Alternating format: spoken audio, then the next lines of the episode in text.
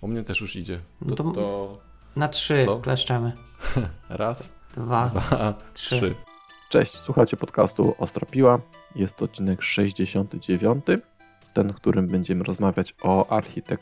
o aplikacjach, o architekturze aplikacji opartych na zdarzeniach. Z... Sprzed mikrofonów witają się Paweł Kasik. Jarek Stadnicki, a później będzie nasz gość. I nie marnując czasu naszego gościa, który potrzebował dużo, żeby dokończyć całą opowieść, postanowiliśmy trzeci raz nagrać preludium. Dobrze mówię? Preludium? No, początek, coś Tak. przed to tak, preludium, ale trzeci Preludium raz już to- nagrywamy? No, Okej. Aha, w sensie, okej, myślałem, że trzeci raz na tym odcinek chodzi ci ogólnie, w ogólności. Tak, Tak, tak, tak, okej. tak, tak. Mhm. Podejście do takiego nagrywania. No właśnie, postaramy się być krótko, ponieważ samo mięso jest dosyć długie, więc postaramy się skrócić nasze pitu-pitu do minimum tym razem. Panie Pawle, co u pana? Skończyłem czytać z Cyberpunka i Mhm, i muszę co? powiedzieć, że tak, tak sobie. Znaczy, faktycznie troszkę się rozkręciła przy końcu, ale no, tak jak też czytałem recenzję, e, rzuciłem okiem, że wydaje mi się, że to trochę, wiesz, jechanie na fali.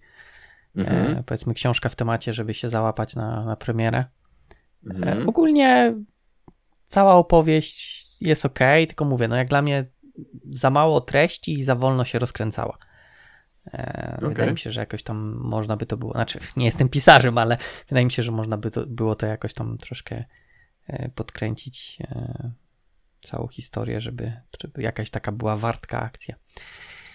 Natomiast no okej, można, można przeczytać. I teraz aktualnie coś tam sobie wziąłem do czytania Humble Pie, taka, taka Mhm. książka, nie wiem czy jeszcze ją przeczytam, wziąłem sobie demo e, na Kindlu.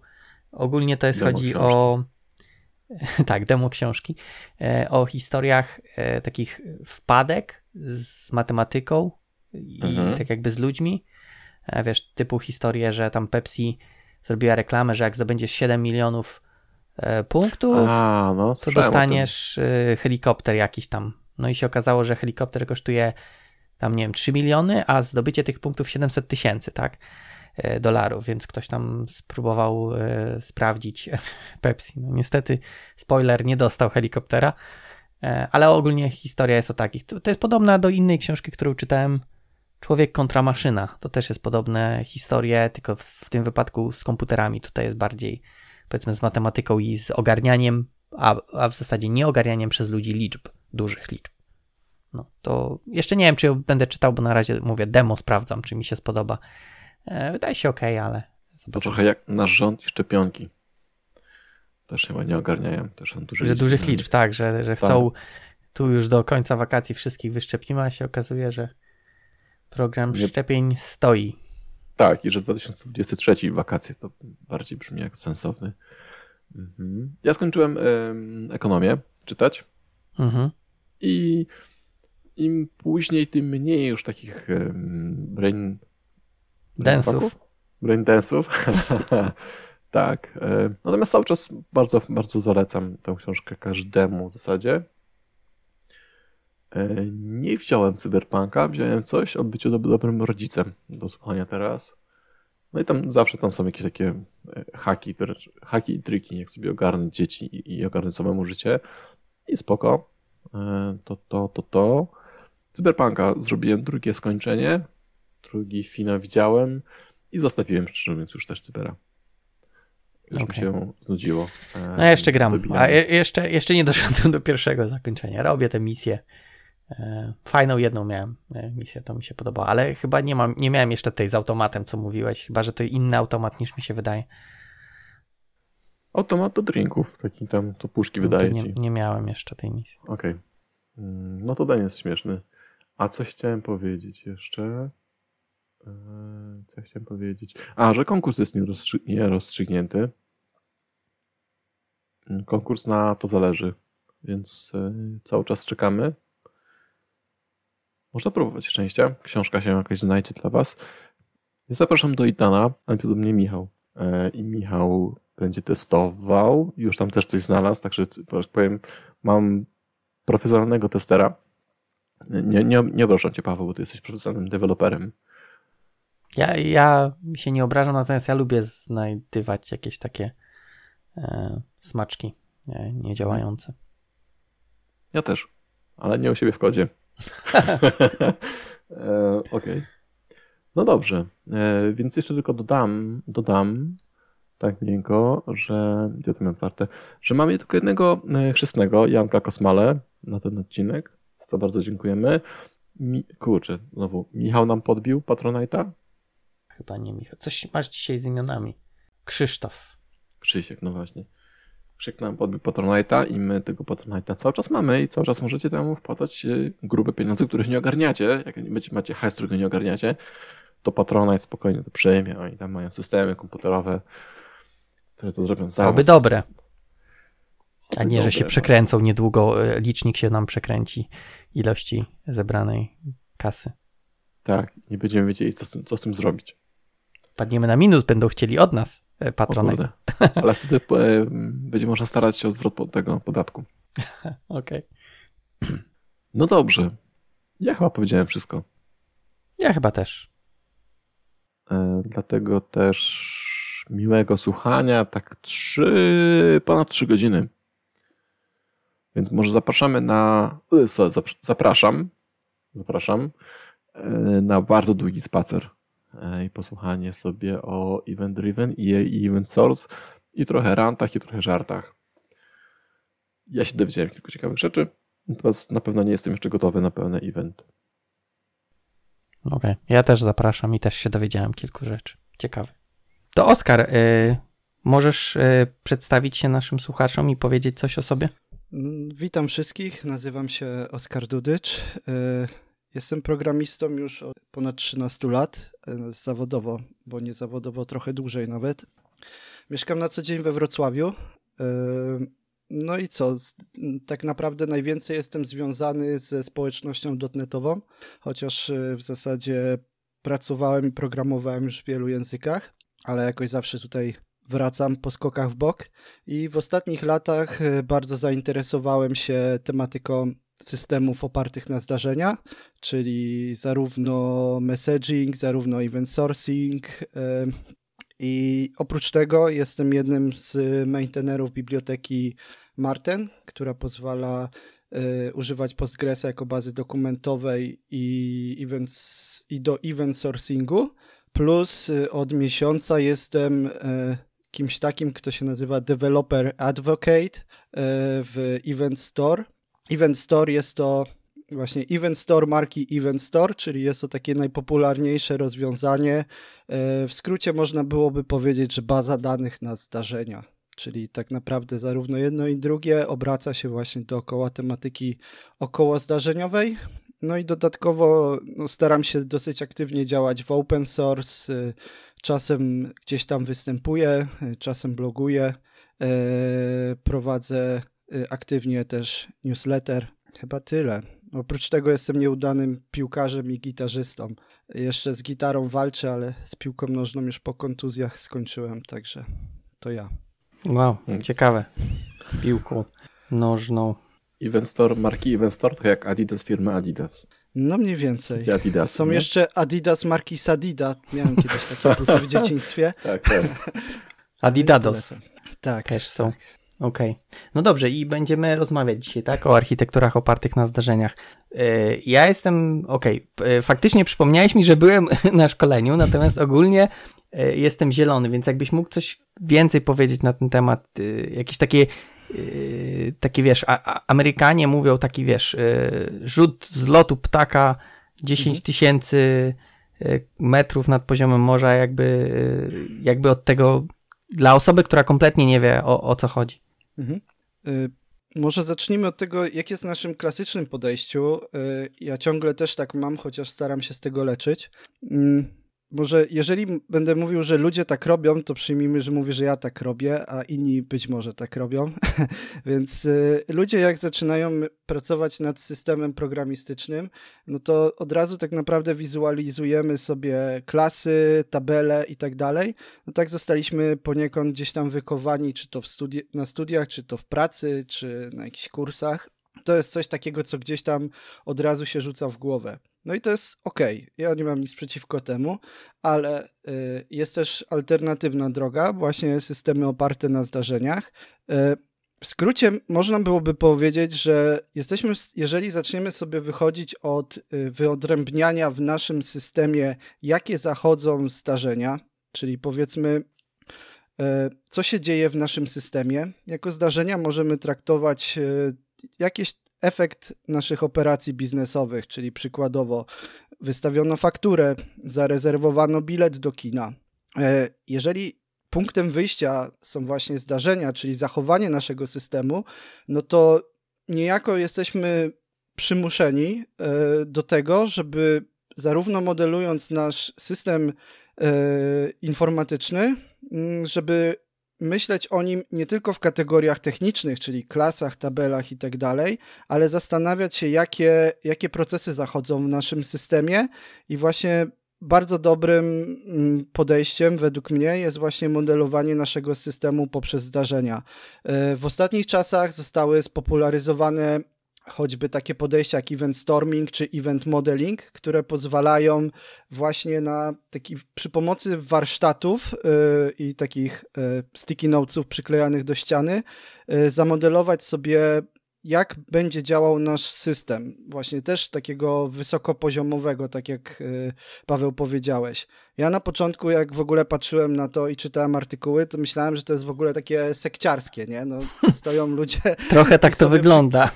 No trochę tak to wygląda, nie? No, ja jestem w ogóle bardzo sceptyczny do takich rzeczy, bo z założenia jestem takim aż przesadnym nonkonformistą, ale kiedyś e, spróbowałem e, właśnie w moim projekcie zrobić taki warsztat, który nam e, prowadził jako taki, hmm, to się mówi po angielsku, facilitator, nie wiem jak po polsku to ładnie powiedzieć, facilitator. ogarniacz może, e, e, prowadzący i właśnie pomógł nam, żeby te, zachować te ramy i efektywnie to przeprowadzić. No i faktycznie, gdy mieliśmy do zrobienia trzy takie główne gałęzie naszego systemu, który był związany z finansami i to takie dosyć nachodzące na siebie gałęzi, to jak sobie rozrysowaliśmy, czy tam poprzyklejaliśmy to na ścianach, to okazało się, że nie mieliśmy takich klasycznych sytuacji, y, że na przykład ktoś y, okazywało się w połowie implementacji, że hola, hola, że musimy to w zasadzie wywrócić do góry nogami. Więc Greg Young powiedział, że właśnie podejście zdarzeniowe y, i modelowanie systemów opartych o zdarzenia pomaga w tym, żeby właśnie skupić się na tym, żeby nasze aplikacje były bliższe biznesowi, co jest dla mnie bardzo ważne. Jeszcze tylko taka mała dygresja. Ja po siedmiu latach kariery y, zrobiłem sobie taki mały rachunek sumienia. Y, okazało się, że po siedmiu latach kariery udało mi się wdrożyć trzy systemy informatyczne na produkcję, co było dla mnie dosyć smutnym wynikiem. W tym jeden z tych trzech systemów był y, aplikacją do rozdawania kuponów na Facebooku, więc nie wiem, czy w ogóle powinienem to liczyć. Ale też no, się liczy. Tak, działa na produkcji. Też się liczy, no. Tak, dokładnie. Y, więc no doszedłem do wniosku, że coś jest nie tak. No i też zacząłem mocniej właśnie się angażować y, i zastanawiać się, jak to robić lepiej, żeby no, po prostu kodzenie dla samego kodzenia przestało mi sprawiać przyjemność. W sensie dalej lubię programować, ale żeby to miało sens, czyli żeby był tego efekt, a przez efekt rozumiem, że ktoś tego używa i że to działa tak, jak powinno. Żeby móc się później pochwalić, patrz, tata zrobił. Y, nie, to tak nie działa. Nie? przecież wiesz dobrze, nie, to jest tak. Y, no, Oskar, powiedz, co ty tam robisz, bo ty na pewno robisz bardzo ciekawe rzeczy. Nie, nie, ciociu, na pewno, naprawdę to, to jest nic ciekawego, nie będzie cię interesowało. Nie, no, Oskar, pokaż, no przecież kurczę, komputery, internety, wszystko super, na pewno robisz coś ciekawego. Nie, na pewno nie. No, pokaż, pokaż. No dobra, no to zobacz. A, okej, okay. fajne, fajne. tak, tak. Chodzi mi bardziej, że wiesz, że, żebyś pochwalić już nie od, od, dupy strony, tylko od twarzy strony, nie? Powiedzieć, Ja to zrobiłem. Korzystasz ciociu tam, nie wiem, ze Skype'a, z Teamsów albo z Audacity?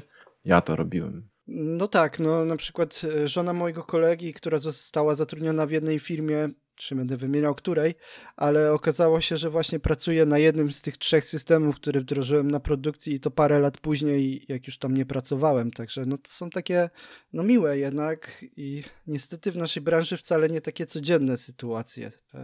Tak, tak. Sorry, ale jak nic po tym się kojarzy z cyberpunkiem. E, ostatnio na, na LinkedInie ktoś rzucił, że wreszcie może się pochwalić, że tam gdzieś w, w kredytach wystąpił, nie? I fajnie tak sobie dziś powiedzieć, jestem. Jesteś zachowany, wiesz, y, na przyszłość, nie? Twoje tak, dziedzictwo. E, tak. tak. Za tysiąc lat ktoś odkopie e, cyberpunka, płytę zakopaną na pustyni, jak te, te z Atari kasety zakopali i ktoś znajdzie. GitHub teraz gdzieś na Antarktydzie chyba zakopał czy coś. Podobno jakieś moje kody mam taki emblemat na GitHubie, że... A, no coś tam było, ale to... Jest. Chyba każdy tam jest. No właśnie. Ja, ja nie dostałem tego patcha, więc mój kod nie jest wystarczająco dobry. To Jarek, to Naprawdę? się bardzo postarać. No właśnie, ja nie wiem, ja myślałem, że wszystkim dają, a tu popatrz. Albo, to może faktycznie albo... będę mi się cieszyć, że, że, że został mój kod. No dobra, e, nie wiem, Jarek, coś chciałeś dodać, bo kiwałeś dużo głową. Że zgadzałem się z tym. Że się zgadzałeś, tak? Nic nie chciałeś tego. Ja chciałem tylko yy, powiedzmy może, może szpilę wbić, może nie. Natomiast, bo tutaj Oskar mówiłeś o e, podejściu, powiedzmy, żeby patrzeć na te procesy, tak?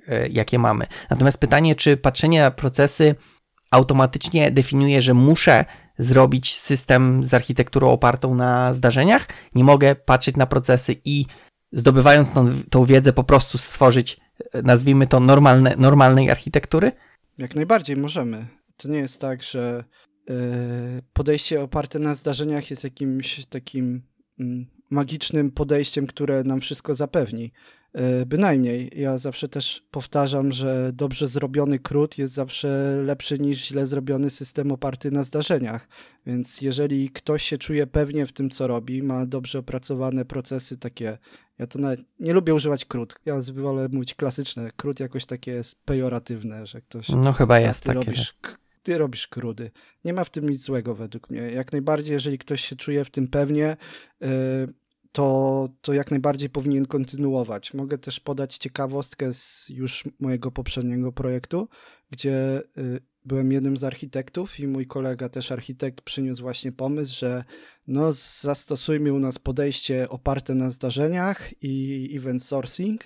No i tak naprawdę, gdy zacząłem się go dopytywać, co on dokładnie ma na myśli, no to okazało się, że chyba jednak miał zupełnie co innego na myśli niż te słowa powinny wyglądać. Plus biorąc pod uwagę, że w zasadzie jedynym praktykiem, który był w naszym projekcie byłem ja, a mieliśmy kilka zespołów rozproszonych po dwóch kontynentach i trzech krajach, y, no to tak naprawdę efektywne przekazanie tej wiedzy byłoby zupełnie nieefektywne. Więc w takiej sytuacji ja, który jestem w zasadzie propagatorem tego typu podejścia, no to ja ubiłem ten pomysł, bo to, to był pomysł oderwany od rzeczywistości. Ja uważam, że e, co do, jeszcze co do Twojego pytania, e, wydaje mi się, że podejście takie zdarzeniowe nie tyle nam zapewnia, że będziemy robić to dobrze, tylko niejako mm, ułatwia nam, powiedzmy, stunelowanie naszych myśli żeby się skupić właśnie na tych procesach i na tym, jak robić aplikacje takie bliższe biznesowi. Ale oczywiście, tak jak mówiłem, to nie jest, y, jak to mówią Amerykanie, silver bullet. Y, przecież tak naprawdę przez te kilkadziesiąt lat ludzie robili aplikacje, jednak wdrażali je na produkcję, niektóre nawet okazały się sukcesem. Tak? Y, no, nie musimy tego wszystkiego zmieniać. Ja jestem w ogóle przeciwnikiem rewolucji. No to pani z polskiego na romantyzmie i odzie do młodości dostałbyś pa pałę tak jak ja. Ja też powiedziałem, że ja w ogóle nie czuję potrzeby buntu. Dla mnie system działa jest ok, jak jest. Siadaj pała. Naprawdę? Tak, tak powiedziałem, naprawdę. Ale nie, jest okay. w sensie ja, ja, domyślam się, że tak powiedziałeś. Pytanie, czy pani faktycznie tak zareagowała no, i dostałeś tak. Spojrzałem taką, siadaj pała. Czyli miałeś panią, może byłą pankówę, która zabrakła. Może, może. Mo, o, tak, rzeczywiście.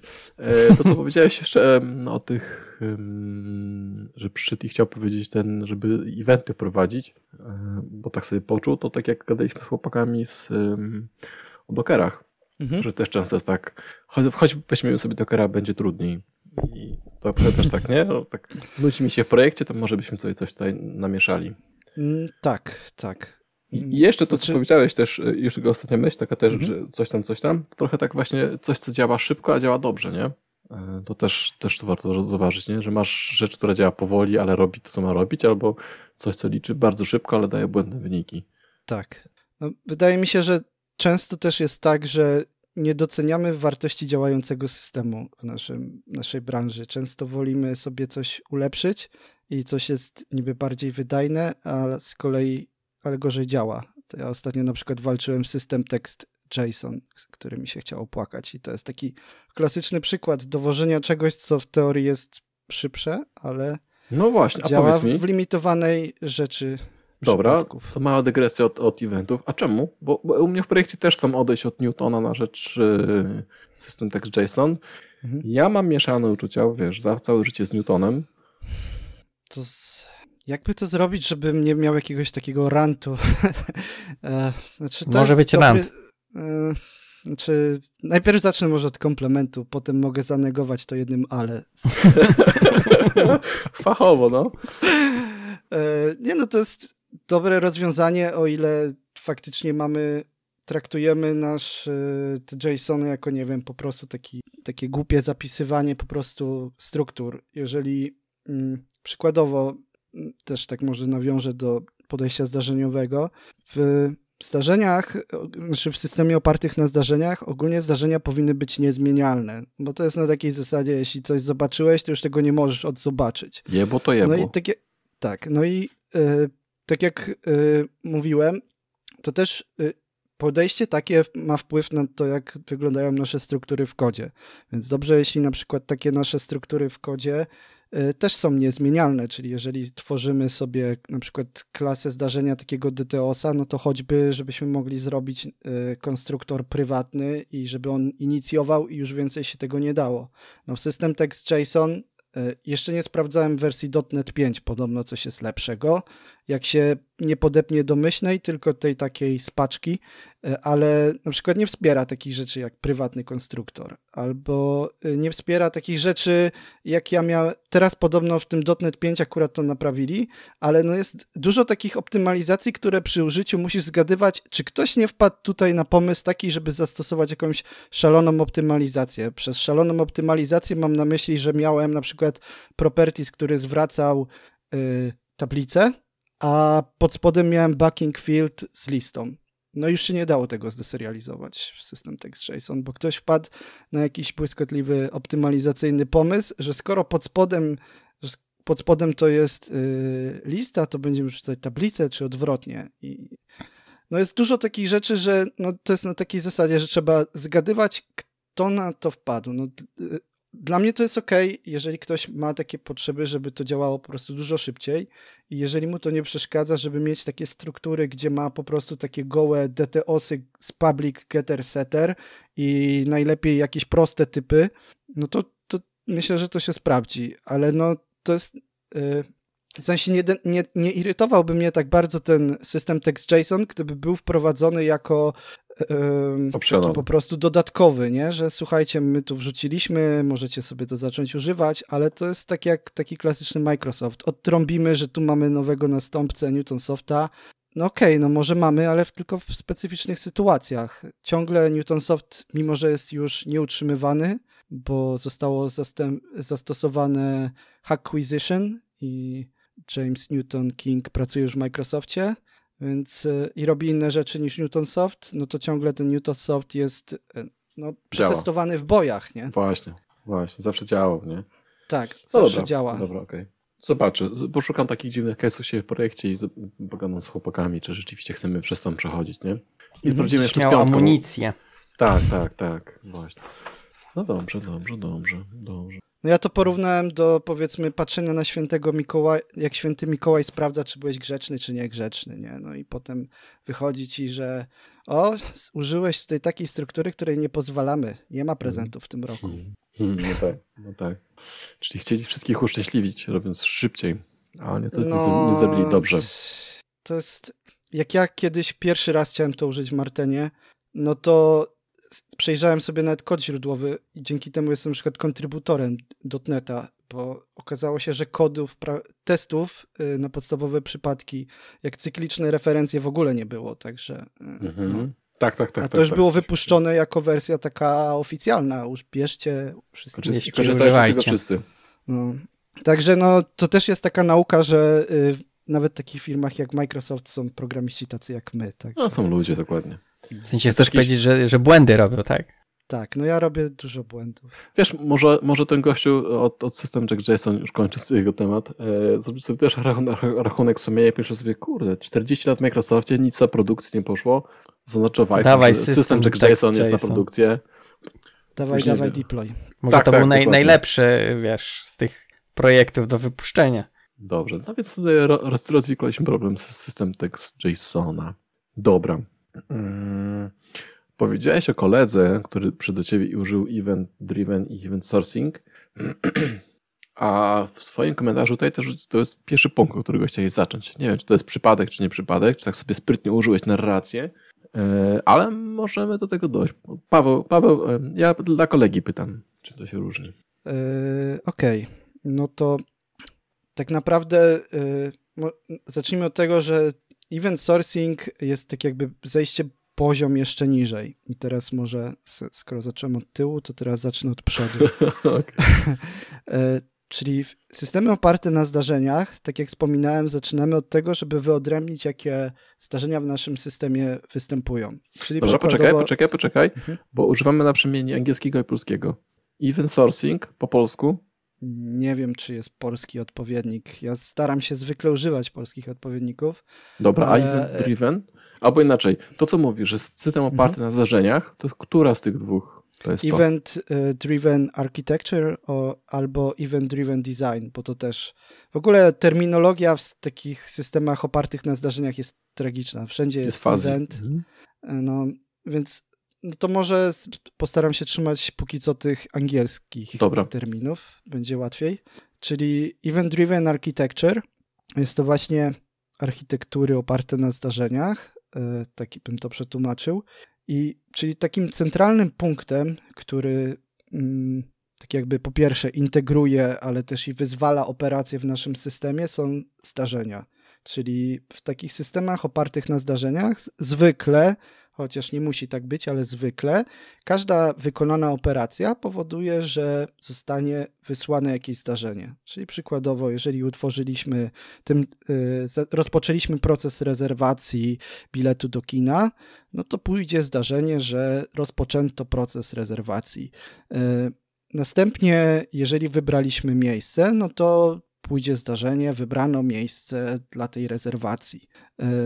Mm, I tak jakby każde z tych zdarzeń może być użyte wielorako, bo ym, przykładowo, jeżeli rozpoczęliśmy proces rezerwacji, to on może nam po pierwsze gdzieś to zapisać jako nawet w tabelach jakichś takich relacyjnych, bo to nie jest tak, że nie możemy używać baz relacyjnych. Ciągle możemy robić nasze klasyczne podejście, ale dodatkowo puszczając te zdarzenia.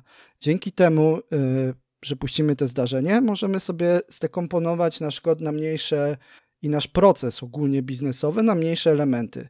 Czyli taki operacja rozpoczynająca y, proces rezerwacji y, wie, że musi zapisać gdzieś tam dane w tabeli, puścić zdarzenie, ale już dalej nie interesuje tak jakby co się dzieje dalej z tym procesem, bo ono tak jakby dokonało już swojego dzieła.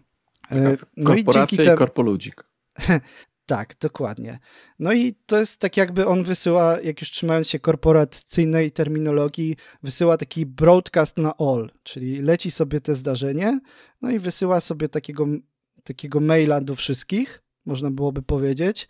E, I wtedy tak naprawdę kto odczyta, ten odczyta, kto zareaguje, ten zareaguje. Oczywiście, jeżeli wysyłamy maila na all, no to oczekujemy, że ktoś wykona jakieś operację z tym związaną, czyli przykładowo jak wysyłamy na OL, że e, komputer nam się zepsuł, to oczekujemy, że jakiś administrator się odezwie i coś z tym zrobi, ale nigdy nie mamy pewności, że tak będzie i kto to będzie, prawda? Dobra, poczekaj. Jest- no ja muszę sobie pytać, ale bo mówisz oczekujemy.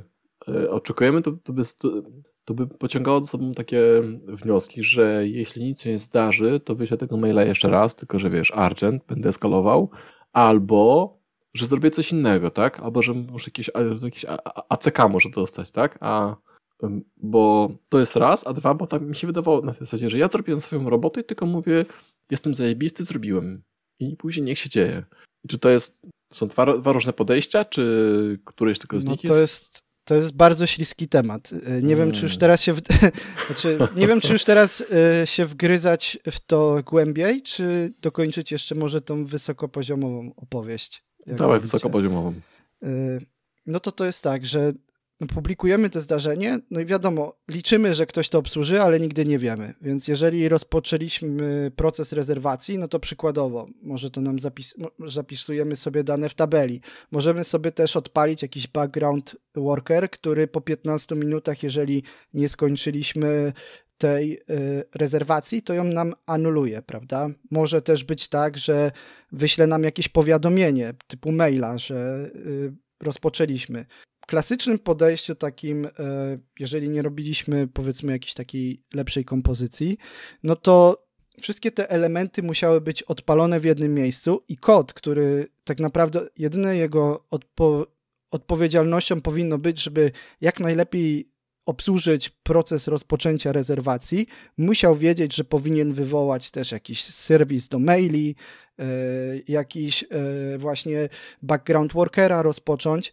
Tutaj tak naprawdę mamy tą odwrócenie odpowiedzialności, czyli dzięki temu, że mamy te podejście oparte na zdarzeniach, to e, czy to jako programista możemy się skupić na tym mniejszym fragmencie kodu, opublikować te zdarzenie yy, i potem oprogramować resztę. No więc yy, jeżeli mamy podejście oparte na zdarzeniach, czyli event-driven architecture czy też design, no to jak najbardziej możemy to powiedzmy rozpocząć jego wdrażanie od tego, żeby do naszego takiego typowego kodu dorzucić jakiś taki właśnie y, jakąś taką szynę zdarzeń, o których pewnie też potem pomówimy. Na razie przyjmijmy, że to jest taki y, przelotka, do której po prostu mówimy wyślij mi zdarzenie i ktoś na to nasłuchuje. Jeżeli są osoby, jakieś czy też serwisy, które na to nasłuchują, to przechwytują te zdarzenie, ale przez to, że jest ujednolicony tak jakby interfejs, no to nie, nie trzeba wiedzieć, kto to koniec końców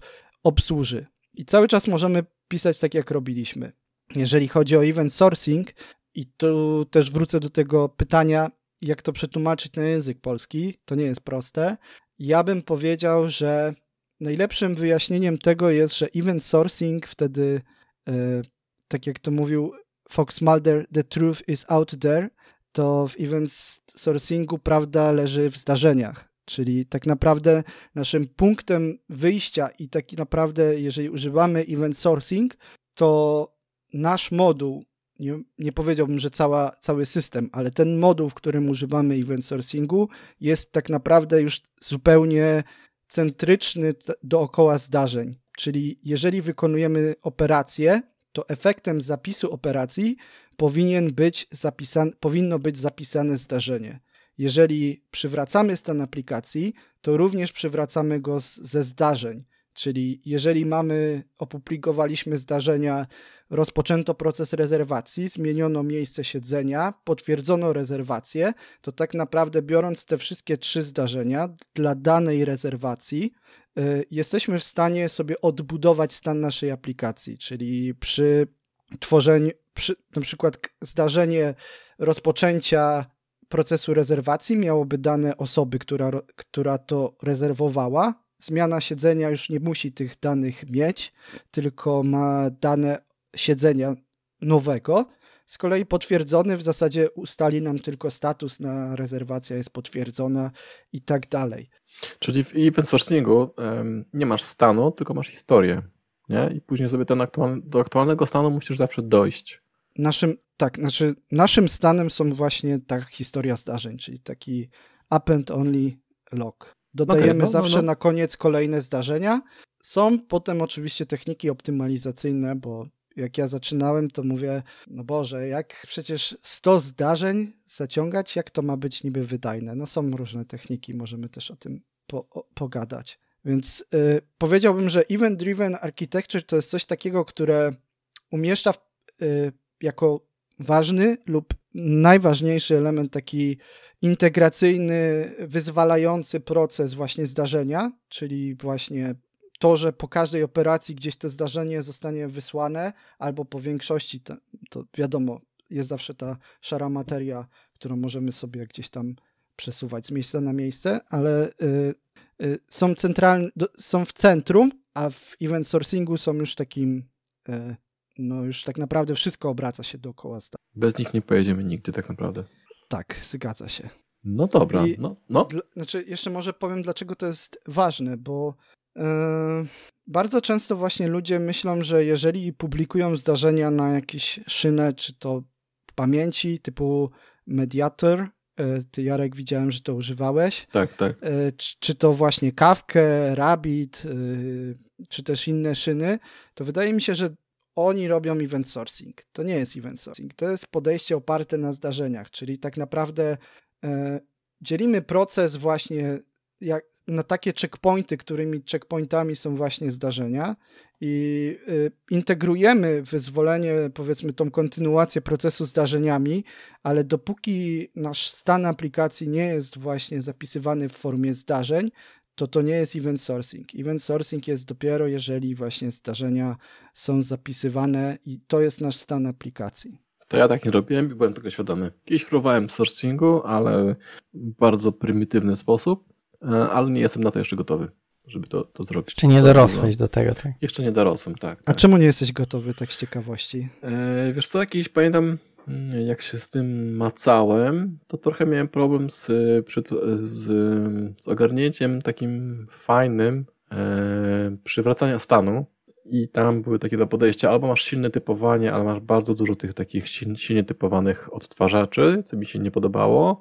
Albo masz generyczny, ale taki trochę z refleksją i, ob i obiektami w tle. E, I takim kastowaniem, takim duck, duck, duck typingiem chyba i to też mi się nie podobało i stwierdziłem, dopóki tego jakoś nie upokładam sobie w głowie, to, to nie chcę tego robić, nie? Całą ideę mniej więcej kumam, natomiast system właśnie tego, tej, tego odtwarzania systemu mnie zabolał. Tak naprawdę no, z mojej perspektywy, jeżeli byśmy patrzyli na to, jak używać właśnie event sourcingu, to poza tym, że pod spodem mamy jakiś, czy to używamy innego frameworka, tak jak Marten, czy też właśnie używamy wyspecjalizowanej bazy, jak właśnie Event Store DB. Teraz dodali, dodaliśmy ten sufiks, żeby to było łatwiej e, wyjaśnić.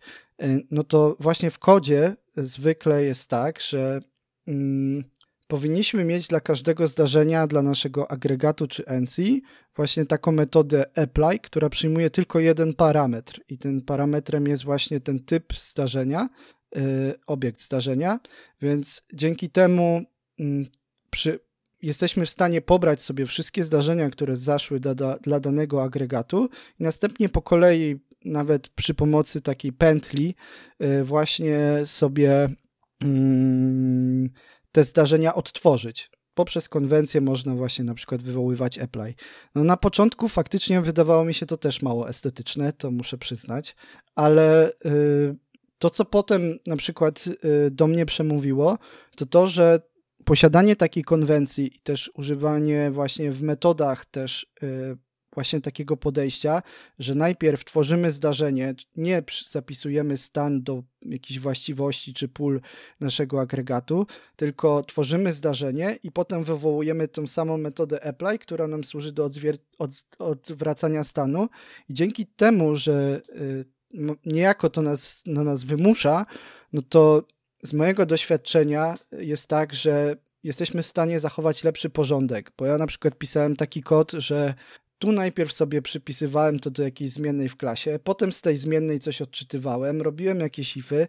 No ogólnie było to bardzo ciężko odwrócić. Jeżeli mamy takie, taki schemat, że najpierw tworzymy zdarzenie, potem je aplikujemy, to też nam to w każdym razie mi e, bardzo pomagało w lepszym takim czytelniejszym ustrukturyzowaniu kodu.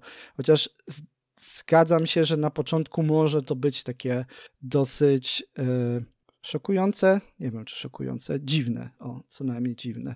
Ja to robiłem sobie hobbystycznie. Na zasadzie, wiesz, robimy e, krudy, wszędzie robimy krudy i one działają. I to by było w ramach takiego Wiesz, a zobaczmy, co to jest ten cały ten event sourcing albo ten, te, te rzeczy. Więc to były takie hobbystycznie. E, wtedy jeszcze Tomek Kluskiewicz z nami pracował i on to ogarnia trochę lepiej, więc trochę z nim też pogadałem. E, I rzeczywiście, no wiesz, jak już sobie tworzysz dobrą praktykę, to to działa ja, i z tym się zgodzę. Tylko właśnie ta estetyczność mnie e, odrzuciła, a później um, nie miałem ani chęci do tego wracać, ani też jakiejś potrzeby, nie? Krudy robiły robotę, więc dopóki to działa, to, to, to nie musiałem nigdzie iść. To ja może spróbuję ci jeszcze podać ci parę argumentów. Zobaczymy, czy do ciebie przemówią. Dlaczego mnie się z kolei event no. sourcing podoba?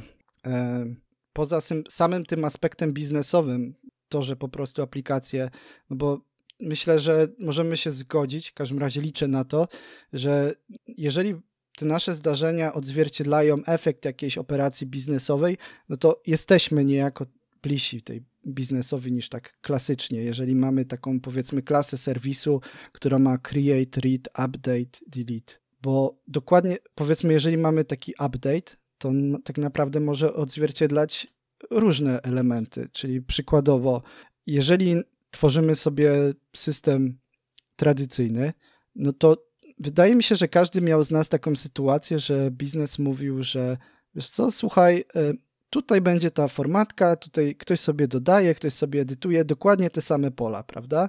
No i nagle się okazuje, że już co, słuchaj, Oskar, bo jakby tutaj jeszcze się nam wyliczał taki numer, nie? Taki numer faktury i on tylko się wyliczał przy dodawaniu, a już potem nie można go zmienić.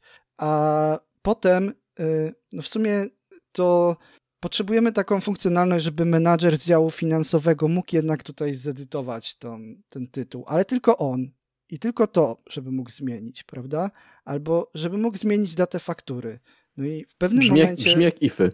No tak, dokładnie tak. No w pewnym momencie dochodzimy do takiego miejsca, gdzie mamy bardzo dużo ifów, yy, gdzie nasza metoda update tak naprawdę robi wszystko poza zaparzaniem kawy, ale już jest bliska. Już, już, roz... już jest na to e, ticket widzisz, no. Tak, już przegląda na Allegro ekspresy, żeby się nie zmęczyć. E, no i tutaj właśnie to, co chciałem przez ten przykład pokazać, że często jest tak, że mamy to skomplikowanie właśnie przy pomocy takich czy to generycznych, czy szablonowych. Staram, widzicie, jak staram się używać, nie używać krudów. E, E, szablonowych takich metod y, mamy bardzo ukryte skomplikowanie tego. No i potem dochodzimy do takiego miejsca, gdzie zastanawiamy się, jak rozwiązać y, nie problem, który mamy, tylko skutki tego problemu, czyli czy dokumentować te metody, czy dawać komentarze przy ifach, czy nie dawać. E, ja nie mówię, że event sourcing tak naprawdę mm, e, pozwala nam tego uniknąć, bo ten kod, ten, dokładnie ten sam kod będzie się musiał gdzieś znaleźć, prawda?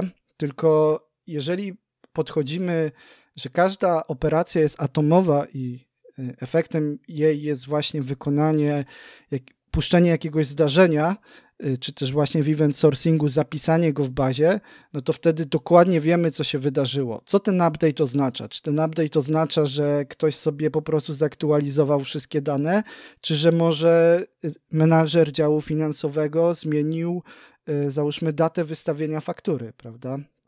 To są takie, to są takie elementy, które pozwalają nam, no i okej, okay, ciągle jako programiści możemy powiedzieć, no super, fajnie, biznes się ucieszy, nie? że to będzie widział. No fajnie, fajnie, ale co ja z tego będę miał, prawda?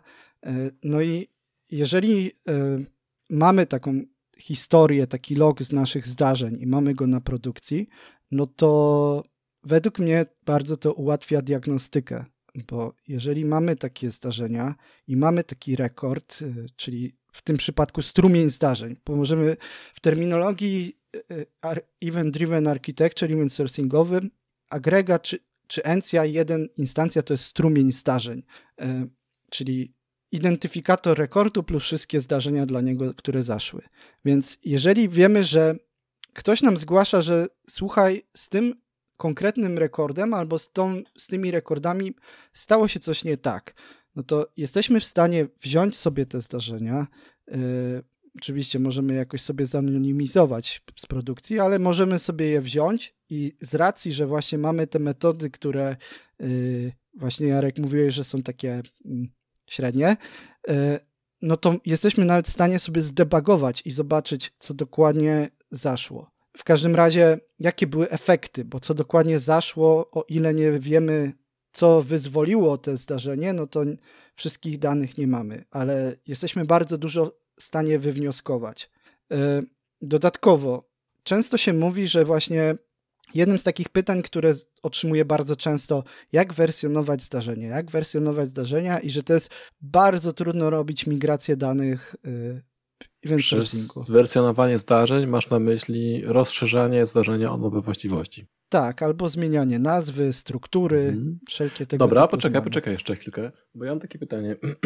bo teraz tak, mówiliśmy, że ten, w tym update'cie dochodzi ci, jeśli menadżer, to zrób to, jeśli wtorek, to zapasz herbatę i coś innego, tak? I teraz powiedz mi teraz tak, czy jeśli miałbyś taki, miałbyś w krudzie takim, tak, czy podejściem e, neonandertalskim miałbyś ify, tak? If manager, if wtorek, dentyst, tak? Czy w podejściu nowoczesnym byś to rozbijał, czy miałbyś dalej, wiesz, tam w apply czy w handle message e, miałbyś ify, czy byś to, jak to rozbił na kilka różnych, wiesz, wysłałbyś informację updated i wtedy manager ma swoje event handler, e, wtorek ma swój event handler, a ten normalny pan Staś ma swój event handler. Ja tutaj jeszcze dygresja. Nie dam się tutaj wepchać nie, w tory neandertalskiej nowoczesne. Nie, nie, to, jest, to żarci. Ale tak. Yy... Wiadomo, że PHP pisze krudy, a .NET pisze event source, nie? Dokładnie. Tak. Dokładnie. Yy... Wiesz co, no to jest tak... Mm... To jest pytanie trochę podchwytliwe.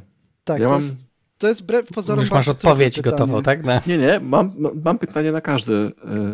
E, na każdą odpowiedź mam kolejne pytanie. Na, tak, na każdą odpowiedź jest zawsze pytanie, także yy, co, to jest trudne pytanie wbrew pozorom, bo to, co ja w swojej działalności staram się unikać, to jest zmuszania ludzi do tak jakby łączenia wielu elementów w jedno, bo to, co wydaje mi się takim głównym problemem w nauce właśnie architektur opartych na zdarzeniach jest to, że po pierwsze, wiadomo, jest mało praktycznych przykładów, a po drugie, że stara się od razu ludziom pokazywać, że muszą robić to na olbrzymią skalę i używać nagle wszystkich możliwych wzorców, czyli jeżeli używasz event sourcingu, musisz używać domain driven design, musisz używać CQRS-a i tak dalej. Ja do tego podchodzę, że to jest tak jak tequila z solą i z cytryną. To wszystko bardzo ładnie się zgrywa i do siebie pasuje. Aczkolwiek no nie jesteś zmuszony, żeby to robić. Chociaż jeżeli chodzi o event sourcing, y, nie, nie event driven architecture, ale event sourcing, faktycznie element CQRS-a musi wystąpić. Więc może też tak, żeby rozwinąć ten skrót, y, CQRS jest to mm, w CQRS-ie bardzo dużym skrócie, takim mam nadzieję, że nikt się nie obrazi, jest e, tak, że dzielimy sobie nasze mm, żądania, które nasz system powinien obsługiwać, na komendy i query, czyli żądania z wykonania czegoś i zwrócenia czegoś. No i w QRS-ie nasz model odczytu i zapisu powinien być rozdzielony, co nie znaczy fizycznego rozdziału, ale w dużym skrócie rozdzielony.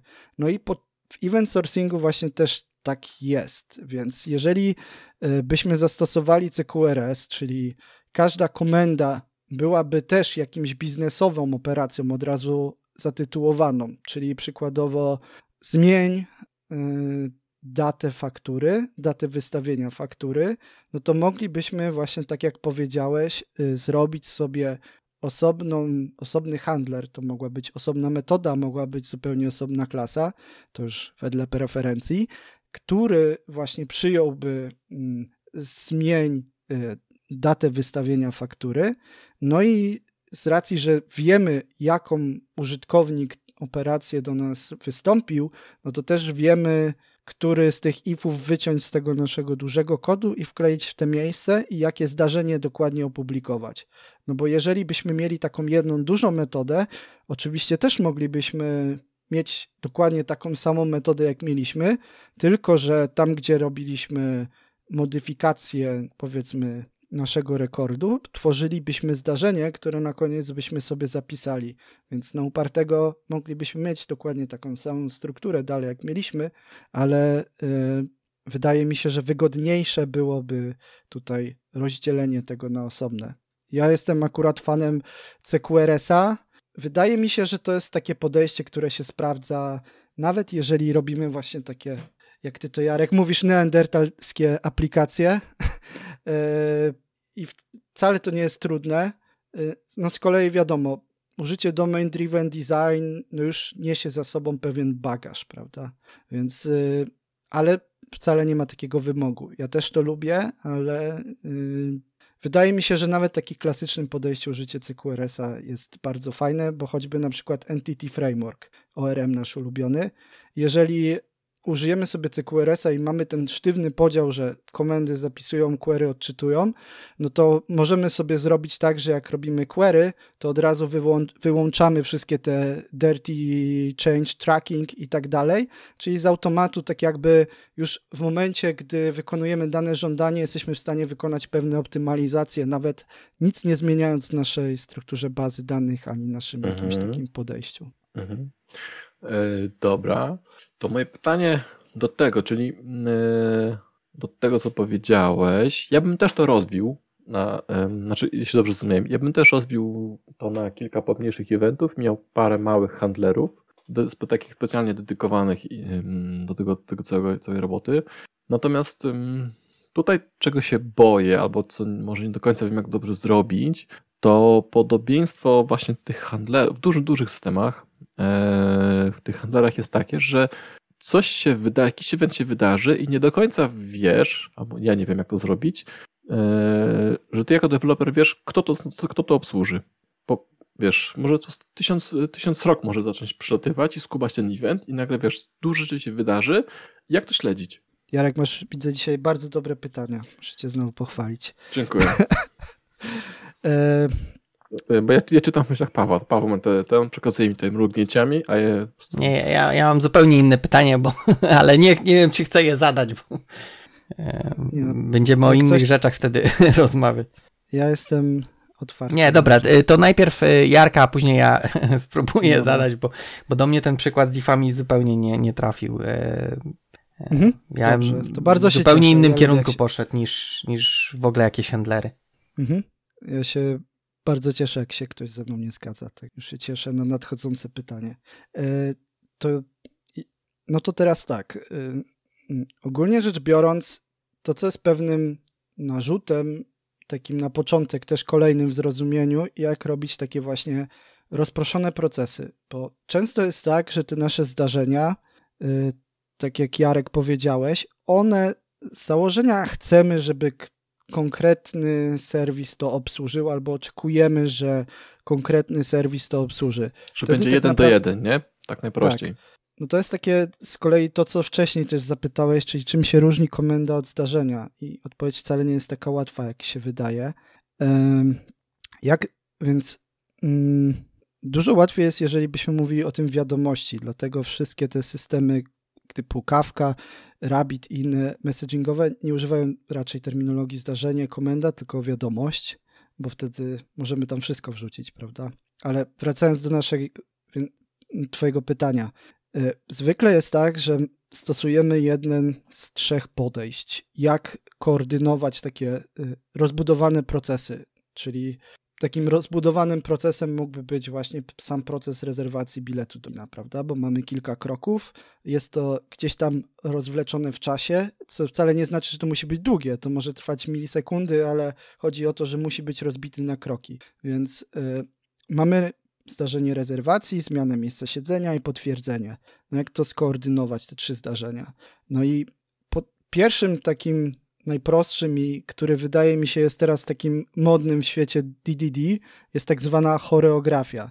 Nazwa jest taka, do mnie zupełnie nie przemawia, ale chodzi o to, że jest to taka trochę właśnie wolna amerykanka, y, czyli publikujesz zdarzenie i zakładasz, że ktoś to obsłuży. No i ten ktoś, kto to ma obsłużyć, musi o tym wiedzieć, prawda?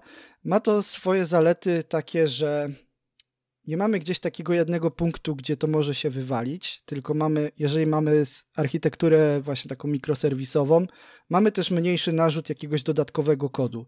No bo po prostu publikujemy zdarzenie, gdzieś tam jest jakiś handler, który to złapie, no i, yy, no i yy, po prostu się to toczy do przodu, albo i nie.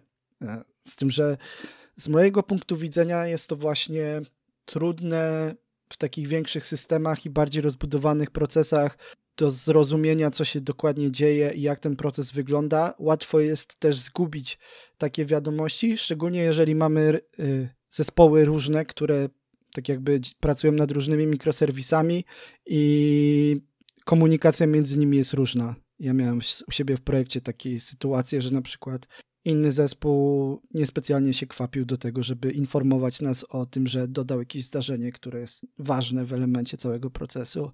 No to są takie socjotechniczne tematy. Drugim podejściem jest y, saga. No i to jest taki trochę krok wyżej, czyli saga jest to taki proces, taka w skrócie to jest taka po prostu klasa, która ma handlery dla komend i dla zdarzeń. Czyli przykładowo wpada nam zdarzenie, rozpoczęto proces rezerwacji i on wtedy wie, że powinien wysłać komendę yy, jakąś tam, nie wiem, yy, rozpocznij ten background worker, prawda? Dajmy na to. No, w każdym razie komendę, która wyzwali, wyzwoli kolejny krok procesu, albo po prostu będzie czekać, nic nie będzie robić. Yy, następnie po tym, w tym momencie gdzieś tam ten ktoś, kto wykona komendę, również powinien wysłać zdarzenie o, zarówno o udanym y, wykonaniu tej komendy, jak i o nieudanym. Więc y, wtedy tak jakby mamy taki przekładaniec, komenda, zdarzenie, komenda, zdarzenie. No i wtedy, jeżeli, mm, jeżeli właśnie coś się wydarzyło niedobrego, dostaliśmy zdarzenie zwrotne, że coś się wywaliło, no to powinniśmy wycofać te zmiany, czyli znowu puścić komendy, e, które wycofają poprzednie te zmiany, które wprowadziliśmy, czyli na przykład anulują proces rezerwacji. Jeśli nie wiem, okazało się, że w międzyczasie już ktoś miejsce zarezerwował. Mm, no i saga jest tak naprawdę takim lekkim bytem, bo on nie, saga nie ma stanu saga powinna być y, tak naprawdę bazować tylko na danych, które otrzyma ze zdarzenia i tyl, nie, nie robić żadnych strzałów do storage, żadnego. Więc bierze dane ze zdarzenia i wysyła je w komendzie. Ewentualnie jakaś drobna logika biznesowa. No ale z grubsza to powinien być taki, no, taki prosty, tak, prosty algorytm. Taka. Z kolei proces manager i proces manager jest często mylony z sagą, proces manager ma swój stan własny, jest taką maszyną stanów. E, I on tak jakby zapisuje teraz, w jakim stanie jest ta aplikacja, więc proces manager przydaje się w takich naprawdę rozbudowanych, takich typowych workflowach. Nie w takich, gdzie musimy coś skoordynować, tylko w takich typowych workflowach cięższych, bardziej rozbudowanych albo takie, które trwają długo. E, minusem proces manageru i dlatego ja staram się, o ile nie muszę go nie używać, jest to, że jest takim single point of failure i jeżeli mamy powiedzmy architekturę mikroserwisową, no to on gdzieś musi leżeć sobie ten w jakimś mikroserwisie i no to jest zwykle to jest dosyć złożone, skoro potrzebujemy tego stanu, więc no zapewnienie tego stanu, żeby ten stan był poprawny, żeby to wszystko szło do przodu, jakieś migracje tego stanu, no jest to bardzo ciężkie. Ja raczej proponuję to rozbijać na mniejsze elementy. Y, no i teraz, jeżeli mamy jakiś taki złożony proces, niezależnie czy używamy choreografii, czy sagi, czy proces menadżera, no to powinniśmy, jeżeli chcemy wiedzieć, co się wydarzy, powinniśmy mieć, yy, wysyłać metadanych naszej wiadomości, czyli nagłówkach takich HTTP, prawda? Można by było przyjąć. Tylko, że no jakieś takie metadane, które wysyłamy dookoła wiadomości, możemy sobie wysłać dwa ID key. Jeden to jest correlation ID. Correlation ID to jest po prostu identyfikator naszego requestu, czyli to jest identyfikator, który będzie, który wyzwolił tą operację, ten pierwotny, Czyli ten pierwotny strzał do WebAPI ma jakiś swój unikalny identyfikator, jakiś GUID, dajmy na to, który przepychamy wszędzie dalej. Więc jesteśmy w stanie po tym correlation ID sobie odczytać te dane. Na przykład Event Store ma out of the box taką możliwość, że możemy sobie robić query po zdarzeniach na podstawie correlation ID i wiemy wtedy, które wszystkie zdarzenia zaszły dla danego requestu. A to może być takie drzewo, bo jeżeli te różne mikroserwisy albo nawet różne moduły zapisują i puszczają tych zdarzeń, to, no to jest takie drzewo. No i drugim identyfikatorem, który też Event Store DB wspiera, jest Causation ID. Czyli Causation ID jest to tak, że jeżeli robimy skok dalej, to generujemy nowy identyfikator. Skok Czyli dalej to znaczy? To jest taki identyfikator zdarzenia, które wyzwoliło tą operację. Tak, taki parent ID.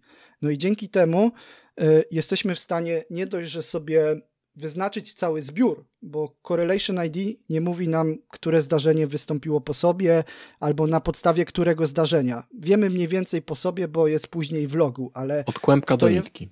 Tak, dokładnie. A więc mamy taki worek. A jeżeli, y, jeżeli mamy jeszcze Causation ID i ten Parent ID, to jesteśmy w stanie narysować sobie takie ładne drzewko i Event Store nawet umie to jeszcze na osi czasu tak sobie rozłożyć. Ma taki fajny mechanizm do y, rysowania. No z tym, że tak naprawdę można byłoby to sobie samemu zaimplementować. To nie jest jakieś wielce trudne. Y, w pierwszym roku studiów przechodzenie po grawach się robi. Tak, tak. Więc zwykle tak to się robi. Tak, ale poczekaj, bo um, bo powiedziałeś, że to jest cała, całe to drzewko, natomiast jak to ogarnąć y, w głowie, nie? No bo możesz poszukać, tak? Każdy, każde wystąpienie jak iHandler od tam ma event i znajdziesz, ale czy jest jakiś sensowny sposób, żeby jednak, wiesz, za każdym, dla każdego eventu tego nie szukać, czy jakoś to poukładać sobie w głowie? No dlatego według mnie, jeżeli mamy takie rozbudowane procesy, to lepiej mieć sagę, bo wtedy mamy jedną taką klasę sagi, która ma wszystkie te elementy procesu Y, wszystkie poukładane w sobie. Handler, mhm. Poukładane w sobie.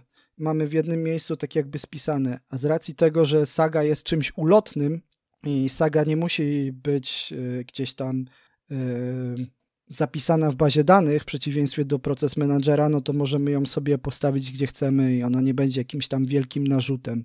Chociaż Rozumiem. pewnie niektóre osoby by się ze mną nie zgodziły. Niektóre osoby nie nagrywają sobie podcastu, więc mogą się nie zgadzać o zaciszu domowym.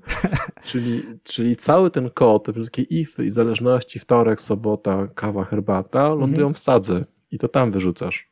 Y I dopiero no, on, to, ta saga emituje. Tak. Mhm, mhm, okay, Chociaż dobra. faktycznie czasem warto się zastanowić, czy ta saga jest nam potrzebna, bo jeżeli mamy po prostu puszczamy zdarzenie i nie interesuje nas z punktu widzenia takiego, w sensie jest to typowy broadcast, nie? czyli puszczamy zdarzenie i gdzieś tam przechwyci nam handler do notyfikacji albo do czegoś. Ogólnie jakiś element procesu, który jak się nie zadzieje, to nikt, nikt nie będzie po tym płakał, no to trzeba się zastanowić, czy faktycznie tworzyć Jasne. tą sagę, bo to zawsze jest y, taka bariera, co prawda to jest tam ile? Z, pewnie z 50 linijek kodu, żeby jakiś nawet w miarę Lik. trudniejszą sagę zrobić. No, no to ale i to jest jakaś bariera często, że musimy dodać klasę, ale no innym przykładem jest, i to na przykład w Martenie fajnie działa, jest y, taki klasyczny przykład, jak zrobić unikalny numer w systemach rozproszonych albo w event sourcingu. GUID cztery razy i masz pewność. E, sorry, no tak. sześć razy. Kto to mówił o szóstce dzieci? Ty mówisz o szóstce dzieci, tak?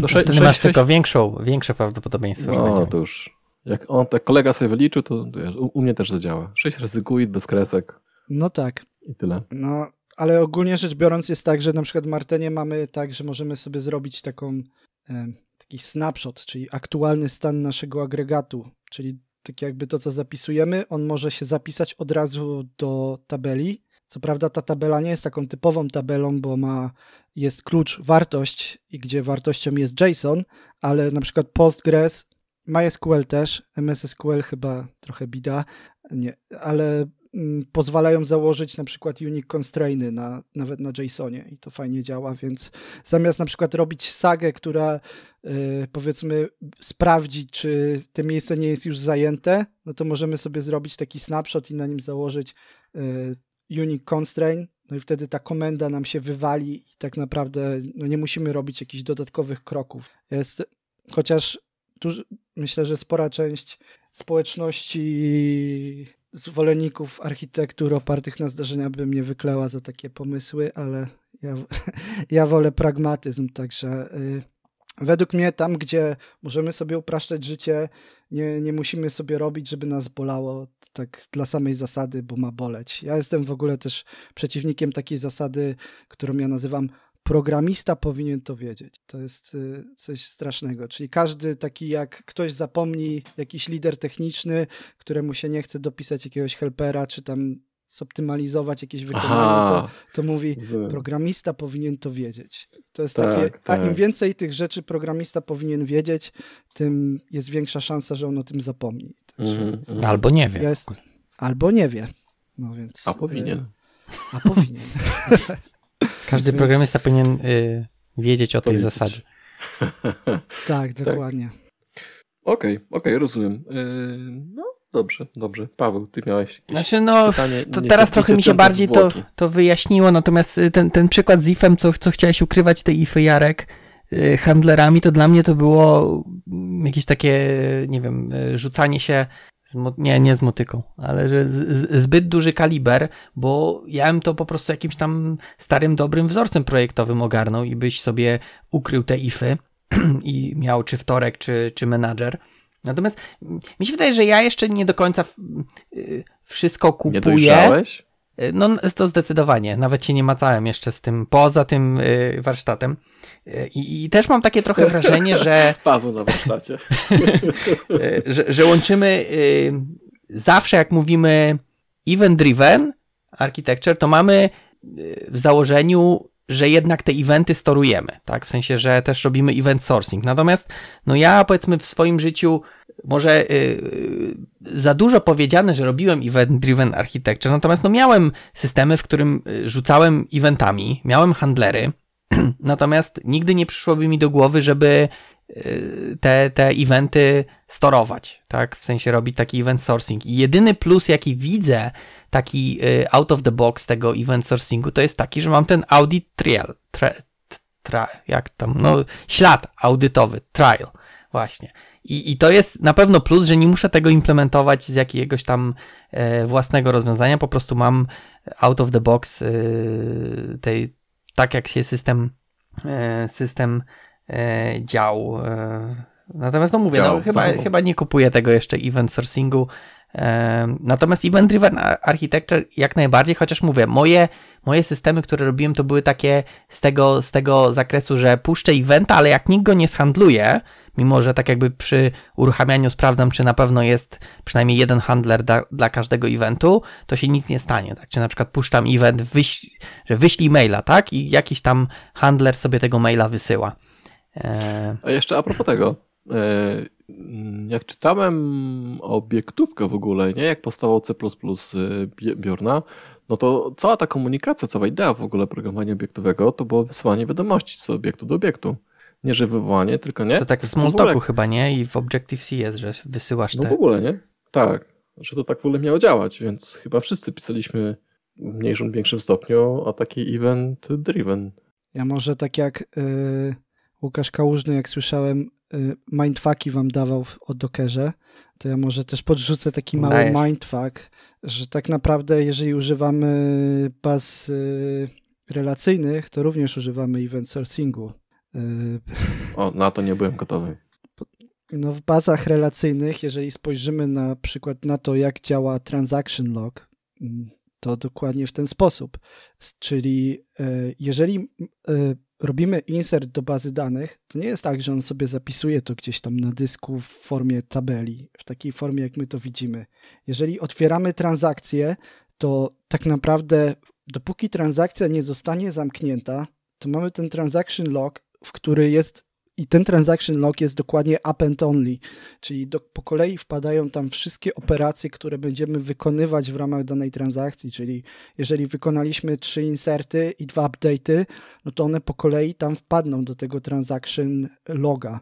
Yy, i, czy też write ahead log, zależy jak od bazy danych, które używamy, ale i dopiero na sam koniec, jeżeli, kiedy baza danych zamyka transakcję, no to ona właśnie robi taką tak zwaną projekcję, czyli interpretację tych operacji, które tam zaszły. Czyli jeżeli miała trzy inserty, no to doda trzy rekordy, a jak będzie miała dwa update'y, no to zaktualizuje je sobie, ale zrobi to dokładnie po kolei.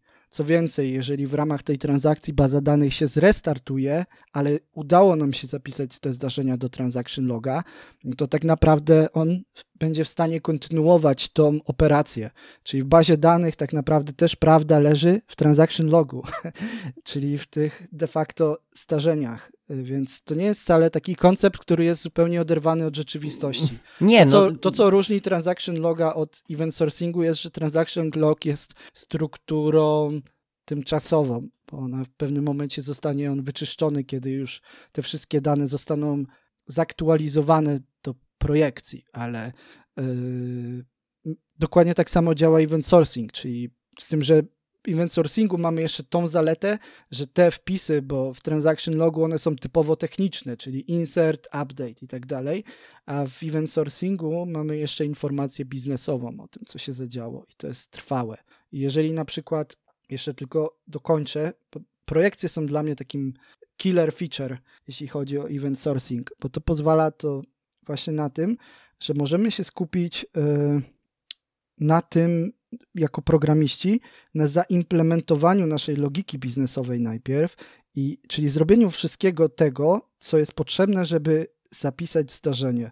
Gdzie zapiszemy już to zdarzenie, no to możemy sobie potem dopiero się zastanowić, co tak naprawdę powinniśmy zmienić, y, co potrzebujemy wyświetlić. Czyli przykładowo, jak dodajemy rezerwację, to oprócz tego, że gdzieś tam na tym widoku krzesełek y, zmienia nam się kolorek, dostajemy jakieś y, powiadomienie, może w jakimś panelu administracyjnym się to pojawia, więc tak naprawdę jedno takie zdarzenie modyfikuje nam kilka read modeli.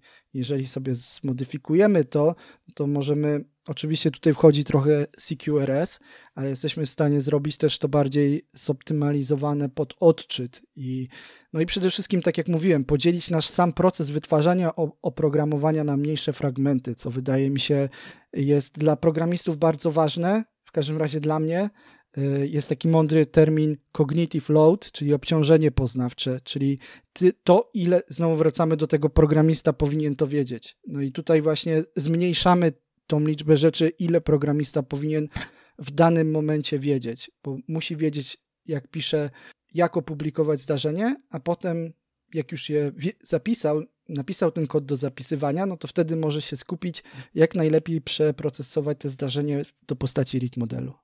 Ja dodałem sobie to na e, list tematów, ten cognitive load, dlatego że ja mam takie, trochę taką dygresję.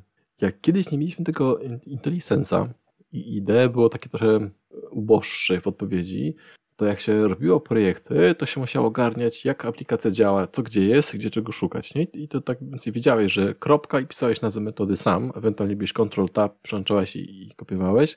Teraz to trochę znika i mam mieszane uczu uczucia co do tego, bo czasami jest tak, że rzeczywiście nie musisz czegoś wiedzieć, bo ci ID podpowie i sobie ogarnie, ale z drugiej strony masz trochę, że tak powiem, wyjebane, jak to jest zrobione, tak? Bo masz tylko taki mały wycinek, robisz tylko to i nie patrzysz na, ca na całe. Yy, i jeszcze nie dojrzałem do odpowiedzi na to, czy to jest dobre, czy to jest złe, ale to na zupełnie inne. Wydaje mi się, że to ani jest dobre, ani złe. Zależy od jak to jest Zależy. wykonane.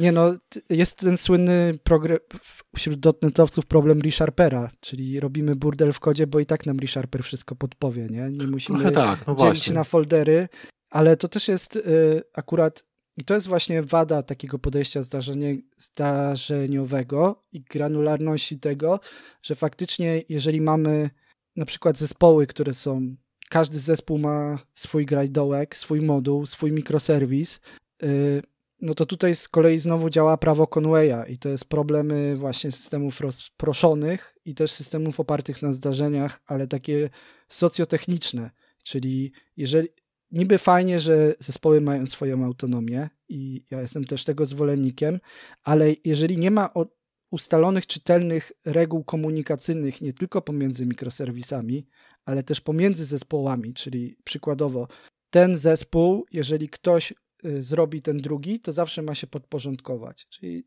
takie rzeczy robimy na przykład technicznie, się zastanawiamy, prawda? Że ten proces jest zależny od tego, ale jeżeli tego nie przełożymy też na, yy, na zespoły, yy, no jest taka fajna książka Team Topologies, która o tym mówi, no to to tak naprawdę będziemy ciągłe takie starcie, nie? I może być tak, takie, że zespół tak, powie... każdy swoją stronę. Tak, no mówi, no stary, ja, ja takie zdarzenie opublikowałem, masz tutaj te zdarzenie, nie marudź, tak? Handel Innego nie dostaniesz. Mhm. tak.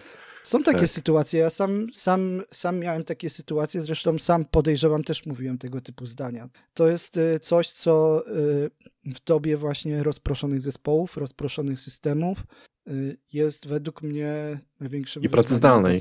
Tak. Bo kiedyś jeszcze można było podejść biurka, strzelić w pysk i powiedzieć rób tak jak ciekawe, a teraz co? Możesz nawet maila wysłać z, z PM-em. Tak, z CC do wszystkich. Mieć nadzieję, że ktoś zareaguje. No, Broadcast. Tak. A propos, y, u mnie zaczął padać śnieg. No to dobrze, u mnie deszcz ja, pada. U mnie nie wiem, bo u mnie na Złotnikach jest smog, więc nie wiem, czy to smog. Okej. Okay. Jak masz czarny śnieg? Czy biały? Bo ja mam, czekajcie.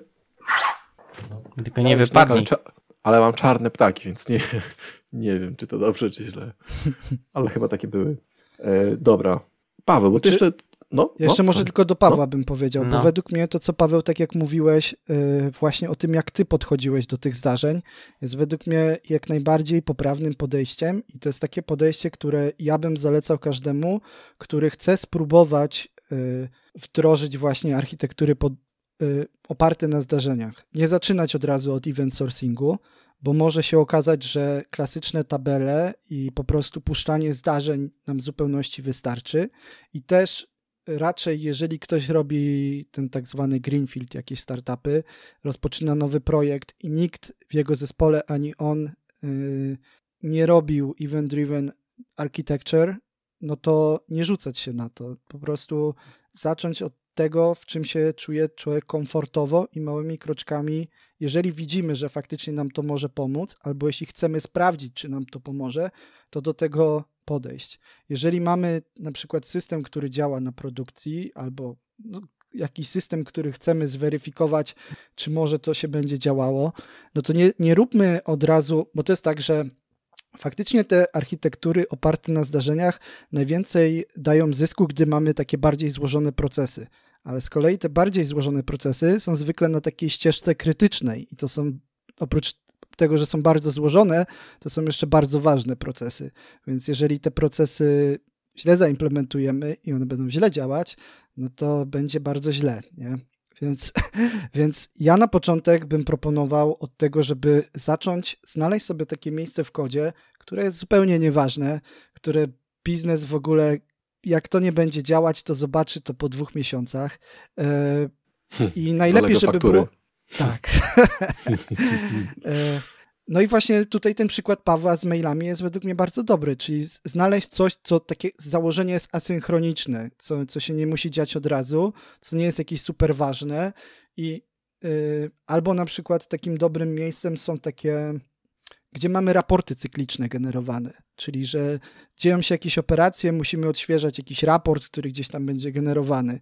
I to też fajnie możemy puszczać zdarzenia, dzięki temu, że mamy zdarzenie, no to wiemy granularnie, co powinniśmy zaktualizować, więc utrzymanie takich raportów też może e, być łatwiejsze i szybsze, szybciej może działać samo procesowanie. No i zacząć od czegoś takiego, od jakiegoś małego fragmentu i też nie rzucać się od razu na wielki feature, bo potem będzie tak, że rzuciliśmy się na wielki feature, siedzieliśmy miesiąc czy dwa, albo trzy, bo zaplanowaliśmy na tydzień, ale nam się troszkę przeciągnęło. No i potem y, kończymy z taką sytuacją, że ktoś powie, ty, ale Oskar, przecież ty już robiłeś te architektury oparte na zdarzeniach, pamiętasz jak to wyszło? Nie będziemy tego już robić więcej. Więc ja bym naprawdę proponował, zresztą nie tylko architekturach opartych na zdarzeniach, ale z każdą nową technologią. Zacząć od czegoś małego, czegoś nieważnego. Fakt, że to nie jest zupełnie sexy, żeby robić takie rzeczy, yy, i, mm, ale no, naprawdę to jest y, bardziej odpowiedzialne. Jeżeli załóżmy to sobie zrobimy, nawet możemy tego nie mówić gdzieś, jeżeli to będzie prosta operacja, i potem możemy pokazać zespołowi, patrzcie, zmieniłem to, zobaczcie, zyskaliśmy dzięki temu w ten sposób i w ten, co o tym sądzicie? Albo może byśmy jeszcze zastosowali to tu i tu. I takimi krokami bym, ja bym proponował właśnie podchodzić do wdrażania architektur opartych na zdarzeniach. A potem, jeżeli już się poczujemy pewnie z nimi, no to może pójść krok dalej, czyli event sourcing.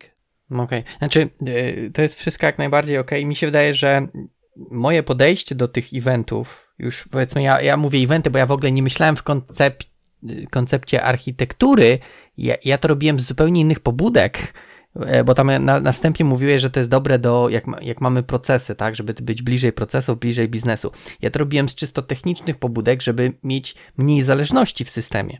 Nie chciałem mieć zależności do tego mailera, e, natomiast miałem tak jakby e, do tego takiego powiedzmy e, szyny, która u mnie to nie była szyną, tylko było powiedzmy jakaś tam moja implementacja szyny i, i to było z takich pobudek, tak, żeby nie mieć takich zależności, tylko po prostu mieć zależność do tego handlera i mogę sobie wysłać taki event czy, czy inny i, i, ktoś mi tam go obsłuży, tak? Więc tutaj nie wiem, czy, czy moje podejście, mówię, ja, ja to nie, nie rozważałem nawet w koncepcie architektury, tylko po prostu, żeby technicznie nie mieć jakiegoś tam kaplingu e, dużego, no to w, nawet nie wiem, czy, czy, czy nie wpadłem na taki pomysł, żeby sobie jakoś to tak e, podzielić, tak? Nie, ja tak mówię, bo, bo wiecie, ja, ja tak y, słucham tych nowych wszystkich konceptów, nie mówię, że teraz, ale ogólnie te CQRS-y i ja mam takie déjà vu, bo ja takie rzeczy robiłem dawno temu, natomiast nie wiedziałem, że się to tak nazywa, tak? Miałem,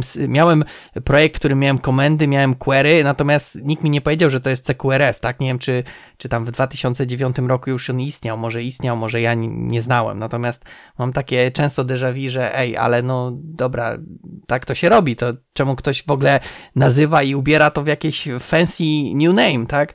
Bo, znaczy, ja bym tutaj powiedział, że bardzo duża część wzorców, które są określone wzorcami w naszej branży, wcale nie są wzorcami, tylko są heurystykami.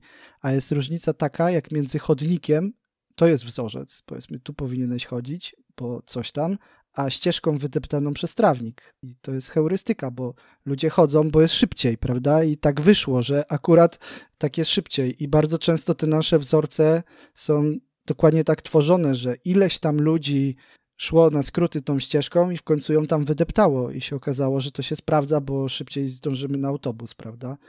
Więc no, tak mi się wydaje i dlatego to jest też to, dlaczego ja wcześniej się wahałem, jak z tym CQRS-em podejść, bo wydaje mi się, że w ogóle tak naprawdę te właśnie architektury oparte na zdarzeniach, domain driven design, CQRS, to tak naprawdę są zestawy, możemy nazywać wzorców, które po prostu możemy sobie wybierać, które akurat w naszej sytuacji się sprawdzą. To nie jest tak, że musimy ewangelicko y, brać i po prostu y, aplikować je wszystkie. Nie? Na przykład jest taki event store nie będę wspominał nazwy, bo nie będę robił kryptoreklamy, ale to nie chodzi, że to jest źle, bo to może być uzasadnienie, ale z tego co wiem, to na przykład też mają pod spodem bazę danych, taką relacyjną, więc mogliby mieć transakcyjność, czyli przykładowo tak jak w Martenie mamy, że zapisujemy dane i potem projekcje w tej samej transakcji się aktualizują, czyli tak jakby od razu mamy też ten read model zaktualizowany, ale oni nie dlatego, że nie mogą, czy też technicznie byłoby dla nich to niewykonalne, tylko z automatu przyjęli, że te aplikowanie projekcji będzie miało tą eventual consistency, czyli będzie robione z opóźnieniem, tylko dlatego, bo autor sobie wymyślił, że ludzie nie powinni aplikować tego w ramach transakcji. I to jest jego jak najbardziej prawo i ja nie znam na tyle tego Event Store'a, podejrzewam, że z innymi elementami się to fajnie zgrywa jego, ale no często mamy w branży takie podejście, że nie, tak nie powinniśmy robić, albo tak powinniśmy robić i skoro robimy A, no to musimy zrobić B. A może na przykład A wystarczy tylko, po co mamy iść dalej, nie? Taka dygresja z mojej strony. Wydaje mi się, że dużo więcej jakbyśmy mieli pragmatyzmu i mniej takiej ewangelizacji w naszej branży, takiego, nie wiem, zacietrzewienia, to było tego balonika, jakbyśmy częściej przekuwali, to byłoby fajnie. A propos e, wzorców i chodników. E, kiedyś, kiedy mieliśmy, robiliśmy sobie takie wyznaczanie e, seniority levels, to zapisałem, pamiętam, że zapisałem taką myśl, że junior, ten, ten wcześniej powinien znać wzorce projektowe, a ten gościu później powinien znać, kiedy te wzorce projektowe naginać, nie? No i chyba tak jest, bo wiecie, jak, jak nie wiesz co robić, to mówisz, masz tu schemat i rób, nie? Ale jak już całe życie klepałeś, to już wiesz, że czasami są takie mm, przypadki, kiedy można to obejść i to będzie zupełnie bezpieczne. To będzie dedykowane pod, pod jakiś tam konkretny przypadek, tak? Z chodnikami też, tak? Jak, umiesz, jak nie umiesz chodzić, czy jesteś, nie czujesz się pewnie, to idź chodnikiem, bo tam jest wszystko przygotowane po to, żebyś czuł się dobrze. A jak chcesz iść ścieżką, to napisie kupy, dziury i patyki, tak? E, dojdziesz szybciej, ale mogą być pułapki. I jeszcze trochę mi się kojarzy też z tym, co powiedział Szymon poprzednio, tak? Że on sobie tego serializera zrobił swojego. Wiele rzeczy pominął, ale osiągnął lepsze wyniki. I to chyba to, to tak, tak, tak właśnie działa, że pewne rzeczy trzeba się uczyć na początek robić dobrze, a później możesz sobie obcinać, e, skracać i tak chyba Paweł miał, tak? Że nauczyłeś się robić pewne rzeczy, które ci działały, a potem ktoś, ktoś ci powiedział, że tak, właściwie chodziłeś zawsze po chodniku, nie? To chyba jest okej. Okay. CQRS się tak naprawdę wywodzi z takiego też wzorca, czy też ścieżki y, na trawniku, command script, czyli w skrócie pisania wszystkiego, całego wykonania operacji w jednym pliku, nie? Więc to jest też wzorzec. U nas wszystko ma jakiś wzorzec, więc tak naprawdę to nie są jakieś odkrywcze rzeczy. E, tak samo mówię, to, że teraz bazy relacyjne królują, to dlatego to też jest tak, że one na początku nie królowały. Na początku największą popularność miały bazy obiektowe. E, I potem tak naprawdę bazy relacyjne, dlatego że pozwalały zaoszczędzić miejsce na dysku przez normalizację stały się takie popularne. Obecnie tak naprawdę już nie mamy takiego problemu z miejscem na dysku, więc y, często może się okazać, że jakaś inna baza danych, czy też klucz wartość, czy event tor na przykład, może być do naszego problemu lepsza, a może być tak, że baza relacyjna jest jak najbardziej dobra. Ogólnie dla mnie bazy danych to są trochę takie jak supa pomidorowa, no bo charakter relacji jest taki, że można zamodelować w nich wszystko, prawda? Tylko niekoniecznie zawsze będzie to optymalne, tak jakby mogło być, ale jak najbardziej. Chyba nie zrozumiałem związku z zupą pomidorową, ale. No, że jest good enough. Wszyscy ją lubią, wszystko można, zawsze można tak. zjeść zupę pomidorową. Ja nie, nie przypadam, ale. Ja, ja na przykład z ryżem nie zjem. Nie? Nie. Znaczy, dobra, zjeść zjem, w sensie nie no, to, że... I o to właśnie chodzi. I o to znaczy, chodzi. Nie lubię, ale zjem. Jak nie muszę, to nie zjem. Właśnie. Jak na właśnie. przykład ja babcia tak by robiła, no to... Ja mam tak z gołąbkami. Staram się nie jeść, ale jak muszę, to zjem. jakbyś umierał, nie? To, to już zjesz. Tak. To no. bym powiedział, dajcie mi jeszcze tego gołąbka. tak. Z sosikiem. Okej, okej, okej. E, no dobra. E, Jarek, coś masz, czy... Nie, nie, patrzę w odpowiedzi Oskara. No właśnie ja też patrzę, ale... bo część już nawet tak mimochodem y, omówiliśmy. Mhm. Z dostarczalnością to chodzi o, o ten eventual consistency, tak? Czy, mm. czy to chodzi, że jest jakiś handler, który zhandluje? Czy, czy jeszcze coś innego? Mm, to jest tak. Mm, nawet pisałem o tym niedawno wpis na blogu w zeszłym tygodniu. O, dostarczyć, a obsłużyć, tak? To, to gdzieś takiego? Tak, bo ogólnie to jest tak, że jeżeli mamy taką szynę y, w pamięci, czyli taki właśnie mediator, czy sami sobie napisaliśmy jakąś, no to zwykle jest tak, że klasycznie, jeżeli poleci wyjątek, to nic się nie zadzieje, prawda? Y, z kolei, jeżeli mamy jakieś takie szyny typu Rabbit, Kafka, czy, czy inne, które są już takim niezależnym bytem, bytem, przepraszam, no to w nich już mamy taki man in the middle, który wiadomo, jeżeli on się wywali, no to tak naprawdę, jeżeli opublikujemy na, y, na właśnie tą szynę wiadomość, a on jej nie dostarczy, bo może się tak zdarzyć, bo załóżmy serwer z tą szyną padł i nie dostarczył do odbiorcy, no to mm, jest taka szansa, że nigdy to więcej nie będzie dostarczone. Jeżeli to jest kluczowy element naszego procesu, czy to naszej sagi, no to nie chcielibyśmy, żeby się tak wydarzyło. Więc mamy takie trzy główne gwarancje dostarczalności. Y, at most once, tak? No właśnie, ja mam pytanie, y, czyli ok, to zaraz to, ja sobie rezerwuję pytania właśnie co do tego, e, co się stanie, kiedy szyna się położy i czy jest tam taki wzorzec. Dziękuję. E, to ja sobie to zostawię na później. Więc mamy tak jakby trzy gwarancje do, dostarczalności. At most once, no to to jest taka właśnie jak szyna w pamięci, czyli maksymalnie raz zostanie to dostarczone, no bo albo zostanie dostarczone, At most, albo to nie jest będzie. przypadkiem przynajmniej raz? At least. A, okej, okay, sorry, dobra, dobra. No, czyli albo będzie dostarczone, albo nie będzie, nie? Czyli tak jak yy, z, z, jakimiś takimi naszymi ulubionymi robolami. No będzie to zrobione, albo nie będzie. No i tak to działa, nie? No, a, czyli tak zwykle to jest właśnie takie szyny w pamięci, no bo one po prostu wywali nam się proces, wywali nam się serwer i koniec, nic się nie zadzieje. Drugą gwarancją dostarczalności jest at least once, czyli to jest, że co najmniej raz będzie dostarczone. No i właśnie w jaki sposób to może być obsłużone? Często jest tak, że te bardziej rozbudowane szyny typu Rabbit albo Kafka szczególnie, no to mają swoją pamięć, czyli jeżeli zapiszemy do niej, to on gdzieś tam sobie jest w stanie to zapisać na dysku, no i potem jest w stanie ponowić, czyli jeżeli załóżmy ten odbiorca, załóżmy nasz inny mikroserwis był niedostępny, bo serwer padł, no to jak on wstanie, no to będzie jakieś ponowienie, czy też sam się zapyta tej szyny, w zależności od implementacji, o to, czy jest coś, co powinienem obsłużyć. No i szansa jest taka, że załóżmy ten mikroserwis sobie dostanie tą wiadomość, no i on się wywali jakimś losowym wyjątkiem, bo na przykład baza danych leży. Sam mikroserwis stoi, ale baza leży, poleciał wyjątek, więc on to szyna ponowi, znowu mamy to wykonanie, no i może się tak zdarzyć z kolei jeszcze inna rzecz, że zapisaliśmy do bazy, ale potem mieliśmy jakiś logger i zrobiliśmy null pointer exception, bo zapomnieliśmy przypisać to w konstruktorze albo jeszcze coś innego się wywaliło. No i tak naprawdę wtedy szyna znowu nam to ponowi i ona to będzie nam ponawiać, zależnie oczywiście od implementacji, ale dopóki gdzieś tam ten wyjątek będzie leciał albo nie zostanie maksymalna liczba y, tych ponowień przekroczona. No i dlatego jest tak, że to jest at least once, bo będzie co najmniej raz, ale ile razy, no to nie wiemy.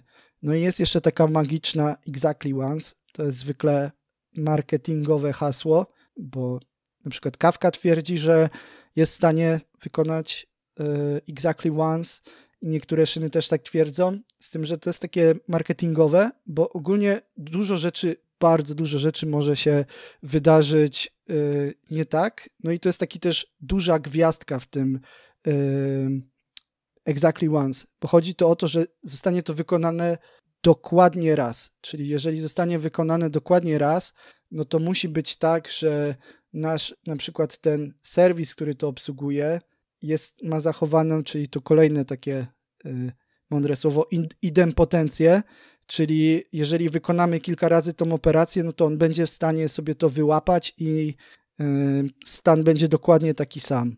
Y, więc... No właśnie, to też muszą być systemy przygotowane na to, tak, że E, że może dany event przyjść wielokrotnie i, i właśnie tak, muszą, muszą tak działać, żeby były te właśnie ide, indepotentne. Idempotentne. Tak, trudne słowo. Trudne e... słowo, łatwo się pomylić. No jest kilka sposobów na zachowanie tego. Najprostszym jest jakaś logika biznesowa, czyli możemy sprawdzić, czy już jest taki rekord, jak jest, to go nie dodać. Innym takim, który na przykład Event Store wspiera i niektóre systemy, jest to, że tak jak wspominałem, możemy przypisać każdemu zdarzeniu jego identyfikator, który będzie używany, wtedy mówiłem w kontekście tego causation ID, czyli tego rysowania drzewa, ale on może być też użyty do tego, żeby założyć unikalny klucz, y, unikalną y, constraint, y, czyli że jeżeli już dodaliśmy takie zdarzenie z takim y, ID-kiem, no to już nie pozwoli nam dodać kolejnego, więc tak naprawdę rzuci błędem, i, i wiemy, że już więcej tak jakby nie powinno być przeprocesowane. Więc jeżeli tak jakby zapisywalibyśmy te zdarzenie, czy to w Event Store, czy w jakimś innym naszym storage'u, w tej samej transakcji, co inne rzeczy, no to jeżeli by nam wywalił, że słuchaj, już przetworzyłeś te zdarzenie, no to, mm, no to już wtedy już ci nie pozwalam tego więcej robić. No i mam też odpowiedź dla Jarka. Te szyny są dosyć inteligentne i rozbudowane, taki Rabbit i, i Kafka w szczególności. Kafka w praktyce jest też takim e, bazą danych, chociaż dużo powiedziane, takim logiem append only, czyli tam po prostu wpadają kolejne zdarzenia i one są zapisywane w pamięci trwałej. Z tym, że one mają też swój tak zwany retention policy, czyli tyle, ile kawka będzie je trzymała. Y, no i kawka trzyma je domyślnie bodajże dwa tygodnie albo tydzień. No i potem, jeżeli na przykład sobie stwierdzi, że hmm, mam już ich za dużo, no to już y, ma pozwolenie, żeby po tym czasie sobie te zdarzenia usunąć. Y, no i Rabbit ma podobnie, chociaż on jest, y, i tutaj też odpowiem trochę na pytanie tam właśnie z Trello od Jana. Rabbit się różni od kawki tym, że kawka tak naprawdę jest nastawiona na, na to, żeby obciążyć konsumenta tak jakby odpytywaniem, dzięki czemu te procesowanie jest szybsze, bo producent ma zadanie tak naprawdę zapisać te zdarzenia w tym logu, a konsument y, sobie zapisuje tak jakby ostatni offset, czy też numer zdarzenia, który odczytał. No i potem będzie wiedział, że musi sobie odczytać kolejne.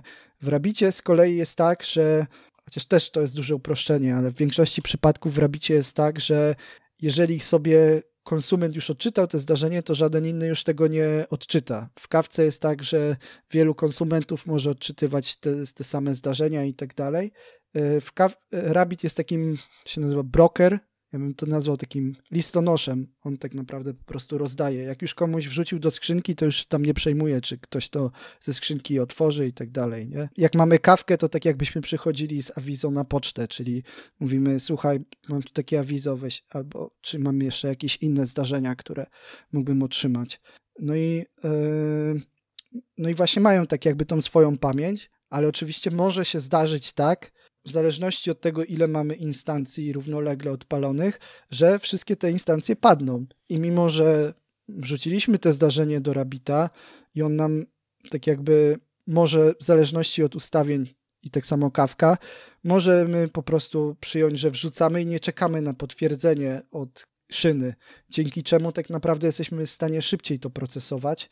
Kawka na przykład też procesuje zdarzenia baczami, czyli na przykład zapisuje co enty Y, co tą wiadomość na przykład. Zbiera sobie, zbiera i zapisuje. No i jak w tym czasie coś padnie, no to te zdarzenia są stracone, nie są zapisane do, do kawki, więc sposobem takim na rozwiązanie tego jest y, wzorzec Outbox, który polega na tym, że oprócz tego, że zapisujemy sobie dane do naszej tabeli, y, jeżeli mamy bazę relacyjną, to zapisujemy sobie na boku do tabeli wiadomości w tej samej transakcji nową wiadomość. No i one sobie tam dodają się na końcu, tak jak to w takim właśnie y, logu. No i y, w momencie, gdy y, chodzi sobie tam pod spodem taki background worker, który wie, że ostatnią wiadomość wysłałem tą, no to teraz muszę zobaczyć, czy są jakieś późniejsze. No i ten background worker sobie wysyła to. I on dopiero jak szyna mu potwierdzi, że ona to przyjęła, lub jakiś tam właśnie handler potwierdził, że zostało to przeprocesowane, no to dopiero wtedy oznacza tą wiadomość jako wysłaną. Dzięki czemu y, jesteśmy w stanie zapewnić, że jeżeli coś zapisaliśmy, te zdarzenie, to one prędzej czy później zostanie wysłane. Y, drugim takim wzorcem analogicznym jest inbox, który działa z kolei w listenerze, czyli jeżeli on tak jakby przyjmuje zdarzenia, zapisuje je w, mm, w bazie danych i dopiero jak zapiszę w bazie danych, to potwierdza szynie, że tak, przyjąłem te zdarzenie, yy, yy, nie musisz już go mi dalej wysyłać. No i potem znowu chodzi background worker, który odpala handlery. Dzięki czemu, jeżeli zastosujemy te obydwa wzorce, no to mamy pewność, że nigdy żadnej wiadomości nie, nie stracimy i jeżeli na przykład Rabbit usunie już wiadomość, bo została odczytana, albo Kafka wyczyści te wiadomości z powodu retention policy, to możemy sobie przesunąć ten suwak na sam dół w tych naszych zdarzeniach i z powrotem opublikować te wszystkie zdarzenia na szynę. Więc w takiej sytuacji yy, to są takie, to jest sposób, który ja trafiłem najlepszy według mnie do zachowania fault tolerancy. Czyli właśnie co się stanie, jak yy, szyna nam padnie. Ogólnie lepiej przyjmować, że szyna, nawet jeżeli ma pamięć, to że może paść i to, co jest ważne, to żeby pamiętać, że te szyny wszystkie są zoptymalizowane pod wysyłanie i przekazywanie wiadomości, nie pod ich przechowywanie. One to potrafią robić, ale to nie jest ich, to jest tak jakby ich e, bonus, który daje użytkownikom, więc nie traktujmy ich jako bazy danych, nie traktujmy, że one zawsze to będą miały, szczególnie kawkę, yy, tylko, że może się coś wydarzyć. No i też tutaj jest minus takich szyn, bo one rzadko kiedy dostarczają yy, takich dobrych wbudowanych narzędzi do fault tolerance, czyli że coś się wywali i weź mi to jakiś disaster recovery, rzadko mają takie narzędzia. Na przykład Rabbit ma wbudowany tak zwany dead letter queue, gdzie wpadają wiadomości, które nie mogły być dostarczone. Kafka nie ma tego. Znaczy to możemy sobie w łatwy sposób sami to zaimplementować, ale nie ma tego na przykład. Yy, większość tych takich yy, rozwiązań chmurowych też takie rzeczy ma. Yy, no ale tak jak mówiłem, to co jest ważne, bo tutaj Confluent właśnie firma, która się zajmuje kawką, e, propaguje, że można kawki używać jako właśnie e, bazę do event sourcingu albo ogólnie bazę danych, gdzie według mnie, no okej, okay, no można, tylko to nie jest narzędzie do tego stworzone. Więc raczej bym traktował, że to jest szyna z jednak mniej lub bardziej ulotną pamięcią. To jak tak mówiłeś właśnie o tym inboxie, outboxie, trochę mi to kuło. Tak wiesz, że muszę, a, że biorę sobie szynę i w ogóle Muszę jeszcze wrapować i obsługiwać ją, ale później dodałeś fajne stwierdzenie, że właściwie to są systemy do messagingu, a nie do, do um, zapisywania danych, nie? czy wiadomości. I to, to takie słowo wyjaśnienia, czy zdanie wyjaśnia, które rzeczywiście czemu są te inbox, outboxy. I okej, okay, i to mi się zaczęło sklejać, nie? Ale też czasem może być tak, że możemy dojść do wniosku, że nam to wcale nie jest potrzebne, bo przykładowo y, mamy wszystko w procesie, mamy taki yy, powiedzmy modularny monolit, mamy wszystko w procesie, albo mamy też jakieś rozbi porozbijane na mikroserwisy, ale nie mamy tego outbox inbox i zakładamy, że nasze wiadomości mogą nie dojść. No i takie założenie też jest ok, jeżeli mamy to przewidziane biznesowo. Czyli przykładowo, jeżeli utworzyliśmy rezerwację, y, a nie wystawiono nam faktury, no to żebyśmy mieli taki guziczek weź mi jednak wystaw tą fakturę, bo coś się zadziało, nie? Albo żebyśmy mieli taki proces, który gdzieś tam weryfikuje naszą spójność. Czasem może się to okazać, że to jest dużo łatwiejsze i dużo szybsze niż właśnie robienie jakichś takich misternych, y, skomplikowanych y, zależności. Mówię, to wszystko zależy od skali naszego systemu, bo to nie jest tak, że jeżeli chcemy mieć architektury oparte na zdarzeniach, to musimy mieć od razu kawkę, Rabbit czy inną szynę. Możemy jak najbardziej wszystko mieć w pamięci. To jest tak naprawdę idea, że wiadomości są tutaj takim centralnym punktem, który yy, wysyła te wiadomości, przekazuje, triggeruje inne operacje biznesowe, a to, to tak naprawdę, czy to jest yy, szyna, czy to jest y, eventual consistency, czy to jest tak, czy śmak. To jest już szczegół implementacyjny, który zależy od tak naprawdę naszych potrzeb biznesowych. Więc y, dlatego też bardzo często jest to mylone, że event sourcing wymaga eventual consistency. Nie wymaga, y, że jak użyjemy architektur opartych na zdarzeniach, musimy mieć kawkę albo rabita. Nie musimy mieć nic z takich rzeczy.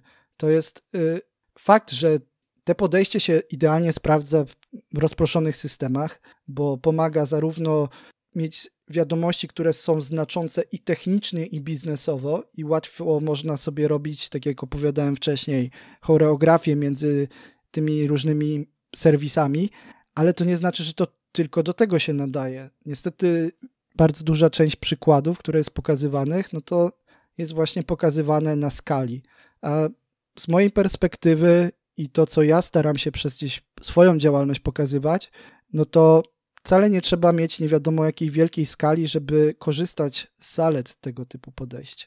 Możemy na przykład też robić tak, że mieć jeden moduł, który ma event sourcingowy, który jest tak jakby naszym modułem korowym, gdzie mamy rozbudowane procesy, a na przykład mieć taki moduł, gdzie głównie to jest jakiś CRM albo krudy takie typowe, że po prostu wrzucamy tam paczki y, danych, odczytujemy i tyle. I, jest jak najbardziej ok. Nikt nie każe nam wszędzie robić takiego czy niektórzy każą, ale ja na pewno nie, e, że ujednoliconego podejścia to raczej trzeba brać odpowiednio narzędzie do odpowiedniego problemu. Takie jest w każdym razie moje podejście. Mhm.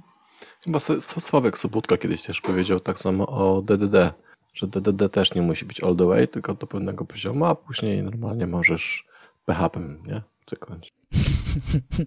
Się uczepił tego PHP dziś. No bo nie chce neandertaltyzmów ani krudów ja używać. że teraz więc... PHP ma fajnie o wszystko obiektowe. Ja dawno nie pisałem PHP. No, obiektowe to już chyba od dawna jest. Od czwórki chyba, no. Teraz nie wiem już, który. Chyba ósemka wyszła, nie? Dawno. 7-8, no gdzieś tak. Ja miałem, tako, ja miałem, taką książkę do czwórki, którą komuś pożyczyłem i mi nie oddał, więc to chyba jakieś... Kiedyś było, ja, ja też miałem była. PHP i MySQL. To jest oficjalne, oficjalne zgłoszenie się po książkę, tak, właśnie chciałem zerknąć, też mam taką grubą z Heliona. No. A, widzisz. Yy, jeśli nas słuchasz, ham, Hamie 1, to dawaj książkę Oskarowi. E, e, tak, Oskar nie może, nie może do ciebie pójść, więc nagrywał podcast o tak, w Ether Driven. Tak, dookoła tak naprawdę, a chodziło tylko o to, żeby odzyskać książkę. Jeszcze komuś pożyczyłem Pulp Fiction, także jakby ktoś go miał, to też poproszę. Ale też książkę, czy? Nie, to akurat był film. Ja mam, ale, ale chyba mój. A o czym? Może ten sam. nie, dobrze.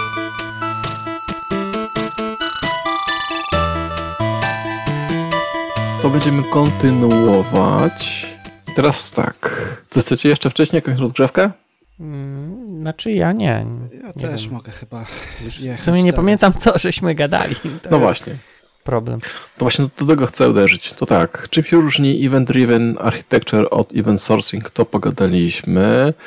Dlaczego warto używać w sourcingach, e, sorry, warto używać driven event sourcing w projektach? Chyba o tym też gadaliśmy.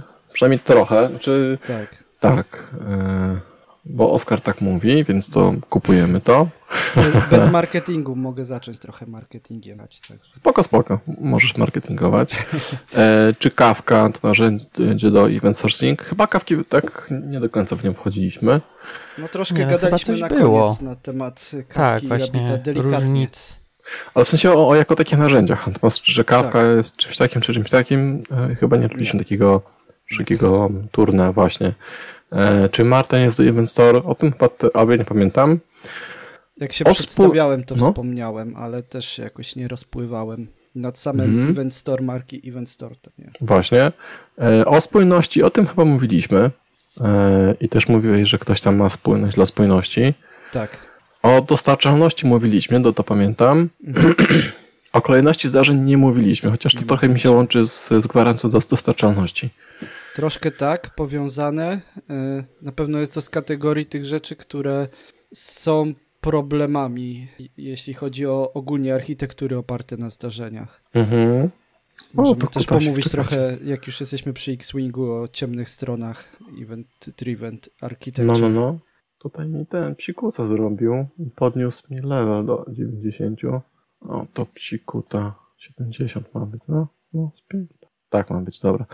Czekajcie, teraz jeszcze w Skype ustawię, żeby mnie tutaj więcej nie fisiował. Hmm. No, nie mam adjust. O, to. A, a to je, je, Dobra, to jest. No ciekawe, czemu to się podniosło. No dobrze. To wracając do naszej rozmowy, ja proponowałbym, żebyśmy zaczęli um, o kolejności dostarczeń, zdarzeń. Skoro gadaliśmy o dostarczalności, tak? O tym, że kolejki nie. Um, to, co ja powiedziałem, tak? Że zawsze zakładałem, że to one zajmują się tym, żeby że masz pewność, że dostarczysz, ale ty wytłumaczyłeś i ja to kupiłem, że kolejki są do komunikacji, a nie do gwarantowania e, dostarczoności i od tego mamy inbox in, inbox out w wzorce i to one nam upewniają. A propos, ostatnio klikałem coś w, w Azure Service Bus i tam też jakiś jest checkbox. Jak najedziesz na tego checkboxa, to ci wtedy taki pop-up jest. To gwarantuje, um, że zawsze, że wszystkie będą dostarczone tylko raz. Pomyślałem sobie wtedy, a Oskar powiedziałby coś innego. No bo to jest więc... z perspektywy kolejki może to być prawdą, że ona to dostarczy tylko raz, ale tak, tak. jeżeli nie będziemy mieć po swojej stronie zrobionych odpowiednich gwarancji, no to z perspektywy działania całego systemu już niekoniecznie jest to prawdą. Kafka mówi to samo. Oni też przez bardzo długi czas pracowali nad tym at least once deliver, e, przepraszam, exactly once, czyli dokładnie raz, ale to też jest przy, z taką gwiazdeczką. Czyli jednostkowe testy przychodzą, a integracyjne krzyczą z bólu. Niekoniecznie. Właśnie. Nie, tak trochę to wygląda. Tak, tak, bywa tak. Dobra, no to teraz w takim razie ja bym poruszył ten temat yy, kolejności zdarzeń właśnie. Czy to da się jakoś... Yy, to doda się jakoś zrobić, żeby dochodziły w kolejności odpowiedniej, a jak nie, no to co zrobić, żeby z tym żyć, nie? Mhm. To ogólnie to da się tak zrobić, tylko przy odpowiednich założeniach, bo to tak jak ze wszystkim w życiu, jeżeli mamy jakąś gwarancję, to zwykle jest kosztem czegoś. No i jeżeli chodzi o systemy kolejkowe, no to zwykle im mamy większą gwarancję zachowania kolejności, tym mamy mniejszą wydajność. Mamy mniejszą szansę na zrównoleglenie procesowania tych wiadomości. E, ja zwykle, jak to tłumaczę, to przedstawiam to w postaci takiej historyjki o kolejce w Biedronce. Czyli jeżeli jest jedna kolejka otwarta w kasie, jedna kasa i jest jedna kolejka, no to dokładnie wiemy, kto będzie e, po kolei obsłużony. Jeżeli z kolei y, mamy więcej kas otwartych, no to nawet jeżeli wiemy, że trzy osoby są w tym momencie, dane osoby są jako pierwsze, no to nie wiemy, która z tych trzech osób będzie pierwsza obsłużona. Poza tym, że na pewno nie będziemy to my, nie? My zawsze stoimy w złej kolejce. No i tak samo działają właśnie kolejki zdarzeń. Jeżeli mamy na przykład kawkę, no to tam mamy podział na topiki i partycje, możemy też o nich za chwilę pogadać. W skrócie topik to jest taki podział biznesowy, czyli że sobie grupujemy jakoś tak ogólnie, logicznie nasze wiadomości, czyli przykładowo możemy sobie pogrupować je według modułu biznesowego, według jednego, jednej encji albo agregata, czyli wszystkie zdarzenia z jednej encji albo z jednego typu encji będą szły na ten sam topik, ale oprócz tego i to co jest ważne i często ludzie to pomijają, no to mamy z kolei wewnątrz topików mamy taki faktyczny podział i ten podział fizyczny jest to partycja. No i partycja jest to właśnie to, jak nasze wiadomości są ułożone y, w ramach takiego topiku. Czyli przykładowo, jeżeli byśmy naszym topikiem był typ agregatu, na przykład wszystkie zdarzenia uży wszystkich użytkowników, to byłby nasz topik, no to partycją mogłoby być zdarzenia z jednego użytkownika. No i Kafka na przykład gwarantuje kolejność zdarzeń tylko w obrębie jednej partycji. Bo to jest taki, można byłoby dużym uproszczeniu przyjąć, że y, pojedyncza partycja to jest taki pojedynczy log zdarzeń. Czyli jeżeli by te powiedzmy mm, pliki, idąc taką terminologią Windowsową, jeżeli byśmy mieli wszystkie te pliki, z, y, jedno zdarzenie było zapisywane fizycznie jako jeden plik, no to taki partycja to jest takim folderem. No i po kolei możemy sobie posortować. No i nawet jeżeli mamy, no i jeżeli mamy jedną partycję i jeden topik w systemie, czyli powiedzmy wszystkie zdarzenia nasze w systemie wpadają na jedną partycję, no to yy, wtedy jesteśmy w stanie zachować kolejność zdarzeń. Tylko wtedy możemy sobie zadać pytanie, czy my naprawdę potrzebujemy kolejkę, jakąś szynę zdarzeń, bo tak naprawdę wszystko będzie szło yy, yy, sekwencyjnie. Tak. Mhm, no. Więc... A jeszcze mam taką dygresję, bo powiedziałeś o tych partyc partycjach. Po co one są w ogóle? Co takiego wnoszą? E, partycje mm, w każdym razie w terminologii kawki, bo to w Rabicie jest trochę inaczej. E, partycje są takim właśnie fizycznym e, podziałem tych, gdzie są umieszczane nasze zdarzenia. Bo jeżeli sobie spojrzymy na przykład na kawkę, no to tak naprawdę Kafka to jest po prostu baza klucz-wartość.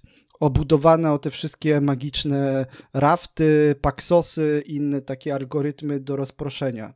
No jeżeli spojrzymy sobie na partycję, to partycja daje nam i w ogóle podział takiego właśnie topika na partycję daje nam możliwość po pierwsze zrównoleglenia procesowania, a po drugie daje nam fault tolerance, czyli odporność na błędy. Dlaczego? Bo mm, w kawce jest jeszcze coś takiego, że mamy brokery. Brokery w skrócie to są takie mm, no po prostu instancje serwer, mm, serwera trochę będzie uproszczenie, ale powiedzmy instancja y, serwera powiedzmy kawki, czyli jak mamy powiedzmy pięć y, takich y, nodów, no to mamy powiedzmy pięć brokerów, no i to jest tak, że możemy sobie powiedzieć jak bardzo chcemy rozprowadzić te partycje, czyli załóżmy, że mm, będzie, jeżeli damy sobie tam jakiś tam przełącznik, nie pamiętam już konkretnie nazwy, ale który nam odpowiada za powiedzmy mm, zduplikowanie tych danych pomiędzy różnymi tymi serwerami, no to załóżmy dajemy wskaźnik 3, co będzie nam oznaczało, że o ile mamy tyle aktualnie żyjących węzłów, no to każda partycja i każde zdarzenie będzie rozprowadzone na trzech węzłach, czyli tych trzech e, instancjach. No więc jeżeli nam jedna instancja padnie, no to mamy cały czas te dwie pozostałe, które mają te wszystkie dane. Więc yy, po pierwsze, zrównoreglenie, bo tak jakby każda partycja jest procesowana osobno. Czyli jeżeli byśmy sobie podzielili, że mamy osobny topik na osobny moduł i każdy moduł ma tylko jedną partycję, no to wtedy byśmy mieli tak, że zdarzenia w obrębie jednego modułu są, mają zachowaną kolejność, y, ale już pomiędzy modułami niekoniecznie muszą mieć.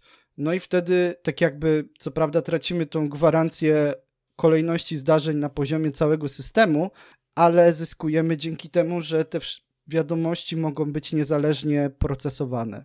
Bo jeżeli, jak to robi w ogóle Kafka?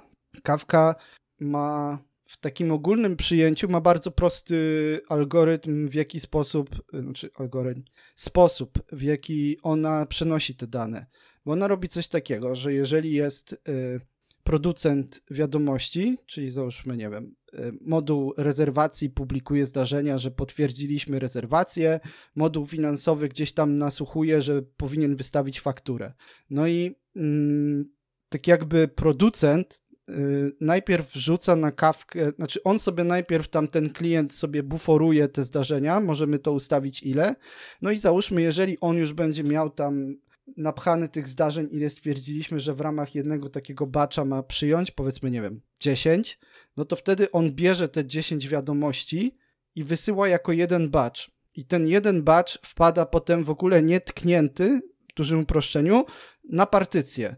No i potem poszczególni konsumenci tego, tak jakby za, nasłuchują na konkretny topik, yy, nie wybierają sobie partycji, więc dostaną wszystkie wiadomości z danego topika Yy, ale z kolei oni też bez żadnego przetwarzania, tak jakby przed transportem, biorą dokładnie ten batch i zaciągają go do siebie i dopiero konsumenci tak jakby zaczynają sobie to dekodować, rozpakowywać na pojedyncze rekordy.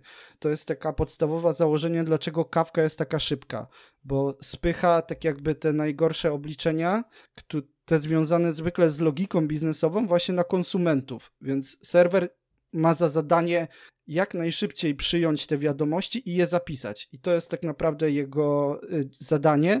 Dlatego też Kafka jest tak naprawdę taką trochę no, bazą danych to dużo powiedziane, ale no, można byłoby powiedzieć takim key value storem. No i on po prostu przyjmuje, zapisuje do loga i z grubsza nic z tym nie robi, poza wiadomo jakimś tam dodaniem swoich metadanych, ale on nawet nie rozpakowuje tego batcha, jego to nie, nie interesuje. Jedyne zadanie jest potem zapina się konsument i mówi daj mi tam te wszystkie zdarzenia z tego topiku. No i on wtedy zaciąga. Y, z kolei w Rabicie jest trochę inaczej, bo tam jest tak jakby mamy kolejki i te kolejki y, to nie są z założenia taka key value store. To jest coś, co zostało, ten persystencja dodana w pewnym momencie do Rabita. No i to jest ciągle zapisywane, ale to jest na takiej zasadzie, że producent tam wpycha, wpycha, wpycha i z kolei to nie jest tak, że jak w kawce, że konsument pod, przychodzi powiedzmy i mówi daj mi panie te zdarzenia, bo już y, chciałbym je dostać, tylko tak jakby Rabbit będzie pingował tego konsumenta, słuchaj, mam dla ciebie zdarzenia, dawaj, dawaj, dawaj. No i z racji, że Rabbit tak naprawdę nie jest, yy, tak jak wspominałem, z samego założenia, bo już to się rozbudowało, takim persystentnym storem, więc tak naprawdę to wszystko działa dobrze w Rabbicie, dopóki konsumenci nadążają. Jeżeli przestają nadążać, to te kolejki puchną i bo tak naprawdę Rabbit oczekuje, że ktoś szybko odczyta i wyzeruje z tej kolejki wiadomość. Zniknie, więc y, jeżeli te wiadomości nam spuchną, no to, to, to się pojawia problem. No i z kolei w Rabicie yy, mamy tak, że nie mamy żadnej gwarancji, czy mamy minimalną, ale trzeba, można to zrobić, ale trzeba się nagimnastykować bardzo, że jeżeli mamy ko wielu konsumentów jednej kolejki, no to z kolei praktycznie tracimy gwarancję dostarczalności, nawet, znaczy y, kolejności, przepraszam, kolejności nawet na poziomie jednej kolejki, bo to jest na takiej zasadzie, że jeżeli ktoś ściągnie tą wiadomość, i mamy kolejnego konsumenta, to on już bierze tą kolejną wiadomość. I w sumie nie wiemy, tak, który tak. szybciej to przeprocesuje, a może się tak zdarzyć, że powiedzmy pierwszy konsument nie zwróci nam potwierdzenia, a ten drugi już sobie przeprocesował drugą wiadomość i ta pierwsza wiadomość wróci z powrotem na kolejkę, mm -hmm. bo na mhm. przykład nie zaimplementował inboxa, więc, mm -hmm. więc okay. Trochę zarzuciłem was technicznymi detalami, tak, więc tak. Y, a jeszcze liczę na jakieś jeszcze... pytania pomocnicze teraz. Tak, jeszcze wrócę na chwilę do, do, do, do partycji, bo rozumiem, że to mhm. jest po stronie tylko yy, samego frameworka, natomiast, klien natomiast klienci jako tacy tego systemu nie są świadomi nie są partycjonowania. Świadomi. Nie. Okay, dobra. Co więcej, dobra, okay. to jest też to jest na takiej też zasadzie, że im więcej tych partycji sobie na, narobimy, to też jest tam jakiś górny limit, ile może mieć topik partycji, ale im więcej mamy tych partycji, to co prawda możemy bardziej to zrównoleglać, ale jak chyba wszyscy wiemy, w pewnym momencie to zrównoleglenie się kończy i często narzut, który jest konieczny na obsługę tego zrównoleglenia i wysyłania tego, tych duplikatów na poszczególne brokery, no to więcej kosztuje niż samo procesowanie, więc to też zwykle trzeba gdzieś tam sobie empirycznie zbadać. Mhm. Mhm. Ja na przykład kiedyś napisałem no. taki, miałem na studiach systemy rozproszone i miałem do napisania w, przy pomocy RPC taki koordynację procesów. No i niestety musiałem oszukać w moim raporcie, bo jakbym tego nie robił, to zawsze mi wychodziło, że rozproszony jest wolniejszy niż jednowątkowy.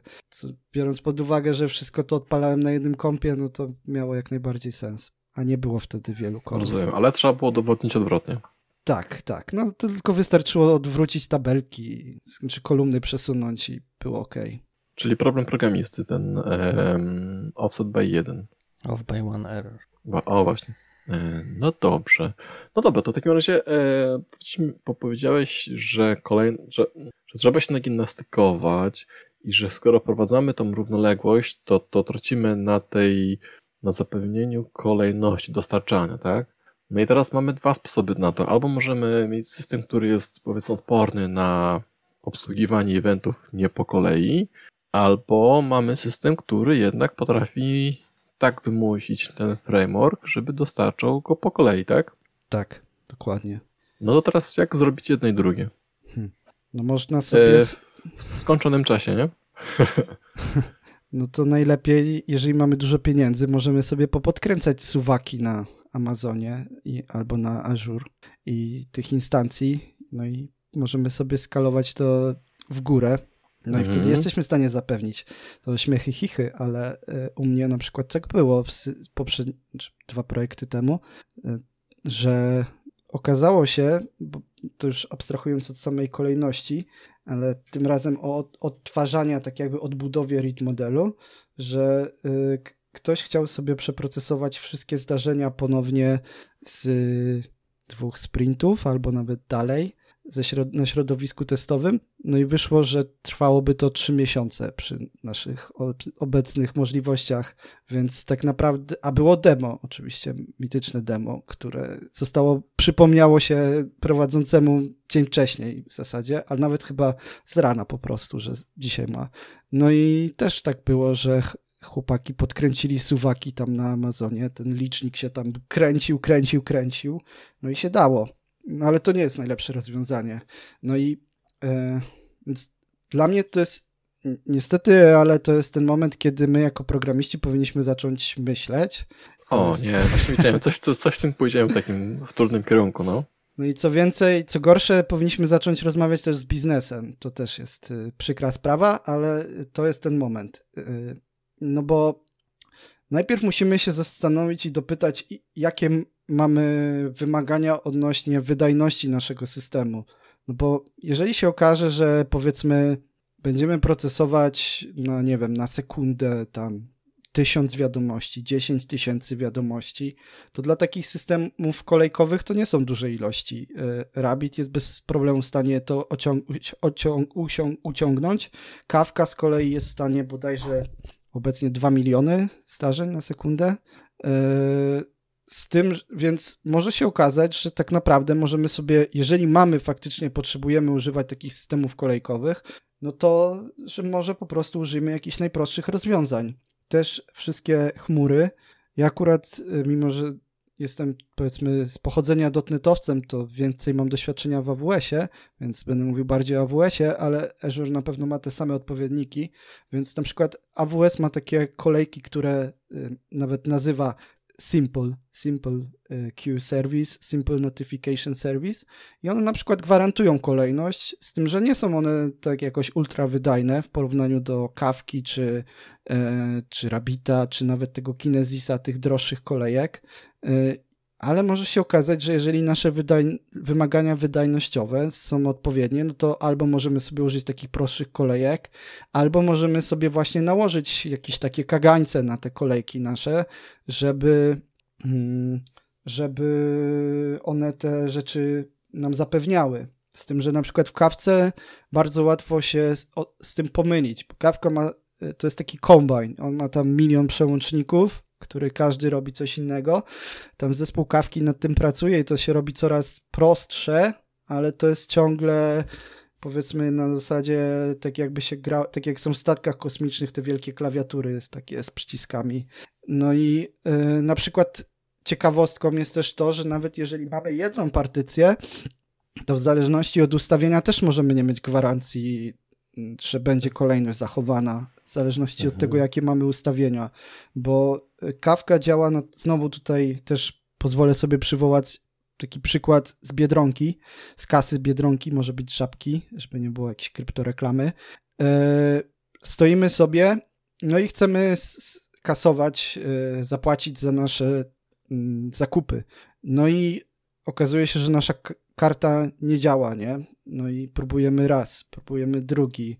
E, no w końcu się udało, ale potem mówimy, że mm, wie pani co, jeszcze bym mleko potrzebował, ja tylko skoczę, przyniosę i pani mnie to skasuje jeszcze raz.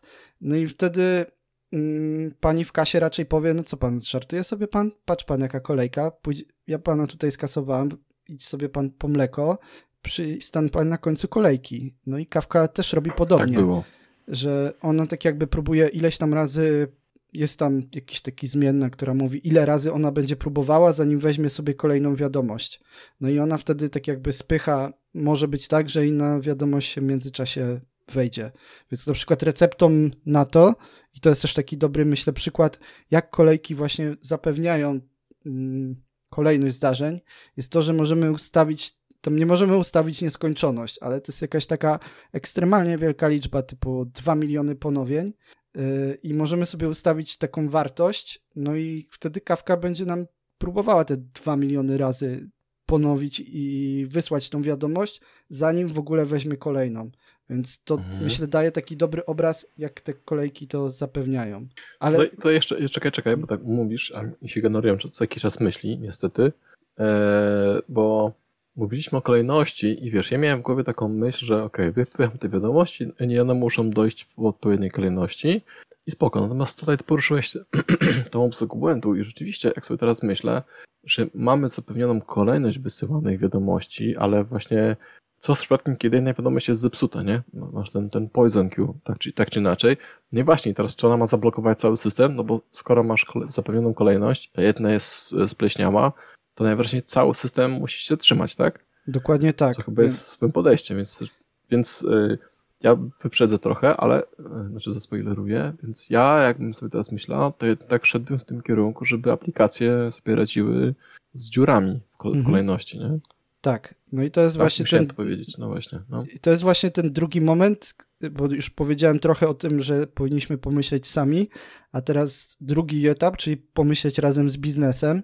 No i bo teraz tak naprawdę te rzeczy nie tylko dotyczą samych architektur opartych na zdarzeniach, ale ogólnie systemów rozproszonych. I to taka dygresja. Y, ale y, powinniśmy się, bo ogólnie w systemach rozproszonych jest tylko jedna rzecz, która może pójść nie tak i jest nią wszystko. Nie? Czyli y, w systemach rozproszonych musimy się być przygotowani na tak naprawdę na każdą okoliczność. I to wbrew pozorom nie jest takie odrealnione, jest bo my jako programiści staramy się zbudować taki nasz idealny świat w naszym kodzie. Tylko jeżeli porozmawiamy z biznesem, no i na przykład y, powiemy biznesowi, że no ale co się stanie, jeżeli załóżmy faktura została źle wygenerowana? Nie, no jak? Nie może być takiej sytuacji. Jak już poszła faktura, gdzie? Przecież potem trzeba przepraszać i w ogóle, i wtedy mówisz, a jak? No właśnie, przepraszać. Czyli jednak zdarzały się takie sytuacje. No, no czasem się zdarzają, ale bardzo rzadko, prawie nigdy. No ale co wtedy robicie? No nie wiem, wysyłamy maila z ponowną wersją i tak dalej. No i to tak naprawdę te takie edge case'y, no to są po prostu sytuacje, to jest normalna logika biznesowa, o której my bardzo często nie myślimy, bo y, to jest taka niezbyt y, fajna, która się kończy u nas zwykle jakimiś takimi ifologią stosowaną, ale to jest coś, co powinniśmy przewidywać i to też niezależnie jaki mamy system, ale w systemach rozproszonych tym bardziej. Więc y, są różne opcje. Możemy sobie technicznie próbować z tym radzić, o tym za chwilę, no ale najlepszą receptą i to nie tylko na problem y, kolejności zdarzeń, ale na przykład dostarczalności zdarzeń i tak dalej, jest według mnie akcja korekcyjna, czyli że możemy sobie zrobić y, jakąś operację biznesową, która naprawi tę sytuację, że jeżeli coś się stało, co zepsuło nasz stan aplikacji, na przykład poza kolejnością zdarzeń, typu przykładowo chcemy zmodyfikować coś, gdzie nie dostaliśmy jeszcze zdarzenia, że to w ogóle zostało dodane, no to, mm, no to powinniśmy mieć taką operację, która to naprawi. No i powinniśmy o tym myśleć właśnie z biznesem i też challenge'ować go o to. To nie chodzi o to, żeby stawać gdzieś tam okoniem i go męczyć, tylko razem z nim pracować właśnie pod kątem tego, jak znaleźć takie dobre rozwiązanie. No i można na przykład sobie, jeżeli mamy system event sourcingowy lub ogólnie zapisujemy gdzieś te zdarzenia na boku, możemy zrobić coś takiego, robi się czasem taką sytuację, że zapisujemy te zdarzenia, które po prostu przychodzą. I bo ogólnie, jeżeli zdarzenie przychodzi z, z niezależnego modułu, no to my w ogóle, to jest jeden z podstawowych błędów, nigdy nie powinniśmy go jakoś walidować, e, powinniśmy po prostu go zaakceptować, czyli, no bo to jest coś, co tak naprawdę inny moduł sprawdził, zweryfikował, że jest poprawne, nawet jeżeli ma błąd, to jeżeli my to zignorujemy, no to to nie zmieni sytuacji, że to zdarzenie poszło, bo ten inny moduł nawet nie będzie wiedział, że my to odrzuciliśmy. Więc powinniśmy zawsze te zdarzenia akceptować. No i jeżeli mamy takie założenie, no to możemy te zdarzenia zapisywać i po każdym takim zdarzeniu y, w logice biznesowej możemy mieć taką metodę, która nam sprawdzi, czy stan, załóżmy, naszej encji, czy też agregatu jest poprawny. Nawet jeżeli nie mamy wszystkich zdarzeń, ale, albo nawet jeżeli to było gdzieś tam zaszło yy, kolejność zła i nie mamy wszystkich, no to na przykład może to nam wystarczyć do wyświetlenia już elementu gdzieś na liście, prawda?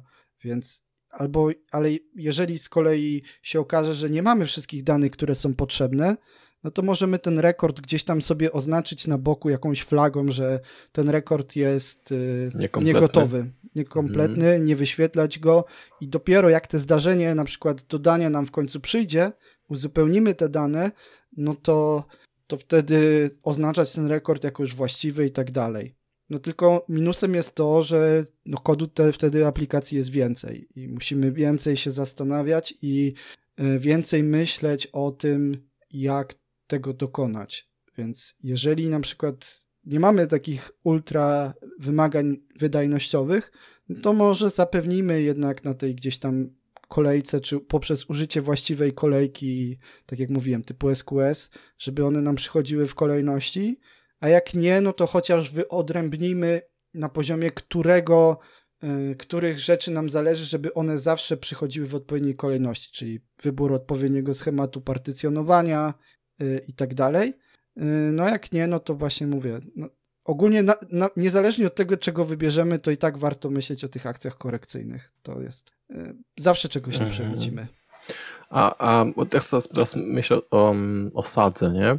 że mógłbyś mieć sagę i saga by czekała powiedzmy na zamknięcie, że musiałbyś oficjalnie, wiesz, musiałbyś zebrać wszystkie wiadomości, które zamykają się powiedzmy na fakturę, tak? Czyli musiałbyś dostać informację o tym, że jest brak korekty, e, że jest faktura wystawiona, że jest otwarcie, zamknięcie i gotowy do, do zamknięcia saga, nie? I wtedy te wiadomości mogłyby przyjść w różnych odstępach czasu, ale wszystkie te inputy do sagi by weszły, Teraz tylko myślę, czy wiesz, czy nie byłoby takiego przypadku, że o, ktoś, ktoś to zatwierdza i mówi ok, bez korekty, a później mówi o kurde i tak jeszcze musimy wydać korekty, nie? Więc chyba i tak jest no, taki dziurawy system, nie?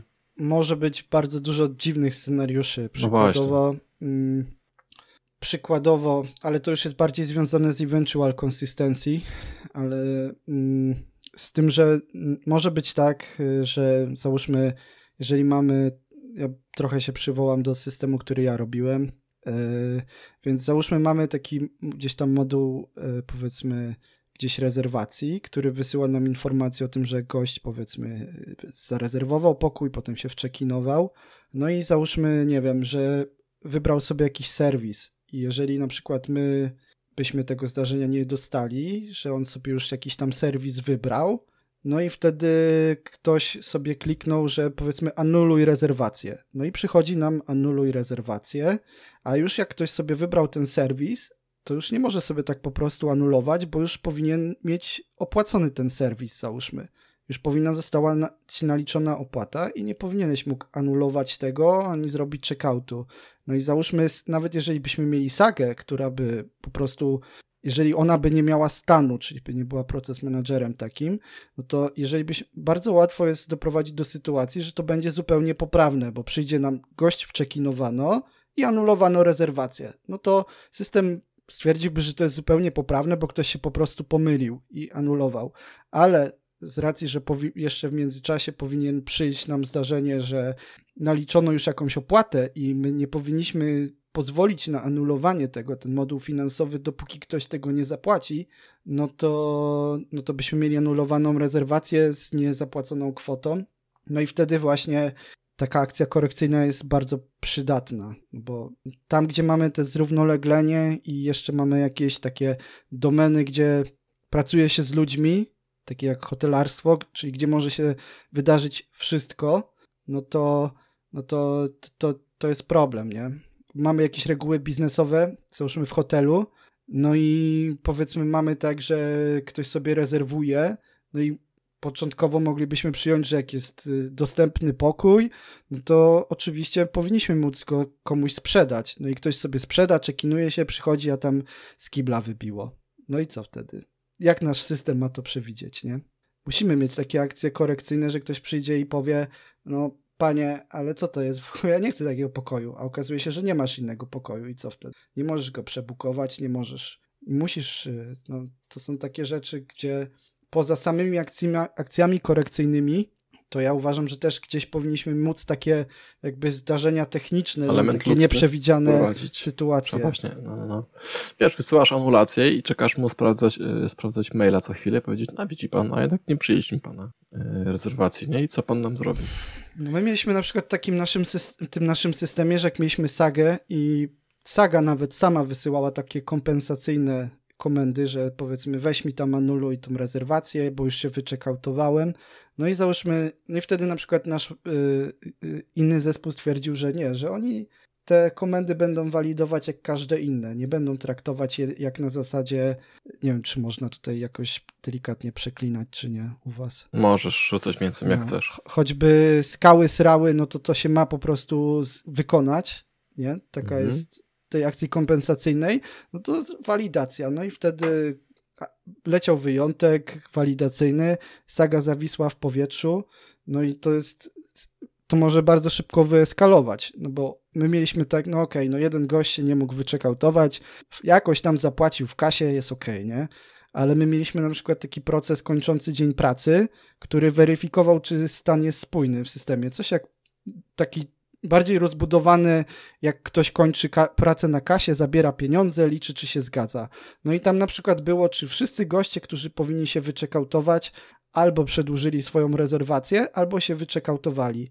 No i nie można, i wtedy walidacja nie pozwalała tego zmienić, dopóki, yy, yy, dopóki nie zostało to w jakiś sposób ogarnięte, nie? No ale skoro ta rezerwacja i ta saga wisiała sobie w powietrzu, no to nie można było zmienić dnia biznesowego, więc cały mhm. system stał w miejscu. Więc często... Czekaliście na tą pierwotną wiadomość, tak? Która... Tak. Mhm. Mhm. No więc dlatego to jest naprawdę bardzo kluczowe, żeby po pierwsze mieć biznesowe operacje, typu mhm. anuluj i tak jak mówiłem, choćby skały srały, tak, albo tak. nawet mieć takie właśnie techniczne, takie maintenance'owe, które w skrajnych przypadkach, w takich y, ścieżkach krytycznych, że po prostu mhm. bierzesz i wyczyścisz. No Jak bo... Biedronce przychodzi pan z plakietką i tam ci akceptuje wagę. Tak.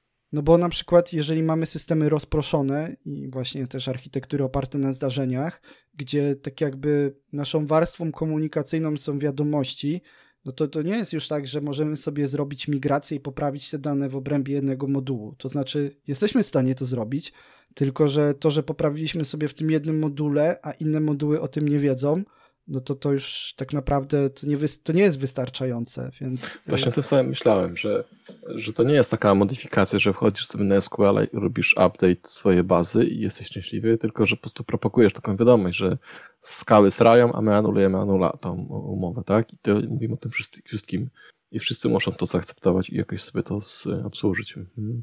Tak, więc ja na przykład właśnie o systemach takich ogólnie rozproszonych i opartych na zdarzeniach mówię, że mam taką że nie pracujesz tam. Że ty masz to w dupie i jednak wolisz w swoim pececiku lokalną aplikację do tego, do pliku TXT wszystko. Czy Greg Young powiedział, że powinnoś pierwsze pytanie sobie zadać, e, czy potrzebujesz robić system rozproszony. Jeśli odpowiedź brzmi nie, no to go nie rób. Więc to Słusznie. wydaje mi się dosyć racjonalnym podejściem. Ja też tak mhm. tak uważam. Ale z racji, że w obecnych czasach nie zawsze możemy tak zrobić, no to mm, straciłem wątek. Tak. E, Aplikacje rozproszone, jak, jak, ty, jak ty to robisz? Mhm. No więc y, ja uważam, taką mam też analogię, którą gdzieś tam czas powtarzam, y, że systemy rozproszone są jak taki Rocky Balboa w dziesiątej rundzie, że tu dostał gonga, tutaj już mu ta ręka lewa lekko zwisa, tu ma podbite oko, ale ciągle idą do przodu. Z kolei te systemy takie klasyczne, no to zwykle są takie jak trochę jak Najman, nie? Jeden gong leży bye bye po tak zwanej walce, nie? Więc mhm. Y, albo stoją, albo leżą, nie? To nie, nie, ma stanu pośredniego. I z kolei systemy rozproszone raczej nigdy nie mają stanu, kiedy by nie były liczone, nie? One są zawsze liczone, bo tam zawsze coś, zawsze coś nie działa. O kurde. Więc... Ale wiesz, że teraz tego nie reklamujesz, bo to trochę brzmi jak tak, że przychodzisz do pracy jako deweloper tych rozproszonych i myślisz, kurwa, co, co dzisiaj, dzisiaj jest? Właśnie, tak. to nie jest tak, że Albo czy, co, tylko co już. Co, nie? Właśnie. No, czy to jest trochę tak jak w Matrixie, zależy, którą pigułkę wolisz, nie? Czy wolisz taką szarą okay. rzeczywistość, że mm po prostu, no okej, okay, no zdarzyło się, nie? No, musimy jakoś to rozwiązać. Czy mamy takie podejście, jak wielu z nas praktykuje? Ja sam przez jakiś dosyć długi czas robiłem, że starałem sobie robić takie misterne pudełka, układać mhm. sobie ten kod i zawsze mi się wydawało, że będę w stanie z, wykonać taki idealny kod, który się nigdy nie wywali, nigdy nie poleci błąd i No, mhm. to... Wszystko przemyślisz, nie? Że masz taki klosz, jak trochę z dziećmi, że dajesz klosz i będziesz nim zawsze opiekował. Tak. A później przechodzi życie, zdejmuje klosz i klepie po tyłku po prostu aż głośno jest tak klap, klap, klap. Hmm. Znaczy ja. Chciałem. No, no jeszcze tylko dodam, że bynajmniej to nie jest tak, że ja mówię, że ktoś, nie wiem, ma wyjść ze swojej strefy komfortu czy coś, nie? To broń Boże, jeżeli ktoś się dobrze czuje w swojej strefie komfortu, robi dobrze swoją robotę, jak najbardziej możemy, tak jak mówiłem, nie ma potrzeby robić systemów rozproszonych, nie róbmy. Ale no, coraz mniej mamy takich projektów, coraz więcej jednak przychodzi, że gdzieś tam mamy chmurę, a jak już chodzimy w chmurę, no to to zawsze gdzieś tam mamy ten element rozproszonego, nawet jeżeli często te usługi chmurowe nam są w stanie to trochę gdzieś tam przypudrować i możemy tego nie zauważać, ale mhm. ja osobiście wolę no. takie życie bardziej brutalnej świadomości. Na pełnej petardzie, tak, cały czas? No.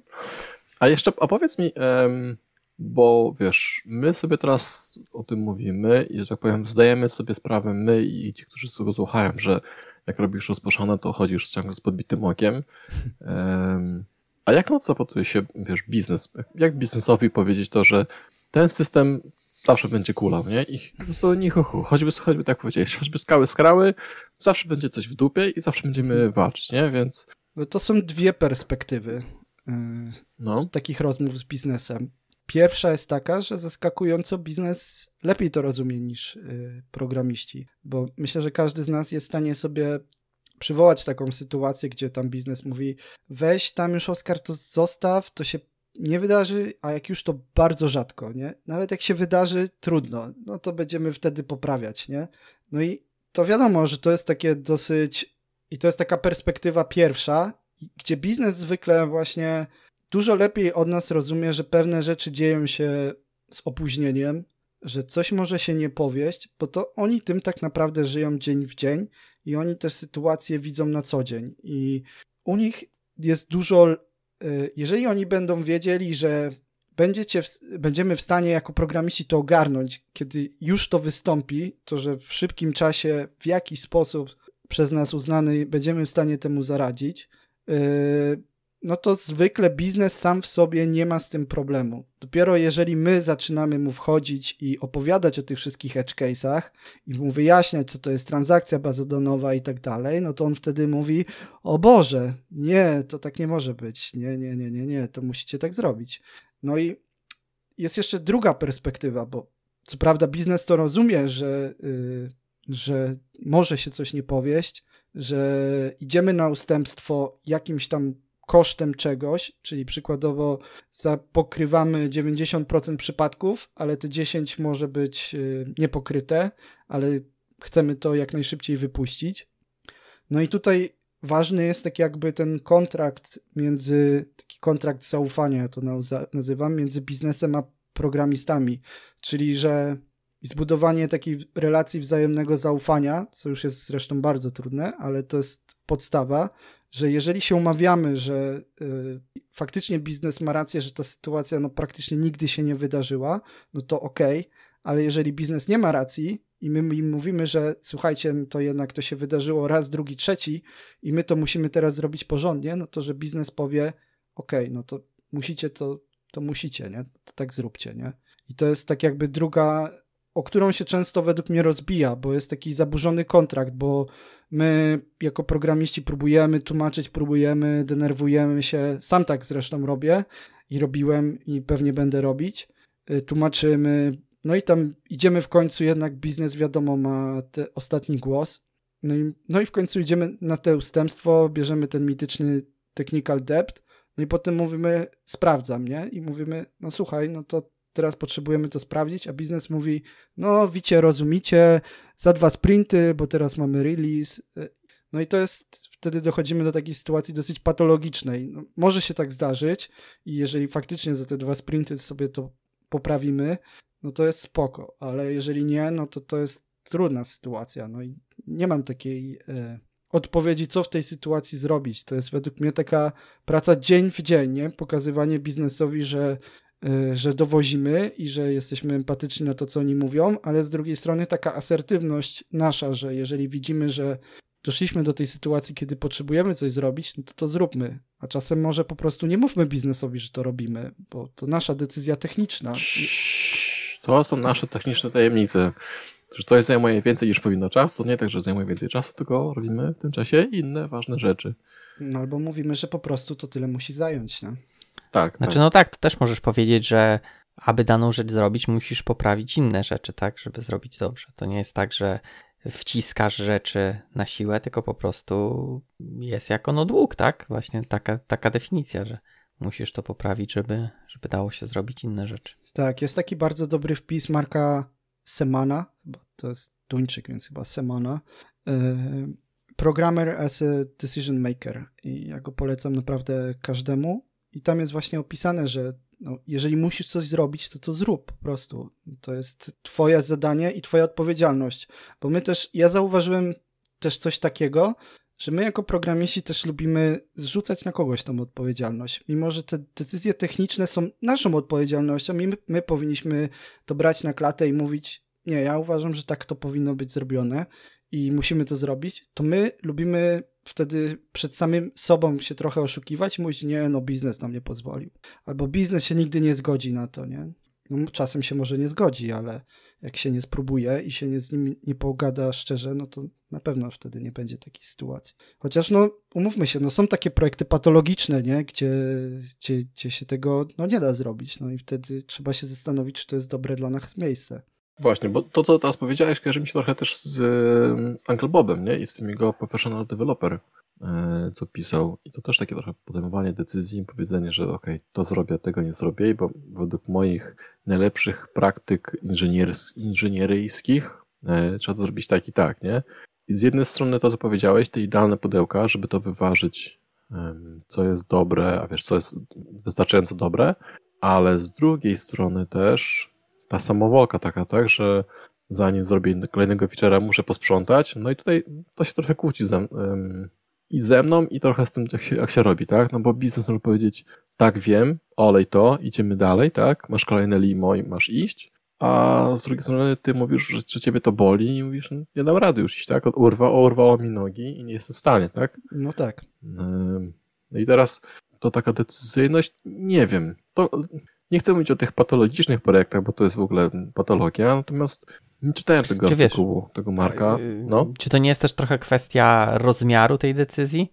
Bo wiesz, jeżeli faktycznie chcesz podejmować decyzję, czy przepisać, że ty musisz przepisać cały system, bo, y, bo tak uważasz, że już jesteś w takim miejscu, że nie da się dewelopować, no to jest trochę inne niż powiedzenie, że ok, ja muszę przepisać jakiś tam mniejszy moduł, czy, czy może nawet trochę większy. To jest, wydaje mi się, też kwestia, no, jakiego rozmiaru ta decyzja jest. Tak, to też, to też. No, po prostu trudne, trudne miejsce, taki trudny punkt, wiesz, gdzie, gdzie my jako programiści możemy powiedzieć sobie, hej, ale musimy wcześniej zrobić to, a w którym, a od którego miejsca, czy to biznesowego, finansowego, architektonicznego, musimy powiedzieć, ok, ale musimy mieć na to okejkę. Tak, znaczy dla mnie to jest to, co też e, wspomniałem, czyli że my, my musimy biznesowi udowodnić, że my faktycznie dowozimy i że to, co mówimy, że wiemy, o czym mówimy i że podejmujemy racjonalne decyzje. Wtedy jest dużo łatwiej, żeby oni nam zaufali, bo to, co ja na przykład bardzo nie lubię, są te tak zwane sprinty zerowe albo sprinty na refactoring. To jest po prostu dla mnie, to jest patologia właśnie w drugą stronę, bo po pierwsze sprint zerowy i pierwsze trzy sprinty, gdzie robimy architekturę. I to jest tak naprawdę nasz moment, kiedy tracimy największą szansę na tym, żeby zbudować sobie dobrą relację z biznesem, bo biznes na początku fakt, on to rozumie, bo my mu powiemy, no słuchajcie, musimy wylać fundamenty, musimy coś zrobić, ale my wtedy się skupiamy na tworzeniu boilerplate'u, jakichś repozytoriów, jakiś coś tam, okej, okay, to jest ważne, tylko nie pytanie, czy wszystko jest z tych rzeczy jest ważne w danym momencie i nawet nie dajemy takiego jakiegoś cukierka małego biznesowi często, nie? Typu jakiś formularz, popatrz, może sobie tu kliknąć, coś się zapisze i biznes to rozumie, ale do pewnego momentu i przychodzą tam trzy, trzy sprinty dalej, no i biznes mówi, no super, fajnie Oskar, rozumiem, miałeś to zrobić, ale czemu jeszcze nie ma nawet tego formularza jednego małego? Obiecałeś nam to dwa tygodnie temu, nie? Nie, bo tu nam się przeciągnęło. No i to są takie rzeczy, które ja uważam, małe, drobne rzeczy, które powodują, że yy, że po prostu gdzieś tam ziarnko się rodzi, że może jednak to, co my robimy, to jednak nie do końca jest takie, jak my mówimy. I y, tak samo te sprinty refaktoringowe według mnie zwykle to jest jakieś przekładanie kodu z jednego miejsca na miejsce. Ja jestem w ogóle zwolennikiem właśnie takiego tego zasady skauta, czy jak już gdzieś jestem, no to zostawię to chociaż troszkę lepsze niż, y, niż było. W każdym razie z mojej perspektywy, bo to wiadomo, to jest subiektywne, ale y, no i no niestety to jest taka konsekwencja, nie? Czyli, że codziennie to jest taka codzienna mrówcza praca, bo jeżeli już doszliśmy do sytuacji, kiedy się okazuje, że musimy poświęcić miesiąc czasu, żeby coś przepisać, żeby dodać checkboxa, no to to już jest za późno. To już wtedy nie ma miejsca na decyzje strategiczne. To są tylko taktyczne gaszenie pożaru, prawda? To gdzieś błąd został popełniony wcześniej. Mhm, Okej. Okay. To jeszcze a propos tego, mm, tej zasady skauta, kojarzy mi się jak Ola mówiła, że byli w parach, ten, ten to DD i tam był taki gościu, który no fajnie, fajnie, ale skasował cały kod i przypisał od nowa, bo jemu się podobało w jego sposób. Scout. Taki duży. Dobra, bo trochę odjechaliśmy od, od kolejności zdarzeń, która tutaj zaczęła tą drugą część. Czyli, czyli tak, czyli możemy sobie to zapewnić na poziomie frameworka i wtedy e, ściskamy poślady i myślimy, że framework to za nas robi i jakoś będziemy żyli. No i pewnie będziemy, mm. tylko trochę wolniej. Tak, ale tak. No ale to jest chyba też no. kwestia tak jak masz y, z tym TCP versus UDP, nie? Też możesz mieć kolejność TCP, natomiast masz mniejszą wydajność niż, niż sobie użyjesz UDP i powiedzmy w multiplayerach y, nie wiem, nie chcę mówić wszystkie, ale zakładam, że większość używa UDP, bo tam nie masz aż takiego nacisku na, tak jakby na tą kolejność, bardziej masz nacisk na wydajność. I tutaj też zakładam, że jak masz system, no to wiesz, na czym ci bardziej zależy y, w tym systemie i możesz odpowiednio wybrać y, odpowiednie rozwiązanie. Tak, a często jest też tak, że może nam w ogóle nie zależeć na kolejności, bo nasze zdarzenia są no jakimiś właśnie. zdarzeniami integrującymi i w zasadzie to są tylko jakieś abserty okej, okay, no mamy chwilowo, nie przyszło nam zdarzenie albo przyszło nam w złym, e, odwróconym stanie, no ale w końcu przyjdzie nam pewnie jakieś się znowu to gdzieś synchronizuje za jakiś czas, nie? Więc to, no, no niestety to tak jak mówię, to jest tak jak w Matrixie, no musimy się zacząć zastanawiać od samego początku. Dlatego według, według mnie to jest na takiej zasadzie, że te systemy oparte na zdarzeniach wydają się trudniejsze, dlatego że więcej wymagają na początku, bo od razu, tak jakby nie jesteśmy w stanie gdzieś ten dług techniczny sobie gdzieś tam ukryć, który sobie w zasadzie nie tyle techniczny, co techniczno-biznesowy. I y, gdzieś tam sobie jesteśmy w stanie przykryć, przypudrować, dopiero wyjdzie to nam za pół roku. A tutaj tak naprawdę y, no, zwykle dostajemy to od razu. Tylko, że według mnie to przede wszystkim no co prawda trochę wtedy mieliśmy długą tą dygresję o tych e, podejściu do projektów, ale to jest bardzo właśnie ważny element architektur opartych na zdarzeniach, bo y, najgorzej to, co możemy zrobić, to zacząć programować w nich tak, jakbyśmy robili klasycznie systemy takie y, powiedzmy jednowątkowe, jednoprocesowe i tak dalej. I właśnie zapominali o tym, że Wcale nie musimy dostać zdarzenia w kolejności, wcale nie musimy je dostać od razu. I często ludzie, i to jest jeden z takich pierwszych błędów, że ludzie sobie gdzieś przeczytają, że Kafka jest super, Rabbit jest też ekstra, i no to bierzemy, robimy. No i robią, robią, robią, odpalają to sobie lokalnie na Dockerze, super. Tester sobie odpali na Dockerze lokalnie, super, wszystko działa, nie? No tylko, że jak potem przychodzi do czego i robią gdzieś deployment właściwy, przychodzi większy ruch, no to się okazuje, że wszędzie się to sypie i jesteśmy jak ten taki wilk z tej ruskiej zabawki, nie? że latamy sobie te jajka. Mhm, jajeczka. No, no. no i to jest... Y, najgorzej co jest, jeżeli będziemy brać te systemy właśnie rozproszone i oparte na zdarzeniach, a będziemy ciągle żyć w swoim wyidealizowanym świecie. To jest od razu droga do, do problemów. Mhm, mhm, okej. Okay. Czyli żeby się oswoić, trzeba pójść od razu na walkę, dostać w pysk i jak ustoisz w parę sekund, jesteś gotowy na ten. Jak no. jesteś gotowy na kolejny strzał, to jesteś gotowy do pracy z systemami rozpros rozproszonymi. Tak, tylko tutaj mówię, ważne jest też podkreślać, że te problemy, o których mówimy, nie będą występowały, jeżeli będziemy mieć taki modularny monolit i też będziemy sobie publikować na szynę jakąś w pamięci i tak dalej. To wszystko będzie działać jak w klasycznej aplikacji, tylko to Dlatego częstym problemem tłumaczenia właśnie architektur opartych na zdarzeniach jest to, że od razu się pada pytanie, a co jest lepsze, kawka czy Rabbit? Zanim jeszcze ktoś w ogóle zrozumie, po co chce to robić, nie? To jest, y, I to jest problem, bo może ci w ogóle to nie jest potrzebne. Janek właśnie o to pyta, czy Rabbit, czy Kafka, czy Cloud? Eee, Ale może on już przeszedł przez tamte problemy, nie wiemy tego. czy mogę powiedzieć, to zależy? możesz, możesz. Dobra. Rabbit E, ma czy- zaletę, no. że. Znaczy, Rabbit ma dużo mniejszą przepustowość, tak jak wspominałem, ale ma dużo fajnych rzeczy jak y, routing budowany, czyli że możemy sobie jakieś reguły, gdzie przekazywać na którą kolejkę wiadomości. Ma sporo e, takich rzeczy, jak na przykład ym, kolej, właśnie ten dead letter queue czy poison queue, który w kawce nie mamy. Możemy sobie łatwo zrobić, ale out of the box nie mamy. Ale mnie się wydaje, że jeżeli na przykład robimy architektury właśnie gdzieś tam chmurowe, to zacząć może sprawdzić, jakie są te systemy wbudowane w chmurę, bo one dużo nam w stanie są zapewnić. Może się okazać, że na przykład użyjemy sobie takiego SQS-a, nie będziemy musieli się martwić tym całym adminowaniem i tak dalej, bo ja nie jestem ekspertem z Rabbita, nie, nie używałem go produkcyjnie ani komercyjnie, bawiłem się nim, ale kawce, no to od razu, jeżeli ktoś będzie brał kawkę, to przyjmijmy, że któryś albo trzeba kogoś zatrudnić, albo ktoś się powinien zgłosić jako osoba, jako operator kawki, nie? bo to jest naprawdę, szczególnie w początkowym etapie, to jest praca, pełen etat, to jest obsługa kawki i tuningowanie jego i tak dalej. To, to jest taka no, kombajn, maszyna potężna, ale no początkowy łatwość użycia może być złudna.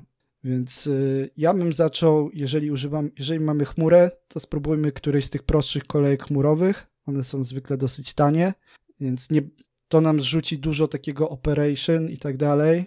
Też są na przykład, te chmury wszystkie mają hostowane kawki. Y, Nie wiem, jak one się sprawdzają, więc warto sprawdzić, ale na przykład Amazon ma takiego klona swojego y, Kinesis, który też jest dużo prostszy w obsłudze. Ale jeżeli chcemy sami to robić, no to to zależy od skali systemu, wydajności. Ja bym. Ja jestem. Z, ja lubię kawkę, no tylko mówię, to trzeba się na tym albo znać, albo trzeba dużo czasu spędzić, żeby poznać, szczególnie pod kątem takich operacyjności. No, dużo rzeczy tam fajnie można zrobić, ale też trzeba bardzo uważać na ten marketing, który jest przez Confluenta i patrzeć mocno przez palce na to, co oni piszą, typu, że można robić event sourcing w kawce. Kolejna, myślę, że dosyć ważna rzecz, to co tutaj jest na tej liście, a tak mi też się kojarzy trochę z tą e, kolejnością dostarczeń. E, No ale tutaj jest, e, dobra, dobra, dobra, wersjonowanie tych zdarzeń. Jak to też zrobić sprytnie? Sprytnie, to najlepiej w ogóle nie Może sprytnie. wersjonować zdarzeń. Dobrze, jak zrobić dobrze. No to Mhm. unikać sytuacji, kiedy te wersjonowanie jest ci potrzebne. To jest paradoksalnie Dobra, najlepsza opcja. A czy to, To to oznacza, że od razu rozumiemy- musisz mieć wszystko No właśnie. zaplanowane, tak? Jak będą te zdarzenia wyglądać, czy... Czy raczej musisz mieć zupełnie nowe zdarzenie i po prostu się przełączyć e, z serwisem na, na Mhm. nowe, lepsze. Ogólnie to na ten temat jest też super książka Grega Younga Versioning Events Tak. Source Systems. Mhm, cała książka. Cała książka, ona, nie no jest, ona jest nieduża, tam ma chyba niecałe 200 Nadal. stron. JavaScript Lekko się parts, czyta. taka. Y, Nie no, jest spoko. Polecam każdemu, kto robi systemy rozproszone, nawet kogoś, kto nie, nie tyknie event sourcing kijkiem. Także polecam. To jest bardzo dobra książka. No i są różne taktyki, jak to robić. No, mm, zanim wrócę do tego, co powiedziałem właśnie, że najlepiej tego nie robić, no to jak można to robić? Y, Można publikować Najlepiej to jest traktować, jeżeli chcemy robić wersjonowanie, to nawet jeżeli nam się zmienił schemat, czyli przez zmianę schematu mam na myśli dodanie nowego pola, zmienienie struktury, czyli przykładowo coś, co było wcześniej full name i ID user, teraz sobie robimy obiekt użytkownika. Y, Albo na przykład e, rename, bo ro- zrobiliśmy literówkę. No i musimy się najpierw zastanowić, które z tych zmian są breaking change. No na pewno rename to jest breaking change, bo to jest tak jakby, jakbyśmy usunęli pole, a usunięcie, no to wiadomo, jest breaking change'em. Czy dodanie nowego pola jest breaking change'em? Czasem tak, czasem nie. Jeżeli to pole nie ma jakiejś wartości biznesowej, w sensie nie ma logiki biznesowej, jakiegoś ifa, które od tego zależy, pewnie nie jest breaking change'em.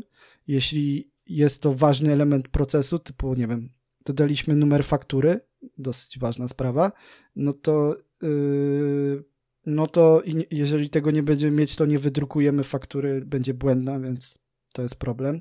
Pierwszą taką rzeczą, co można zrobić, to są takie sztuczki, jakieś takie serializacyjne, typu ustawianie domyślnej wartości. Jak robimy re rename'a, no to w dotnecie możemy zrobić sobie w konstruktorze dwa pola, jeden ze starą nazwą, drugi z nową i przypisywać albo tu, albo tu, w zależności którą wersję zdarzenia deserializujemy. No takich sztuczek możemy trochę zrobić, ale w końcu przychodzi taki moment, kiedy tych sztuczek mamy za dużo albo ten kod wygląda źle, to często się wtedy dodaje taką zdarzenie z nową wersją, tylko że to jest problematyczne, bo percepcyjnie nam to wskazuje, że to jest ciągle to same zdarzenie, gdzie tak naprawdę to jest inne zdarzenie, bo załóżmy dodaliśmy informację o użytkowniku, to jeżeli nazwiemy to reservation, po prostu mieliśmy reservation created, załóżmy, a teraz mamy reservation created v2, to nam to nic nie mówi. Powinniśmy to nazywać reservation created with user, coś takiego. Wtedy to jest tak naprawdę już gdzieś widzimy, że halo, to jest jednak trochę inne dane nam niesie. Niby podobne, ale trochę inne. No i teraz co w sytuacji, gdy mamy te dwa zdarzenia, a mamy na przykład serwisy, które jeszcze nasłuchują na stare, no to możemy sobie publikować powiedzmy i stare i nowe i dać tym innym serwisom czas na to, żeby one się przepięły, tak jakby. I w momencie, gdy wiemy, że one się przepięły, no to możemy przestać publikować te stare zdarzenie. Tylko tutaj też jest problematyczne, bo może być tak, że jeżeli na przykład będziemy sobie te, te na przykład inne systemy tylko nasłuchują na to, żeby sobie odbudować jakiś read model, czyli żeby móc wyświetlić dane z innego modułu. Y, no i na przykład systemy oparte na zdarzeniach dają nam możliwość odbudowania read modeli, czyli możemy sobie wyzerować wszystkie read modele, puścić jeszcze raz zdarzenia, no i te y, read modele nam się odbudują. No i wtedy tak naprawdę y, te stare, te, te, te moduły powinny być w stanie też nasłuchiwać na stare zdarzenia, te, które przyszły zanim zaczęliśmy publikować te nowe zdarzenie. No i wtedy oni muszą wiedzieć, kiedy mają obsłużyć ten pierwszy, a kiedy ten drugi, który jest właściwy. No i wtedy one muszą nasłuchiwać tak jakby na dwa zdarzenia. A skoro nasłuchują na dwa, a my publikujemy dwa, to dopóki nie przestaniemy, no to oni muszą się zastanawiać z kolei, który jest właściwy. No i to są tego typu problemy, które musimy wziąć pod uwagę. A tutaj nie, nie pojawia się też problem jeszcze trochę z event sourcingiem, no bo tam mamy odbudowywanie, tak, tych wszystkich danych. O ile mamy snapshot i powiedzmy snapshot zrobiony po publikacji na nowy interfejs, to jest ok, ale jak już mamy nowy kod, tak, a mamy dziś zapisane jeszcze stare dane, no to yy, nowy kod działa już na, wiesz, wersji 2, no, czy to jak w takim razie odbudować, wiesz, tą historię jeszcze, tak, to byś chciał? W event sourcingu możemy to zrobić dwukrotnie, różnorako. Po pierwsze, to, co powiedziałem, czyli powinniśmy traktować te zdarzenia jako zupełnie osobne, czyli powinniśmy mieć takie jakby, skoro je mamy zapisane i mieliśmy takie zdarzenia opublikowane, to powinniśmy je dalej wspierać potencjalnie. To jest taka najlepsza opcja, bo wtedy mówi nam prawdę o tym, co się działo. Ale jeżeli chcemy sobie ten kod trochę wyczyścić i zamiast mieć pięciu handlerów y, tych różnych zdarzeń, które są z grubsza tym samym, no to jest coś takiego jak upcasting i większość y, takich systemów, powiedzmy, frameworków event sourcingowych, bo y, to wspiera. W Martenie będziemy dopiero to wspierać w wersji V4. Event Store DB tego nie wspiera, bo Event Store DB to jest baza na zdarzenia, a nie framework, ale polega to na tym, że wpinamy się pomiędzy serial, deserializację, a ten wywołanie tego kodu handlera. I możemy, jeżeli byśmy sobie tam wpieli taki middleware, no to jesteśmy w stanie, że przy, dostajemy, załóżmy taki najprostszy upcaster, dostaje tego JSONa, dokładnie takiego raw JSON, taki goły JSON, który przychodzi nam gdzieś z jakiegoś event store'a, no i wtedy parsujemy go już na jakiś nam uznany sposób i w tym upcasterze możemy sobie yy, powiedzmy tak jakby zbudować ten obiekt naszej ostatniej wersji tego zdarzenia. I wtedy w momencie odczytu tak naprawdę transformujemy te dane, które mamy tych starych zdarzeń do postaci tej nowej. I tak samo możemy nie tylko w event sourcingu, ale też i w obsłudze tych zdarzeń, czyli możemy gdzieś tam, jeżeli nam daje kolejka taką możliwość, zwykle one przesyłają to po prostu binarnie, no to możemy sobie zrobić się, wpiąć ten pomiędzy proces serializacji a handlera i sobie zamiast to zdeserializować do powiedzmy wersji pierwszej, to do nie wiem, 98, bo tyle razy zmieniliśmy zdanie. Czy taki dynamiczny, dynamiczny upgrade, tak? Tak, no to ma jakieś takie obciążenie performance'owe też, prawda? No bo, no ale jeżeli to robimy sprawnie, no to pewnie nie taki wielki. Tym, że najlepiej, tak jak mówiłem, nie robić tego y, wersjonowania, żeby, znaczy inaczej, to jest takie trochę poleciałem takim, nie wiem, faktem albo super ekspresem, ale y, chodzi z grubsza o to, że jeżeli załóżmy mamy proces zamówienia i proces zamówienia załóżmy na Allegro, wchodzimy, wrzucamy do koszyka, tam dodajemy, usuwamy elementy z tego koszyka, potem zatwierdzamy, że kupujemy te rzeczy w koszyku, następnie powiedzmy wybieramy sposób dostawy, sposób zapłaty, potem płacimy, potem jest wysłane to, potem jest zakończone ten zamówienie, no to możemy sobie zamodelować ten cały proces w postaci jednego takiego bytu jak zamówienie. No i wtedy to zamówienie będzie miało wszystkie możliwe metody y, związane z y, właśnie z, z tym procesem, czyli i, i zapłatę, i y, obsługę. No i to może trwać, nie? No powiedzmy od do zamówienia do dostawy nawet 2-3 tygodnie, jak zamawiamy na AliExpress pewnie i dłużej, jak na tle nam utknie. No i ten nasz agregat w tym czasie, tak naprawdę wszystkie te zdarzenia, które do tej pory w nim zaszły, musimy obsługiwać. No i jeżeli byśmy z kolei sobie zamodelowali nieco inaczej naszą strukturę kodu, czyli podzielili sobie ten proces na cały proces na niezależne agregaty czy encje, czyli mieli, mielibyśmy encję zamówienia, mielibyśmy encję opłaty, paymentów, mielibyśmy opcję yy, już załóżmy, nie wiem, zrealizowanego, zakupionego produktu, potem też tego przesyłki, to tak naprawdę ten cykl życia pocięlibyśmy sobie na mniejsze fragmenty. I nagle by się okazało, że ten koszyk na przykład żyje tylko godzinę, powiedzmy, i potem te zdarzenia tak jakby publikujemy zdarzenie, że zamknięto koszyk i wtedy już tymi starymi się załóżmy nie musimy z grubsza przejmować. Następnie mamy proces ten y, wyboru opłaty i opłaty, który też trwa zwykle ileś tam naście minut, a z kolei załóżmy, nie wiem, shipmentu trwa długo, no to wtedy. No i dzięki temu moglibyśmy, jeżeli byśmy, okazałoby nam się, że załóżmy w procesie samego koszyka y, musimy coś zmienić, no to jeżeli byśmy sobie mieli niezależne agregaty i niezależne takie byty, podzieli, po, dobrze podzielony kod, no to okazałoby się, że nie, może nie musimy wcale tych rzeczy migrować starych, ani w ogóle ich obsługiwać, bo nigdzie nie wyświetlamy starych koszyków, tylko po prostu traktujemy, no okej, okay, są zamknięte, możemy je sobie zarchiwizować i tyle. A wszystkie nowe już będą publikowane z nową wersją zdarzenia, więc może po prostu w ogóle nie musimy tego obsługiwać. Albo możemy na przykład, jeżeli nasze obiekty, bo też wydaje mi się, że za rzadko się zastanawiamy, ile nasze byty mogą żyć w systemie. No i takie zamówienie, albo na przykład ticket taki na helpdesku żyje 2-3 dni. Y, I bardzo często nasze obiekty w systemie nie są tak długo żyjące jak konto bankowe, tylko żyją sobie dzień, dwa, 10 minut, 15 minut i tak naprawdę w tym okienku czasowym tylko nas interesuje to, co się z nim działo. A często jest tak właśnie jak koszyk, że potem nas to w ogóle nie interesuje, co nas obchodzi ten koszyk, nie? I może na przykład, chociaż w części systemu nie będziemy musieli obsługiwać tych starych zdarzeń. Wdrażamy nową wersję, która przez jakiś czas, załóżmy przez 2-3 dni, bo tyle nas, żyją maksymalnie nasze obiekty, przez 2-3 dni załóżmy zapisuje i stare i nowe zdarzenia, albo publikuje, a potem miną te 2-3 dni, wszystkie nasze obiekty, które gdzieś tam żyły, które miały stare zdarzenia i po prostu wdrażamy nową wersję, która już nie obsługuje tego, y, tych starych zdarzeń.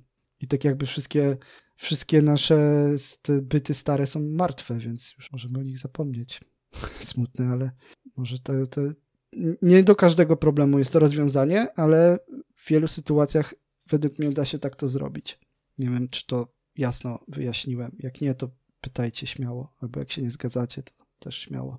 Pierwsza część, znaczy później chyba wybrnąć tego, ale pierwsza część brzmiała trochę tak, jeśli chcecie migrować, to użyjcie DDD, tylko zrobicie go dobrze, ale w drugiej części chyba trochę wybrnąłeś, przynajmniej to się poukładało, żeby po prostu nie zmieniać, tylko tworzyć nowe obiekty, tak, do, do, do komunikacji, ale to też wymaga tych nowych, nowych handlerów tak naprawdę, tych nowych wiadomości. No i tu wracamy trochę do tego, co powiedzieć na początku, czyli no, tak do wersjonowania event, do obsługi różnych eventów, które niosą prawie tą samą informację, ale y, summa summarum jest taka, żeby tworzyć zupełnie nowy obiekt. Zastanowić się, jak podzielić nasz proces biznesowy na mniejsze, niezależne fragmenty.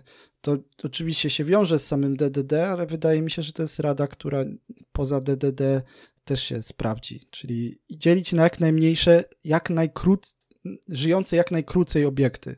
Na, na tyle, na ile się da. No i wtedy faktycznie też będziemy musieli gdzieś tam te wersjonowanie zrobić, jak chcemy zrobić jakiś breaking change, albo zmienić, powiedzmy, dodać nowe informacje, ale jeżeli przyjmując, że te nasze obiekty będą żyły krótko, no to jesteśmy w stanie, powiedzmy, móc utrzymywać tylko dwie wersje, a nie załóżmy, czyli tą poprzednią i aktualną, ta, która, poprzednia, która zaraz wyginie, a yy, zamiast utrzymywać, powiedzmy, tam, nie wiem, 10 czy 20 wersji, bo powiedzmy, nie wiem, dotyczy to zmiany zdarzenia w jakimś podstawowym, który istnieje od samego początku naszego systemu, nie? Jeżeli to dotyczy, szczególnie jeżeli nie mówimy o event sourcingu, no to jest to jak najbardziej e, poprawne podejście. Znaczy event sourcingu też, ale tam trochę może być trudniej, w zależności od tego, jak będziemy te zdarzenia musieli odtwarzać. No i to oczywiście mówię, że nie mamy jakichś tam systemów typu raportowych albo jakichś, które gdzieś tam robią sobie analizy tych starych zdarzeń, które nie, już nieistniejących obiektów, no ale to z kolei możemy sobie gdzieś tam przerzucić na jakiś inny do innej bazy danych albo na inny strumień zdarzeń, powiedzmy w Event Store, w ogóle go nie tykać i on nie będzie nam w jakiś tam sposób bruździł, nie?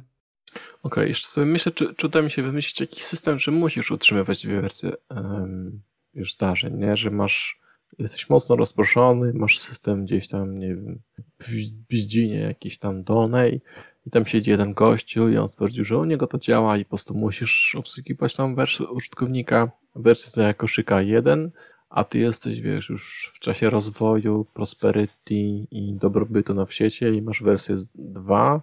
No i teraz, że musisz obsługiwać i tego gościa, i siebie.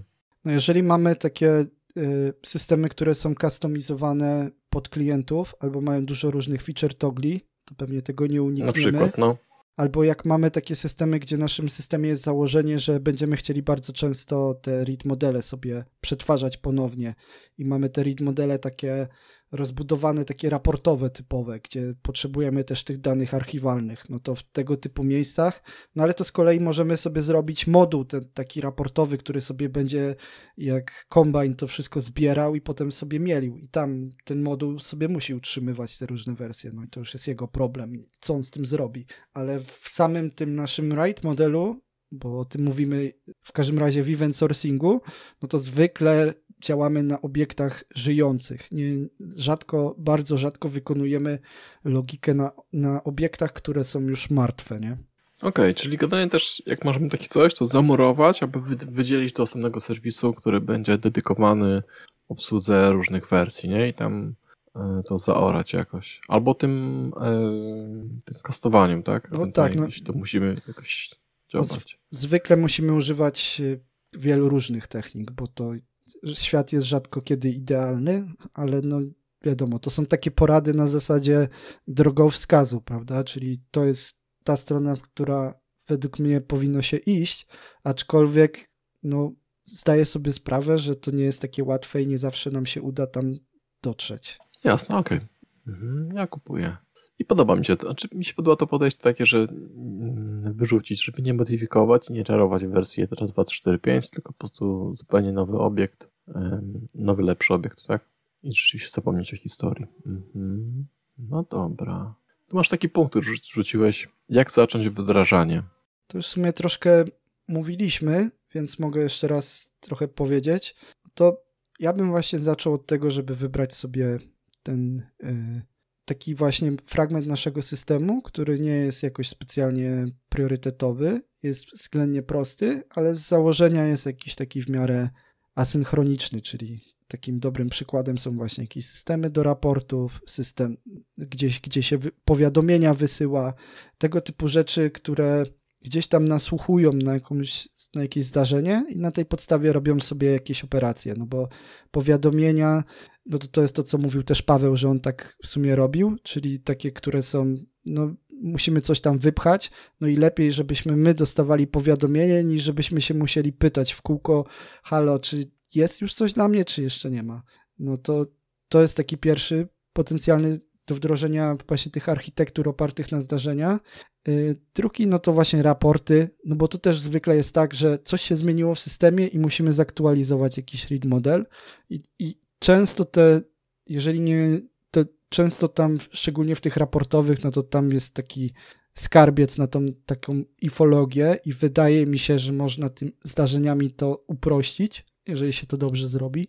No i właśnie zacząć od czegoś prostego, co będziemy w stanie sobie gdzieś tam y, zacząć w miarę sprawnie, no bo takie wejście i zrozumienie, jak to w ogóle robić, nam trochę zajmie i zajmie nam pewnie dłużej niż zakładaliśmy na początku, więc żebyśmy tutaj gdzieś nie przewieźli sobie jakiegoś ważnej funkcjonalności o 2-3 miesiące, bo chcieliśmy się pobawić nowym wzorcem, y, tylko wdrażać to po kolei.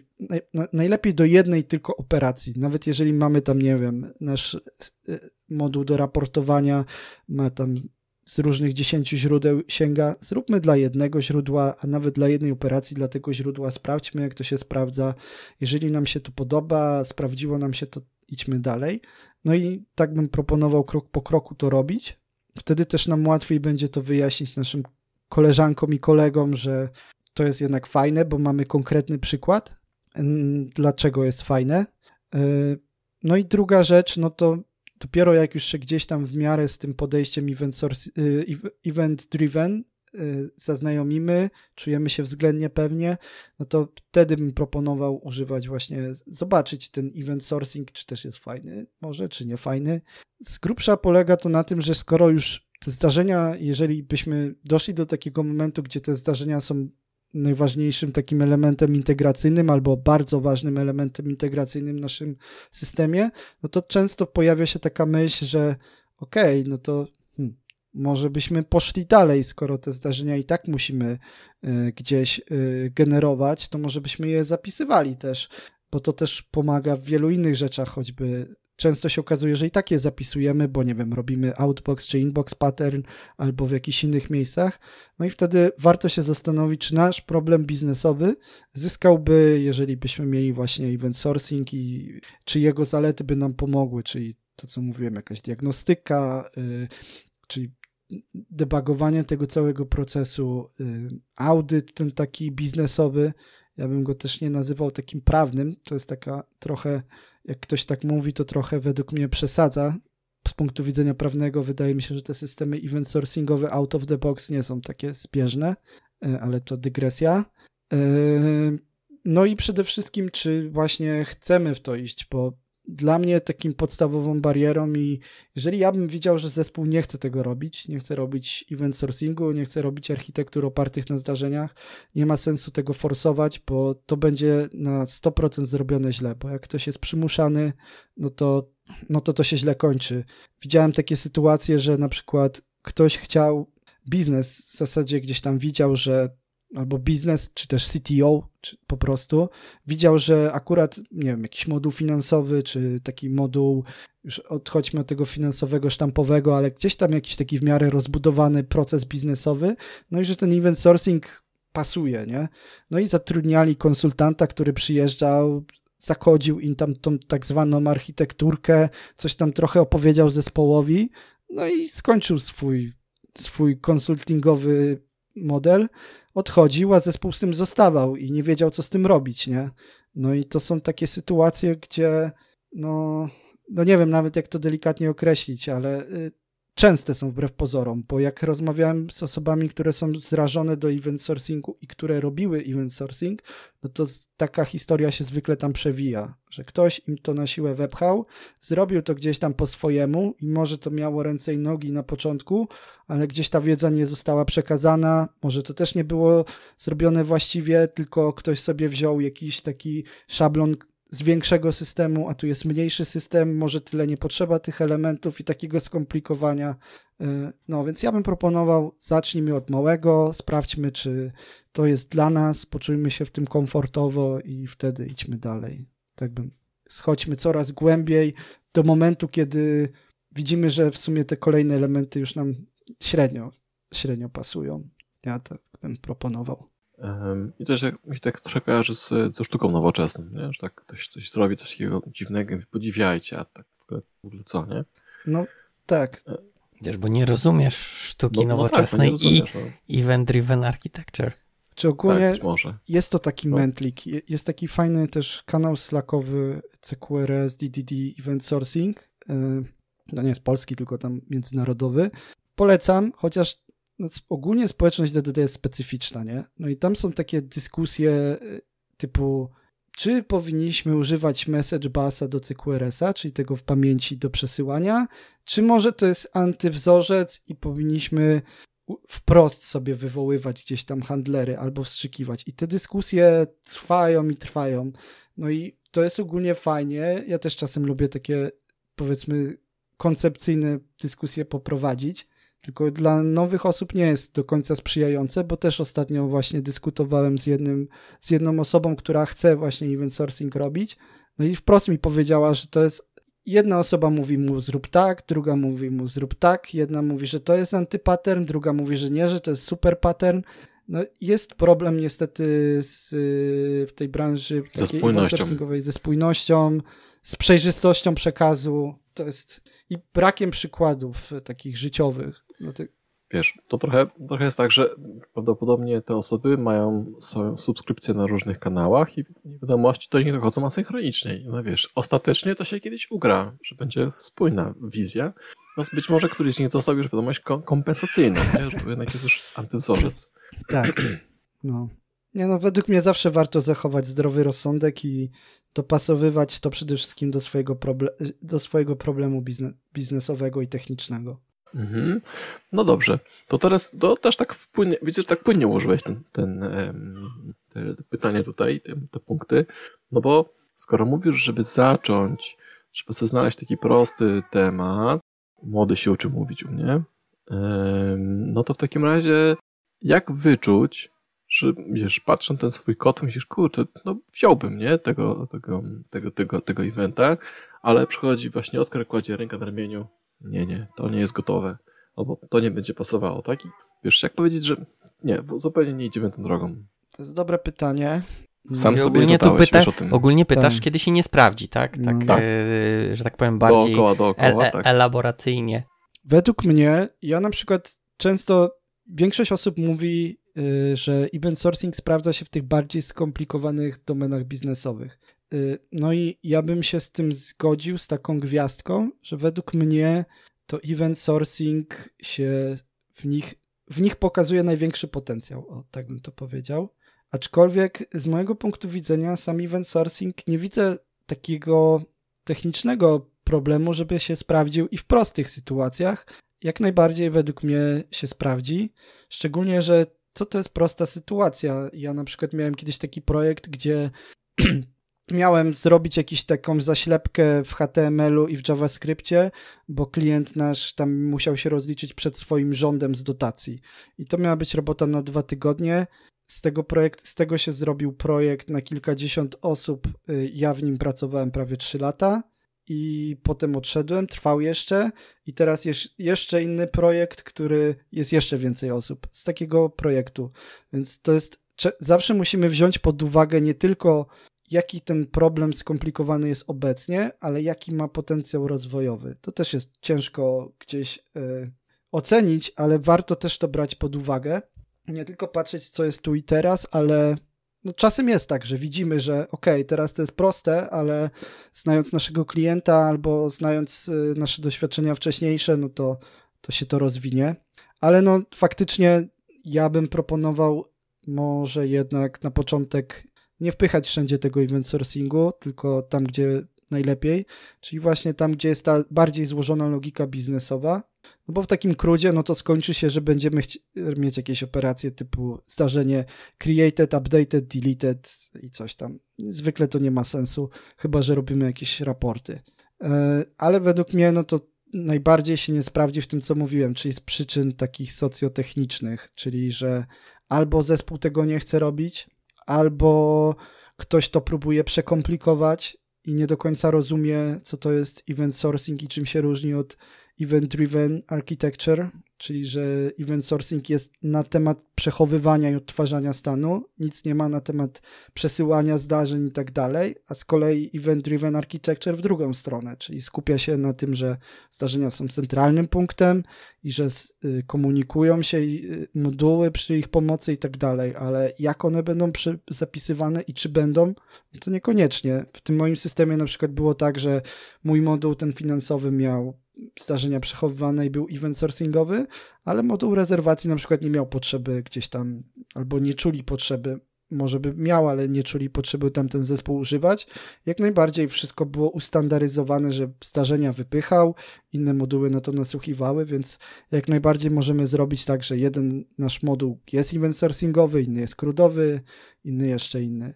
Więc ja bym, no mówię, apeluję o, o zdrowy rozsądek. Y, jeżeli faktycznie mm, jesteśmy zdecydowani, bo tak biznesowo nam się to skleja, to zróbmy taki jakiś proof of concept i zacznijmy od czegoś najprostszego.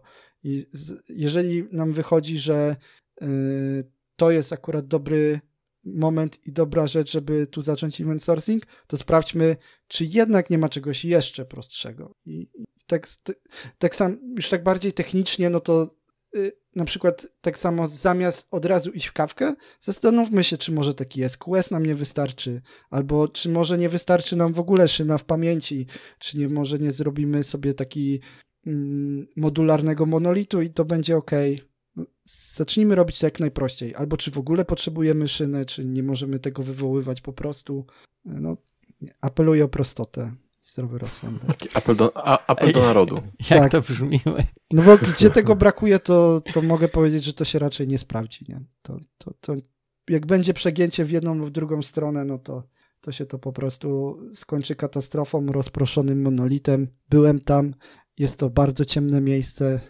Dużo małych główienek, tak, tak, już kojarzę. Albo dużych, jak o, o rozmiar monolitu. Mhm. Okej. Okay. Tak, znaczy, też teraz myślałem, że rzeczywiście nawet zwykłe wywołanie e, Hello Worlda można oprzeć o, e, o event driven, tak? E, jeśli jest taka potrzeba, właśnie, ale no właśnie, gdzie się nie sprawdzi, to tam, gdzie nie ma hajsu i, i zależy na czasie, tak? Bo zwykle console w write line jest szybsze niż zbudowanie odpowiedniej klasy, handlera i wysłanie tego. Tu mi się takie pytanie urodziło jeszcze w głowie, jak mówiłeś. Jak robiłeś ten dwutygodniowy projekt, który się sprzedał później w milionach osobogodzin, to czy teraz, z perspektywy czasu, jak sobie myślisz, czy gdybyś nie zrobił tego właśnie opartego o zdarzenia, to czy to, to by też wyrosło na tak duży projekt, czy skończyłby się w dwa tygodnie i byście się rozeszli do domu? Ciężko powiedzieć, ciężko powiedzieć. To jest, wiadomo, jakby człowiek miał tą wiedzę, którą ma teraz, to zawsze by trochę inaczej, ale no wydaje mi się, że na, jak na tamten moment y, czasu, no to było to dobre rozwiązanie, które wtedy tam nie, nie, robiliśmy, to, to... ale czy by pomogły zdarzenia? Pytanie jest Myślę, że by pomogły, ale... To, to nie, nie, nie, to ja mam inne pytanie, że sformułowałem. Czy Event Driven e, pomógł rozwinąć ten pomysł do czegoś większego, czy bez e, zaimplementowania tego w ten sposób, czy ten projekt by, wiesz, urósł? Rozumiesz? Rozumiem. No potem, potem w pewnym momencie się pojawiło te podejście event driven, tylko że niestety się pojawiło w takim zakrzywionym, tam w drugą stronę, czyli przekombinowaniu, bo właśnie według mnie, jeżeli byśmy mieli, jeżeli byśmy nie od razu nie szli w jakieś kawki i tak dalej, tylko bardziej taki modularny monolit, jak mieliśmy przez pewien czas, a potem to było przepisane, to by było dużo szybciej dowiezione niż ten, ale ciągle event driven. Z kolei w tym drugim pewnie by pomogło, ale w tym momencie ciężko mi powiedzieć, bo ten system początkowo był takim, jak to wiele systemów, y, ktoś coś robił wcześniej w Excelu, znamy takie projekty.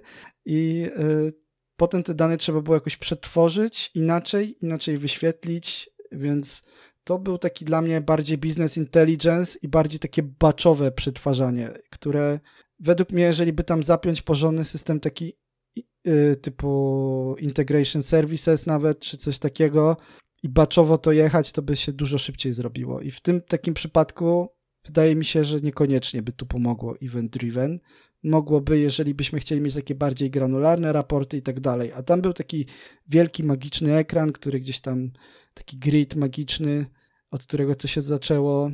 który wszystko robił, mm, takie odzwierciedlenie tego Excela, no to w tym przypadku niekoniecznie, ale w późniejszym etapie jak najbardziej, o ile by to właśnie robić z głową.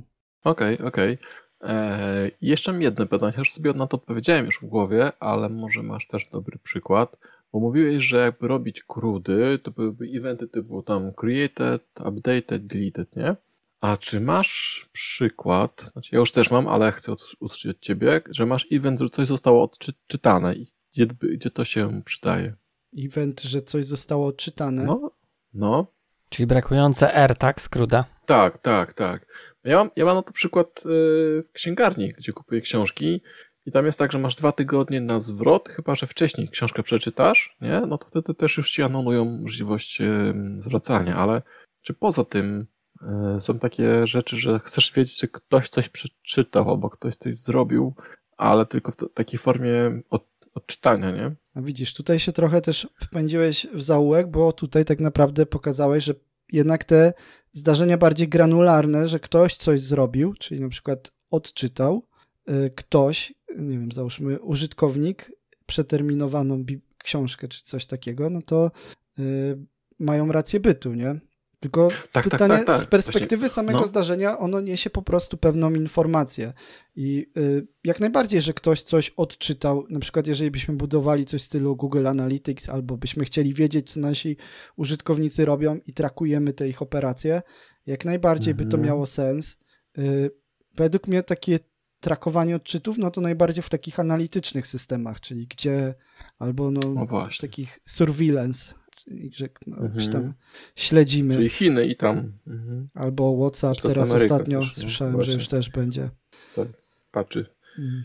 Jeśli patrzysz wystarczająco go w WhatsAppa, on zaczyna patrzeć w ciebie. No tak. tak. no, no, tak jest. Okej, okay, okej. Okay. E, no dobrze, no dobrze. E, kolejnym punktem tutaj są wady architektur. Nie wiem, czy, czy, masz jakiś taki jeszcze, chcesz coś podsumować? Bo myślę, że na bieżąco tam cię mhm. porwaliśmy podszczypywać. Tak, tak, no ale ja też uważam, że jest sporo tych wad. Jeszcze jedną taką mhm. bym dorzucił jest ten właśnie eventual consistency, którego sobie mhm. często nie zdajemy sprawy. Chociaż to też nie jest, mówię, samo architektury oparte na zdarzenia, tylko zwykle rozproszone. Ale no, te wszystkie kolejki typu Rabbit, SQS, Kafka i tak dalej, jeżeli już nie używamy jakiegoś pamięci naszego, no to mają właśnie te opóźnienie. No i yy, często nie zdajemy sobie sprawy, jakie to ma konsekwencje. U mnie jest na przykład tak było, że jak moduł, jak moduł profili załóżmy, dodawał sobie, że jest nowy gość w hotelu, rejestrował tam Oskar Dudycz, od razu chwilę po tym wpisywał, że ten ktoś się czekinuje do pokoju i szły dwa zdarzenia z tych dwóch modułów niezależnych, że dodano profil gościa no i że y, dodano rezerwację. No i moduł finansowy, na przykład z racji, że to były zupełnie, tak jak już wspominałem, osobne topiki, bo to osobne moduły. U nas był topik per moduł, yy, więc mogły przyjść poza kolejnością. Dodatkowo często się okazywało, że na przykład nasz moduł finansowy yy, był w stanie to dużo szybciej prze, przeprocesować, nawet te dodanie rezerwacji, czyli byliśmy tak jakby dwie operacje do przodu niż moduł read modeli profili. Czyli moduł read modeli profili miał jeszcze Elasticsearcha, który sam w sobie ma y, eventual consistency, więc bywało tak, że ktoś dodawał sobie rezerwację i chciał zobaczyć dane gościa, albo w ogóle dodawał dane gościa, przechodził do ekranu nie ma tych danych, bo Read Model jest osobnym mikroserwisem, w ogóle zupełnie inną bazą danych. W Write modelu jest Postgres, w Read modelu Elasticsearch i jeszcze inne mikroserwisy. I może się okazać, że tak prosta operacja jak y, dodanie rekordu i odczytanie tego, co dodaliśmy, no jest trudną operacją w systemach rozproszonych. I często ludzie sobie o tym nie zdają sprawy. I y, a o takich rzeczach trzeba już się zastanawiać na etapie designu nie tylko technicznego, ale też, techni- też biznesowego. Można robić różne workaroundy, na przykład yy, po prostu sobie cache'ować te dane na froncie i jak ich nie ma, to brać z frontu. Można jakieś WebSockety Y, można long polling, czyli że serwer czeka z odpowiedzią, dopóki nie, nie, nie jest jakiś stan. Można robić DDoS sobie na backend i strzelać w kółko, aż się rekord pojawi. No różne są sposoby, ale mhm. jeżeli tego nie przewidzimy i będziemy sobie właśnie żyli w tym naszym radosnym świecie i naszym lokalnym dokerze, no to może się okazać, jak wejdziemy na produkcję, że nic, nic tam nie działa, nie? bo po prostu podstawowe dane się nam nie wyświetlają, ale to może tak jeszcze eskalować, bo dokładnie ten sam problem na przykład jest yy, po stronie backendu, czyli backend chciałby dostać zdarzenia z różnych, w jakiejś odpowiedniej kolejności. Nie ma tych danych, no i co zrobić? I, i to jest taka wada, no według mnie wada, że często ludzie w sensie te tutoriale i te materiały, które są w internecie, często pokazują ludziom, że to jest dużo prostsze niż jest. Często też te API, które są w tych systemach, y, nie wskazują precyzyjnie, że robimy coś inaczej niż robiliśmy do tej pory. Więc y, szczególnie, że te systemy są szybkie, bo coś, że coś jest z opóźnieniem, to nie znaczy, że to jest wykonywane mm, że to jest wykonywane wolniej. Bardzo często jest wykonywane szybciej, bo dzięki temu, że właśnie mamy to opóźnienie i te zrównoleglenie, o którym tłumaczyłem, to coś się dzieje szybciej niż jakbyśmy wykonywali sekwencyjnie, ale to oznacza po prostu, że nie wiemy, kiedy to będzie wykonane. No i, yy, i, i potem nagle właśnie się okazuje zderzenie z brutalną rzeczywistością, że jest inaczej niż na wystąpieniu na konferencji, że inaczej niż we wpisie na blogu, no i wtedy wchodzimy właśnie w ten tryb y, strażaka, o którym rozmawialiśmy, gdzie się okazuje, że mamy miesiąc czasu, musimy teraz poświęcić, żeby to zrobić porządnie, jak to wyjaśnić biznesowi. Y, no i to jest trochę nasza wina. No i wtedy się pojawiają takie potworki, jak jakiś overengineering, albo drugą stronę, droga na skróty, bo musimy coś na szybko porobić. Więc jeżeli to jest taka wada. To się trochę kojarzy, tak? Mm z punktu widzenia użytkowników takiego systemu, którzy powiedzmy są nieuświadomieni albo, albo korzystają z systemu, który jest zrobiony źle, że jak jesteśmy przyzwyczajeni do, do aplikacji desktopowej, tak, czy mam coś, na, mam przed, przed, przed oczami i kliknąłem tą rezerwację i przechodzę na zakładkę do edycji tej, tej, tej rezerwacji, to ona tam powinna być, przecież ją przed chwilą wpisałem, nie? A to, że właśnie deweloper pomyślał sobie, że coś tam sobie zaciągnę, tak, to to może być problem i rzeczywiście taki, e, takie wkurzenie że no kurczę, no przecież, przecież to wpisałem, tylko nie pan widział, tak, e, że wpisywałem, więc dzwonisz później tą, tą infolinię i tam męczysz tych deweloperów, a oni też czekają e, na logi i taka druga myśl a propos tego e, eventual consistency, to ja bym poszedł krok dalej i, i trochę powiedział, że to może być brak tej spójności, no bo eventual consistency mówi o tym, że kiedyś to kiedyś dojdzie, tak? Natomiast nie masz tej pewności, że to kiedykolwiek dojdzie. Więc musisz trochę też to, co mówiliśmy o tej kolej, o kolejności zdarzeń, że musisz założyć, że to nigdy nie przyjdzie i teraz to też musisz jakoś obsłużyć. No ja bym tutaj jeszcze dorzucił jeden mądry termin, o którym już mówiliśmy, tylko chyba nie użyłem nazewnictwa. O, jest coś takiego jak, chyba się to mówi po angielsku, causal consistency, czy causal, causal chyba. I to jest właśnie kolejność zdarzeń, bo eventual consistency, zwykle jak mówimy o eventual consistency, to tak naprawdę mówimy o causal consistency, bo to chodzi o to, że causal to jest oprócz tego, że z opóźnieniem, ale daje nam gwarancję kolejności. Jeżeli na przykład jakaś baza danych y, ma na stronie napisane, że to jest eventual consistency, no to warto, żebyśmy się wczytali, bo eventual consistency nie daje żadnej gwarancji kolejności. To jest tylko, że jest coś wykonane z opóźnieniem, ale że będzie wykonane w tym założeniu. Więc bardzo jeżeli dokonujemy jakiegoś wyboru technologii i ona mówi, że ma eventual consistency, to bardzo warto według mnie sprawdzić, co to faktycznie autor miał na myśli. Ale tak to z tym, co powiedziałeś, to się jak najbardziej zgadzam. I to jest z grubsza to, co powiedziałem, czyli że no, od razu musimy sobie zdawać sprawę, że życie nie jest różowe i że zaraz dostaniemy pewnie gonga. Tak, tak, od razu. Taka pierwsza, tak z komputera, tak, to taki slap powinien przyjść. A może DDD, od razu komputer taką rękę wyciąga i ja, jest, ja bardzo lubię DDD, właśnie DDD ma tak jakby samo w sobie te podstawowe założenia, że właśnie życie nie jest różowe i żebyśmy do każdego problemu podchodzili indywidualnie. Ja je tak interpretuję. Ale aczkolwiek no jest tych dużo naleciałości i narosłości i tych takich tak zwanych wzorców, czy też tych ścieżek na trawniku, o których mówiliśmy, które no powodują, że dla wielu osób zdaje sobie sprawę, że to jest wszystko ciężko strawne. Mhm, mhm. Dobra, dobra. A, propos właśnie tych ścieżek i, i tego gonka, który dostajesz na samą myśl o, o Event Driven, um, to fuck upy. Jakiś taki, wiesz, taki, taki piękny, że po prostu dzwony dzwoniły i słyszałeś, kurwa, jestem tak głęboko w dupie, że po prostu, no. kochanie, przez tydzień nie mam mnie w domu, nie? Zjebałem. No, no to, to jest też właśnie to, że powinniśmy wiedzieć, jak narzędzia nasze działają. To już wspominałem przykładowo o tym przed demo, to, to, to, że... wymaga myślenia, o którym mówiliśmy, że boli, nie? Tak, to bardzo boli. No na przykład to już wspominałem o tym demie nieszczęsnym, gdzie suwaki na AWS się zapaliły na czerwono.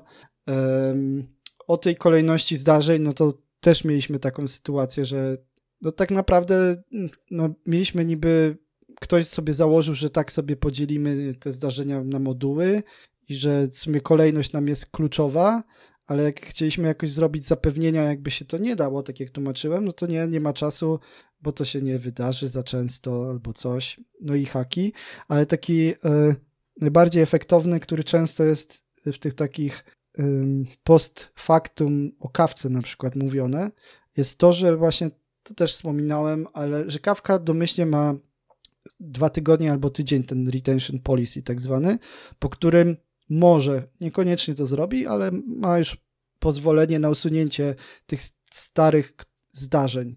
No i na przykład u nas było tak, że, mm, że powiedzmy nasz, mm, nasz architekt nie, nie, chyba nie doczytał tego fragmentu i przyjął sobie, że Kafka ma tak jakby te zdarzenia będzie trzymała i trzymała. No i okazało się, że był jakiś większy fuck up y, po stronie read modelu. No i padło, no dobra, to przepuśćmy sobie, podkręcimy znowu te suwaki, będzie dobrze. Tylko okazało się, że ten fuck up się zaczął dwa sprinty temu, a danych już nie ma tych zdarzeń i skąd je sobie przepuścimy. No i, się, no i to był problem, bo znowu było jakieś demko, znowu była jakaś ważna prezentacja dla sponsora, no i trzeba było szyć, nie? To wydaje mi się, że właśnie najczęstsze to są te rzeczy właśnie związane z tym, z nieświadomością, jak te narzędzia działają, czyli że mogą ci zaburzyć kolejność, albo że niby wiesz, ale mm, trochę przymykasz oko, tak, albo właśnie używanie ich nie do tego, co trzeba, czyli przykładowo kawkę jako, że ona ci będzie w nieskończoność te zdarzenia trzymała, w teorii może to zrobić, jak sobie odpowiednio skonfigurujemy, tylko to jest na takiej zasadzie, że powinniśmy się zastanowić, czy to jest faktycznie narzędzie do tego stworzone, więc yy, wydaje mi się, że za dużo ludzie się rzucają na zasadzie takich buzzwordów i no bo ogólnie te rzeczy są fajne, nie? No bo to są takie problemy techniczne, że programiści lubią się tak pobawić, dopóki ich to nie dotyczy, że muszą to poprawiać, ale jak zaczynają tworzyć te architektury, tu sobie postawią kawkę, tu sobie publikują, tu podyskutują, czy taki topik, czy taki, no to to jest wszystko super, nie? Tylko do momentu, jak to wejdzie na produkcję i trzeba siedzieć po godzinach, tak jak mówiłeś, i to poprawiać. Mhm. To trochę, nie wiem, czy z Olą, czy chyba z Szymonem mówiliśmy o tym, że jak sobie robisz deweloperkę i lokalnie masz tam 100 wpisów, wszystko działa fantastycznie dobrze, a później pojawia się tam 1000, 10, 100 tysięcy wpisów i nagle baza klęka, nie? I mówisz, kurde, u mnie działa, nie? I tam masz odwrotnie, po prostu masz 100 tysięcy eventów i każdy w sobie kolejności i myślisz, żonglować tym wszystkim. Tak, już, CV, już, już, już szkoda, wypowiedzenie z trybem natychmiastowym, nie?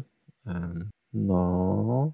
A powiedz mi jeszcze e, właśnie w ramach tego, czy, czy masz jakiś sposób, jakieś narzędzie, cokolwiek, żeby właśnie powiedzmy zasymulować tych 100 dokerów lokalnie naparzających, albo jakieś takie lokalnie to chyba trudno. zasymulować. Lokalnie chyba trudno. Mhm. Wydaje mi się, że tego typu rzeczy powinny być na środowisku docelowym testowane. Ja na przykład w poprzednim systemie mieliśmy testy na produkcji. Wiadomo, mieliśmy taki pipeline. Ja też tak robię witanie. Mhm. No mieliśmy taki pipeline, który nam y, testował, wiadomo, jakieś integracyjne i tak dalej, ale ciężko jest to zasymulować jakieś farmę Kubernetesa, czy co my tam mamy, czy na przykład jak mamy jakiś serverless lokalnie, no to albo bazę w Dockerze, no to to działa trochę inaczej, jak się odpali gdzie indziej. Więc y, my na przykład mieliśmy tak, że oczywiście mieliśmy unit testy, integration testy i tak dalej, aczkolwiek y, mieliśmy też tak zwane testy syntetyczne, które po prostu tam co określony ilość czasu symulowały działanie takich y, użytkowników prawdziwych. Co prawda to się działo na mm, wyizolowanej w sensie domenie, tak jakby takiej testowej, ale wszystko szło przez normalnie infrastrukturę taką produkcyjną, jak inne są używane. No i wydaje mi się, że poza właśnie takimi testami, takimi właśnie klasycznymi, warto się zastanowić nad tym.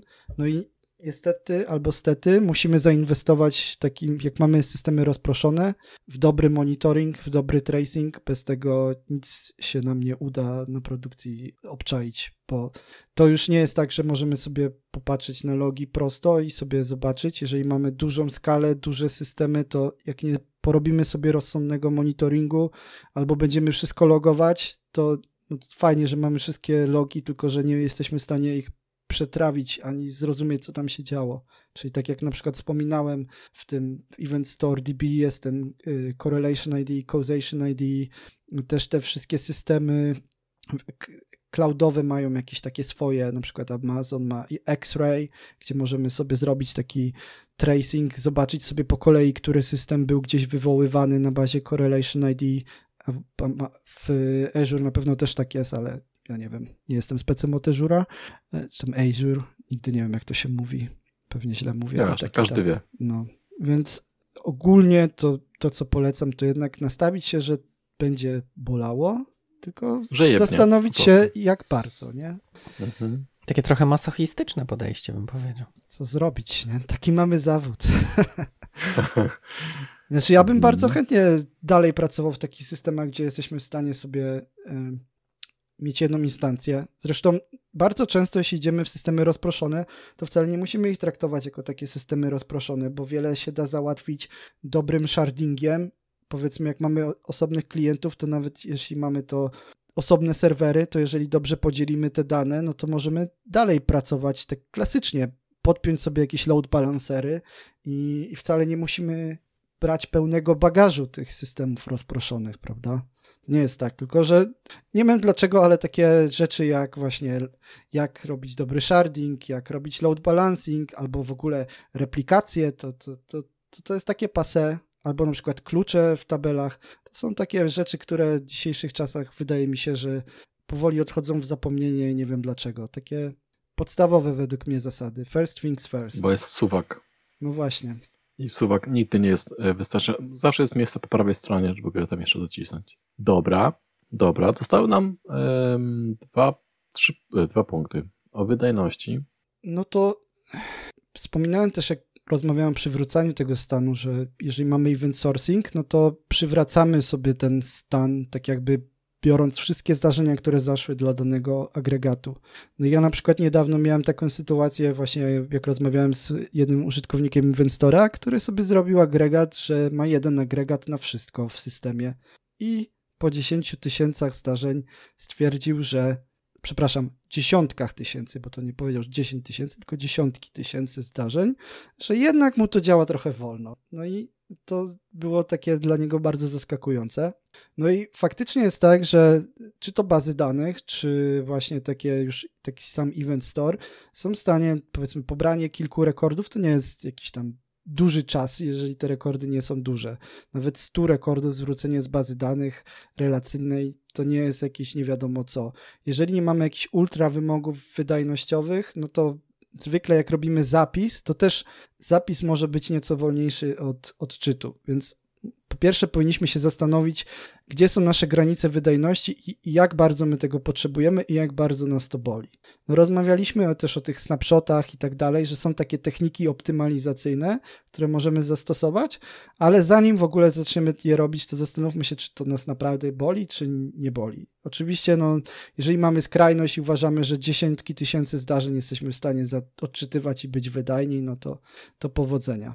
Yy, jeżeli chodzi o takie właśnie systemy, więc to wcale to jest taki trochę mit według mnie, ale jeśli chodzi o właśnie samy, sam zapis, no to też wspominaliśmy o tym, że tak naprawdę bazy danych działają podobnie jak Event Store, te transaction logi czy write ahead log działa w podobnej zasadzie, bo jeżeli wiemy, że nasze struktury nie będą miały tych tak zwanych losowych zapisów i losowych odczytów, nigdy, bo zawsze będziemy tylko dodawać na koniec albo czytać od początku czy od ko konkretnego offsetu, no to tak naprawdę z, y, jesteśmy w stanie zoptymalizować sobie tę strukturę zapisu pod kątem tego.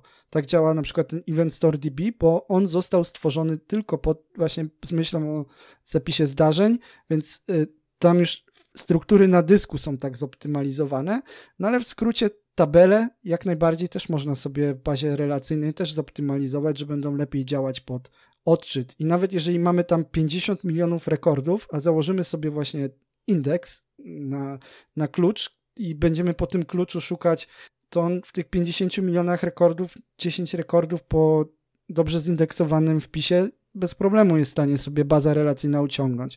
To jest taki kolejny mit, że o Boże, a z kolei jeśli chodzi o tę kawkę i rabbit, to też już rozmawialiśmy, że tak naprawdę właśnie te wszystkie rzeczy, no to też zależy jakie chcemy mieć gwarancje, ale te systemy są stworzone pod wielką wydajność. Taka kawka, mówiłem, chwalą się, że są w stanie 2 miliony zdarzeń puszczać, y, że y, Rabbit tam kilkadziesiąt tysięcy i to wszystko na sekundę. To wątpię, żebyśmy my mieli przyjemność, wielu z nas tak tworzenia tego typu systemów, czy nieprzyjemność, bo to już nie wiem, czy to jest przyjemność, czy nieprzyjemność. Tak. Więc... To mi się kojarzy trochę z testami tego .NETA, że pokazują, ile jest w stanie tych e, HTTP requestów obsłużyć, tak? Żeby tak. tylko powiedzieć, że jest OK. Natomiast e, my w życiu po prostu z tego nie skorzystamy nigdy. Tak, no więc ja bym apelował o to, żeby się zastanowić i jaką my potrzebujemy wydajność i czy to jest dla nas problemem. Jeżeli jest dla nas problemem i nie chcemy się bawić jakieś rzeczy wydajnościowe, to nie róbmy event sourcingu, załóżmy, nie? Bo to wiadomo, 10, pobranie 10 rekordów zawsze będzie wolniejsze niż jednego. I tego się nie oszukujmy, to zawsze będzie to wolniejsze. E, y, ale czy to jest takim wielkim problemem? Zwykle nie jest, według mnie. W każdym razie w tych systemach, w których ja pracowałem, ale ja też nie pracowałem w jakichś Facebookach czy, czy coś tam. Ale pracowałem też w systemach, które miały w miarę jakieś wymagania wydajnościowe. No, na przykład w Martenie, jak rozmawiałem z y, użytkownikami, no to, to też na przykład kiedyś mi zgłosił, że importuje tam już, nie wiem, 4 miliony rekordów i przy czwartym zaczęło mu się trochę spowalniać, nie? No to według mnie świadczy, że to wcale to nie jest tak, że ten. No plus mówię, no rozmawialiśmy o wielu technikach optymalizacyjnych, i to mówię o event sourcingu, a te systemy event driven, no to one są stworzone pod wydajność, bo dlatego właśnie między innymi powstała Kawka czy, czy Rabbit. To są rzeczy, które wydajność jest, szczególnie w Kawce, to jest pierwszy element ich tak jakby działania, a są nawet szybsze niż Kawka rzeczy, także jakiś tam NAC czy tego typu rzeczy. Więc to jest według mnie mit. I okej, okay, dla niektórych systemów jest to prawda, że będzie to wolniejsze, ale jeżeli ktoś ma taki system, no to i tak wszystko pewnie będzie musiał robić customowo jakoś. Mniej lub. Okej. Okay. No i masz ostatni punkt tutaj o tym, e, kiedy mogą, czy w ogóle mogą współgrać z klasycznymi systemami, ale to mi się trochę zawija z tym, e, jak zacząć. Tak. Nie? No i to też wspominałem, że jak najbardziej jest to jak najbardziej można. Ja na przykład jak używałem Martena, to miałem e, Martena miałem jako write model, a używałem sobie w ogóle wtedy na początku e, event, e, przepraszam, entity frameworka, tego w pamięci, że po prostu miałem wszystkie read modele w pamięci wrzucone ten in memory dataset, ale to już taka jakaś skrajność, ale bez problemu można zrobić sobie jeden moduł, ma, jest event sourcingowy, drugi jest klasyczny, czyli przykładowo mamy jakiś taki moduł korowy, gdzie mamy dużo skomplikowanych procesów biznesowych, robimy sobie e, event sourcing, event sourcing w nim, a mamy na przykład, nie wiem, moduł, który jest głównie jakiś słownikowy albo taki e, klasyczny i tam robimy sobie zupełnie osobno. Co więcej, możemy używać nawet tej samej bazy, bo my na przykład tak mieliśmy, że część modułów była takich bardziej właśnie klasycznych i tam był używany Entity Framework, też na Postgresie i Martin stał na tej samej bazie, tylko inny schemat, więc to mm, mówię, jak najbardziej. A w dzisiejszej dobie właśnie baz danych, gdzie mamy tyle wyboru, no to tak naprawdę też możemy sobie, tu możemy mieć Mongo, tu Postgresa, tu coś, o ile to ma sens, mówię, nie, nie róbmy sztuki dla sztuki, ale jest dużo opcji, w jaki sposób moglibyśmy to sobie zintegrować. To wcale nie musimy robić systemu rozproszonych. A z kolei, jeśli mówimy o event-driven architectures, to to jest tak jakby dla mnie spoiwo.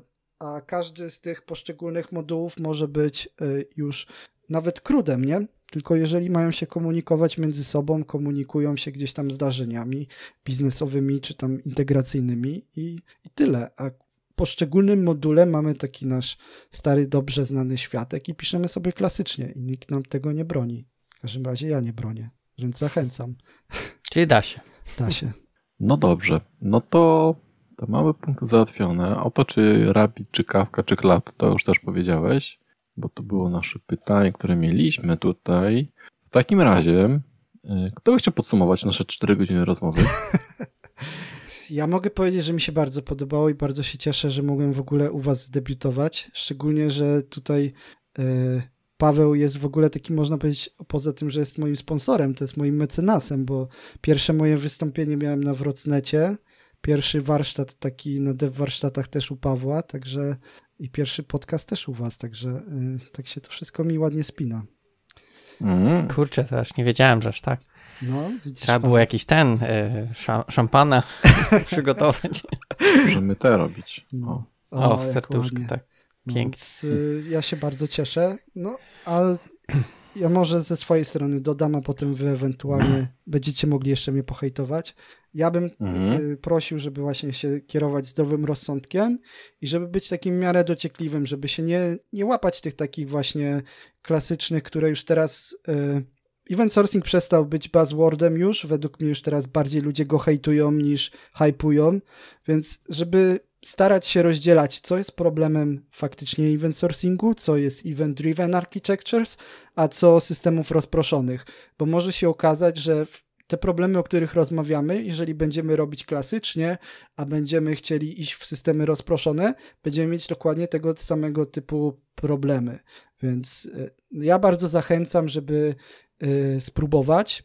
Można zerknąć na moje materiały. Na GitHubie jest takie moje repo, gdzie jest sporo przykładów, yy, gdzie jest właśnie event sourcing, jest też Kafka, jak sobie zintegrować takie klasyczne nawet właśnie podejścia, yy, czy też mój e-book właśnie o faktach i mitach o event sourcing, chociaż jak tutaj słuchaliście, to pewnie dużo więcej się nie dowiecie, ale możecie obrazki zobaczyć. Więc no dla mnie to są takie, mówię, ja nikogo nie zachęcam na siłę. Dla mnie zawsze dobrze zrobiony krót będzie lepszy niż źle zrobiony system oparty na zdarzeniach, ale wydaje mi się, że w obecnych czasach, nawet jeżeli będziemy bardzo chcieli, to w końcu nas to dopadnie. I ja zawsze to próbuję przekonywać, że to jest po prostu wiedza, umiejętności, które możemy nabyć i które będą po prostu takimi naszymi umiejętnościami w naszym takim przyborniku i dzięki czemu y, będziemy mieć większą możliwość wyboru przy podejmowaniu naszych decyzji architektonicznych, jeżeli to będziemy wiedzieć i rozumieć i w sposób świadomy decydować, bo może się okazać, że na przykład w nowym projekcie, którym albo nawet w obecnym, którym pracujemy, że gdzieś w tym fragmencie y, wykorzystanie czy to ogólnie architektur opartych na zdarzeniach, czy event sourcing będzie miało zaletę. Ale jeżeli tego nie spróbujemy, to nie będziemy wiedzieć. No mi się to podoba podejście, e, co powiedziałeś, bo dobrze znać, natomiast e, żeby używać z głową. Ja, ja chyba nie wiem, czy, czy jestem przekonany na chwilę obecną, może, może systemy, które robię, no, aż takich wymogów nie mają, natomiast faktycznie dobrze znać, przynajmniej wiedzieć, tak, że coś takiego istnieje, z czym to się je, jakie są zalety, jakie są wady. Wtedy faktycznie można e, podjąć decyzję, tak? W sensie świadomą decyzję, czy, czy chcemy w to wejść, czy nie, bo tak naprawdę nie wiedząc, y, co to i, i z czym to się je, no to też trudno podjąć świadomą decyzję, nie? Czy, czy wchodzimy to, w czy nie. Ja nie wiem, jak to podsumować, bo jest dużo wiedzy. Chyba poszedłbym w tym kierunku, że dobrze, żeby wiedzieć i być gotowym na tego gonga, o którym mówił Oskar. Naprawdę, żeby, żeby, może nawet żeby samemu sobie strzelić gonga, kiedy, kiedy, kiedy będziesz miał taką myśl, ok, to zrobimy sobie teraz event driven, nie? I od razu żeby się uszczypnąć i, i myśleć sobie, no, czy rzeczywiście, czy rzeczywiście tego potrzebuję, a jeśli tak, to żeby też od razu wypisać sobie listę rzeczy, które mogą pójść tak i, i pogadać z biznesem, co wtedy, jak to chcemy obsłużyć, bo, bo e, to nie jest Pawłow, tylko ten, jak coś może pójść nie tak, to pójdzie nie tak, czyli czy ja to Murphy. Murphy, Murphy'ego, tak. Mhm. właśnie. to żeby tego Murphy'ego mieć w zanadrzu i, i być na to gotowym. Mm. I chyba dopiero brać. I chyba że tutaj też to, co mówił Oskar, zacząłbym sobie od kilku przykładów, takich nawet prostych, e, jak zacząć, a później mm, o tym też z Pawem mówiliśmy, żeby uczyć się, bo myślę, że ten temat jest zbyt gruby, żeby uczyć się na produkcji, że tak powiem, czy za pieniądze, e, za pieniądze klienta, to jednak, żeby zacząć uczyć się trochę na domowych projektach. No jeżeli ktoś by chciał, to też u mnie jest taki zestaw ćwiczeń, które właśnie na warsztatach y, robiliśmy i można sobie samemu usiąść, tam są testy i można sobie samemu napisać takiego event stora. Ja mam też taki prelekcję, gdzie to robię w godzinę. Zakładam, że wam może to pójść nieco dłużej za pierwszym razem, ale jakby ktoś chciał, no to może sobie właśnie też y, zrobić taki mały warsztat nawet samemu. Wydaje mi się, że jest to spokojnie do zrobienia, bo są podzielone na podzadania i poszczególne elementy event stora są. Plus mówię też przykładów trochę tam jest. Okej, okay, wrzucimy do, do linków. Mhm. No dobrze. W takim razie gratulujemy wytrwania czterech, mniej więcej czterech godzin słuchania o architekturze opartej o zdarzeniach i okolicznych tematów i wielu e, apeli Oskara. I będziemy się żegnali w takim razie. I za mikrofonu żegnają się Jarek Stotnicki, Paweł Łukasik, Jarek Stotnicki, Oskar Dudycz, Jarek Stotnicki. To tak w klimatach tego, że wiadomości mogą przychodzić do Was w różnej kolejności i macie być gotowi na zwykłe. Nie tylko raz, tak? Tak. Tak, nie tylko raz. Dobre. Jarek. Dobra, koniec? Koniec. Jarek Stadnicki.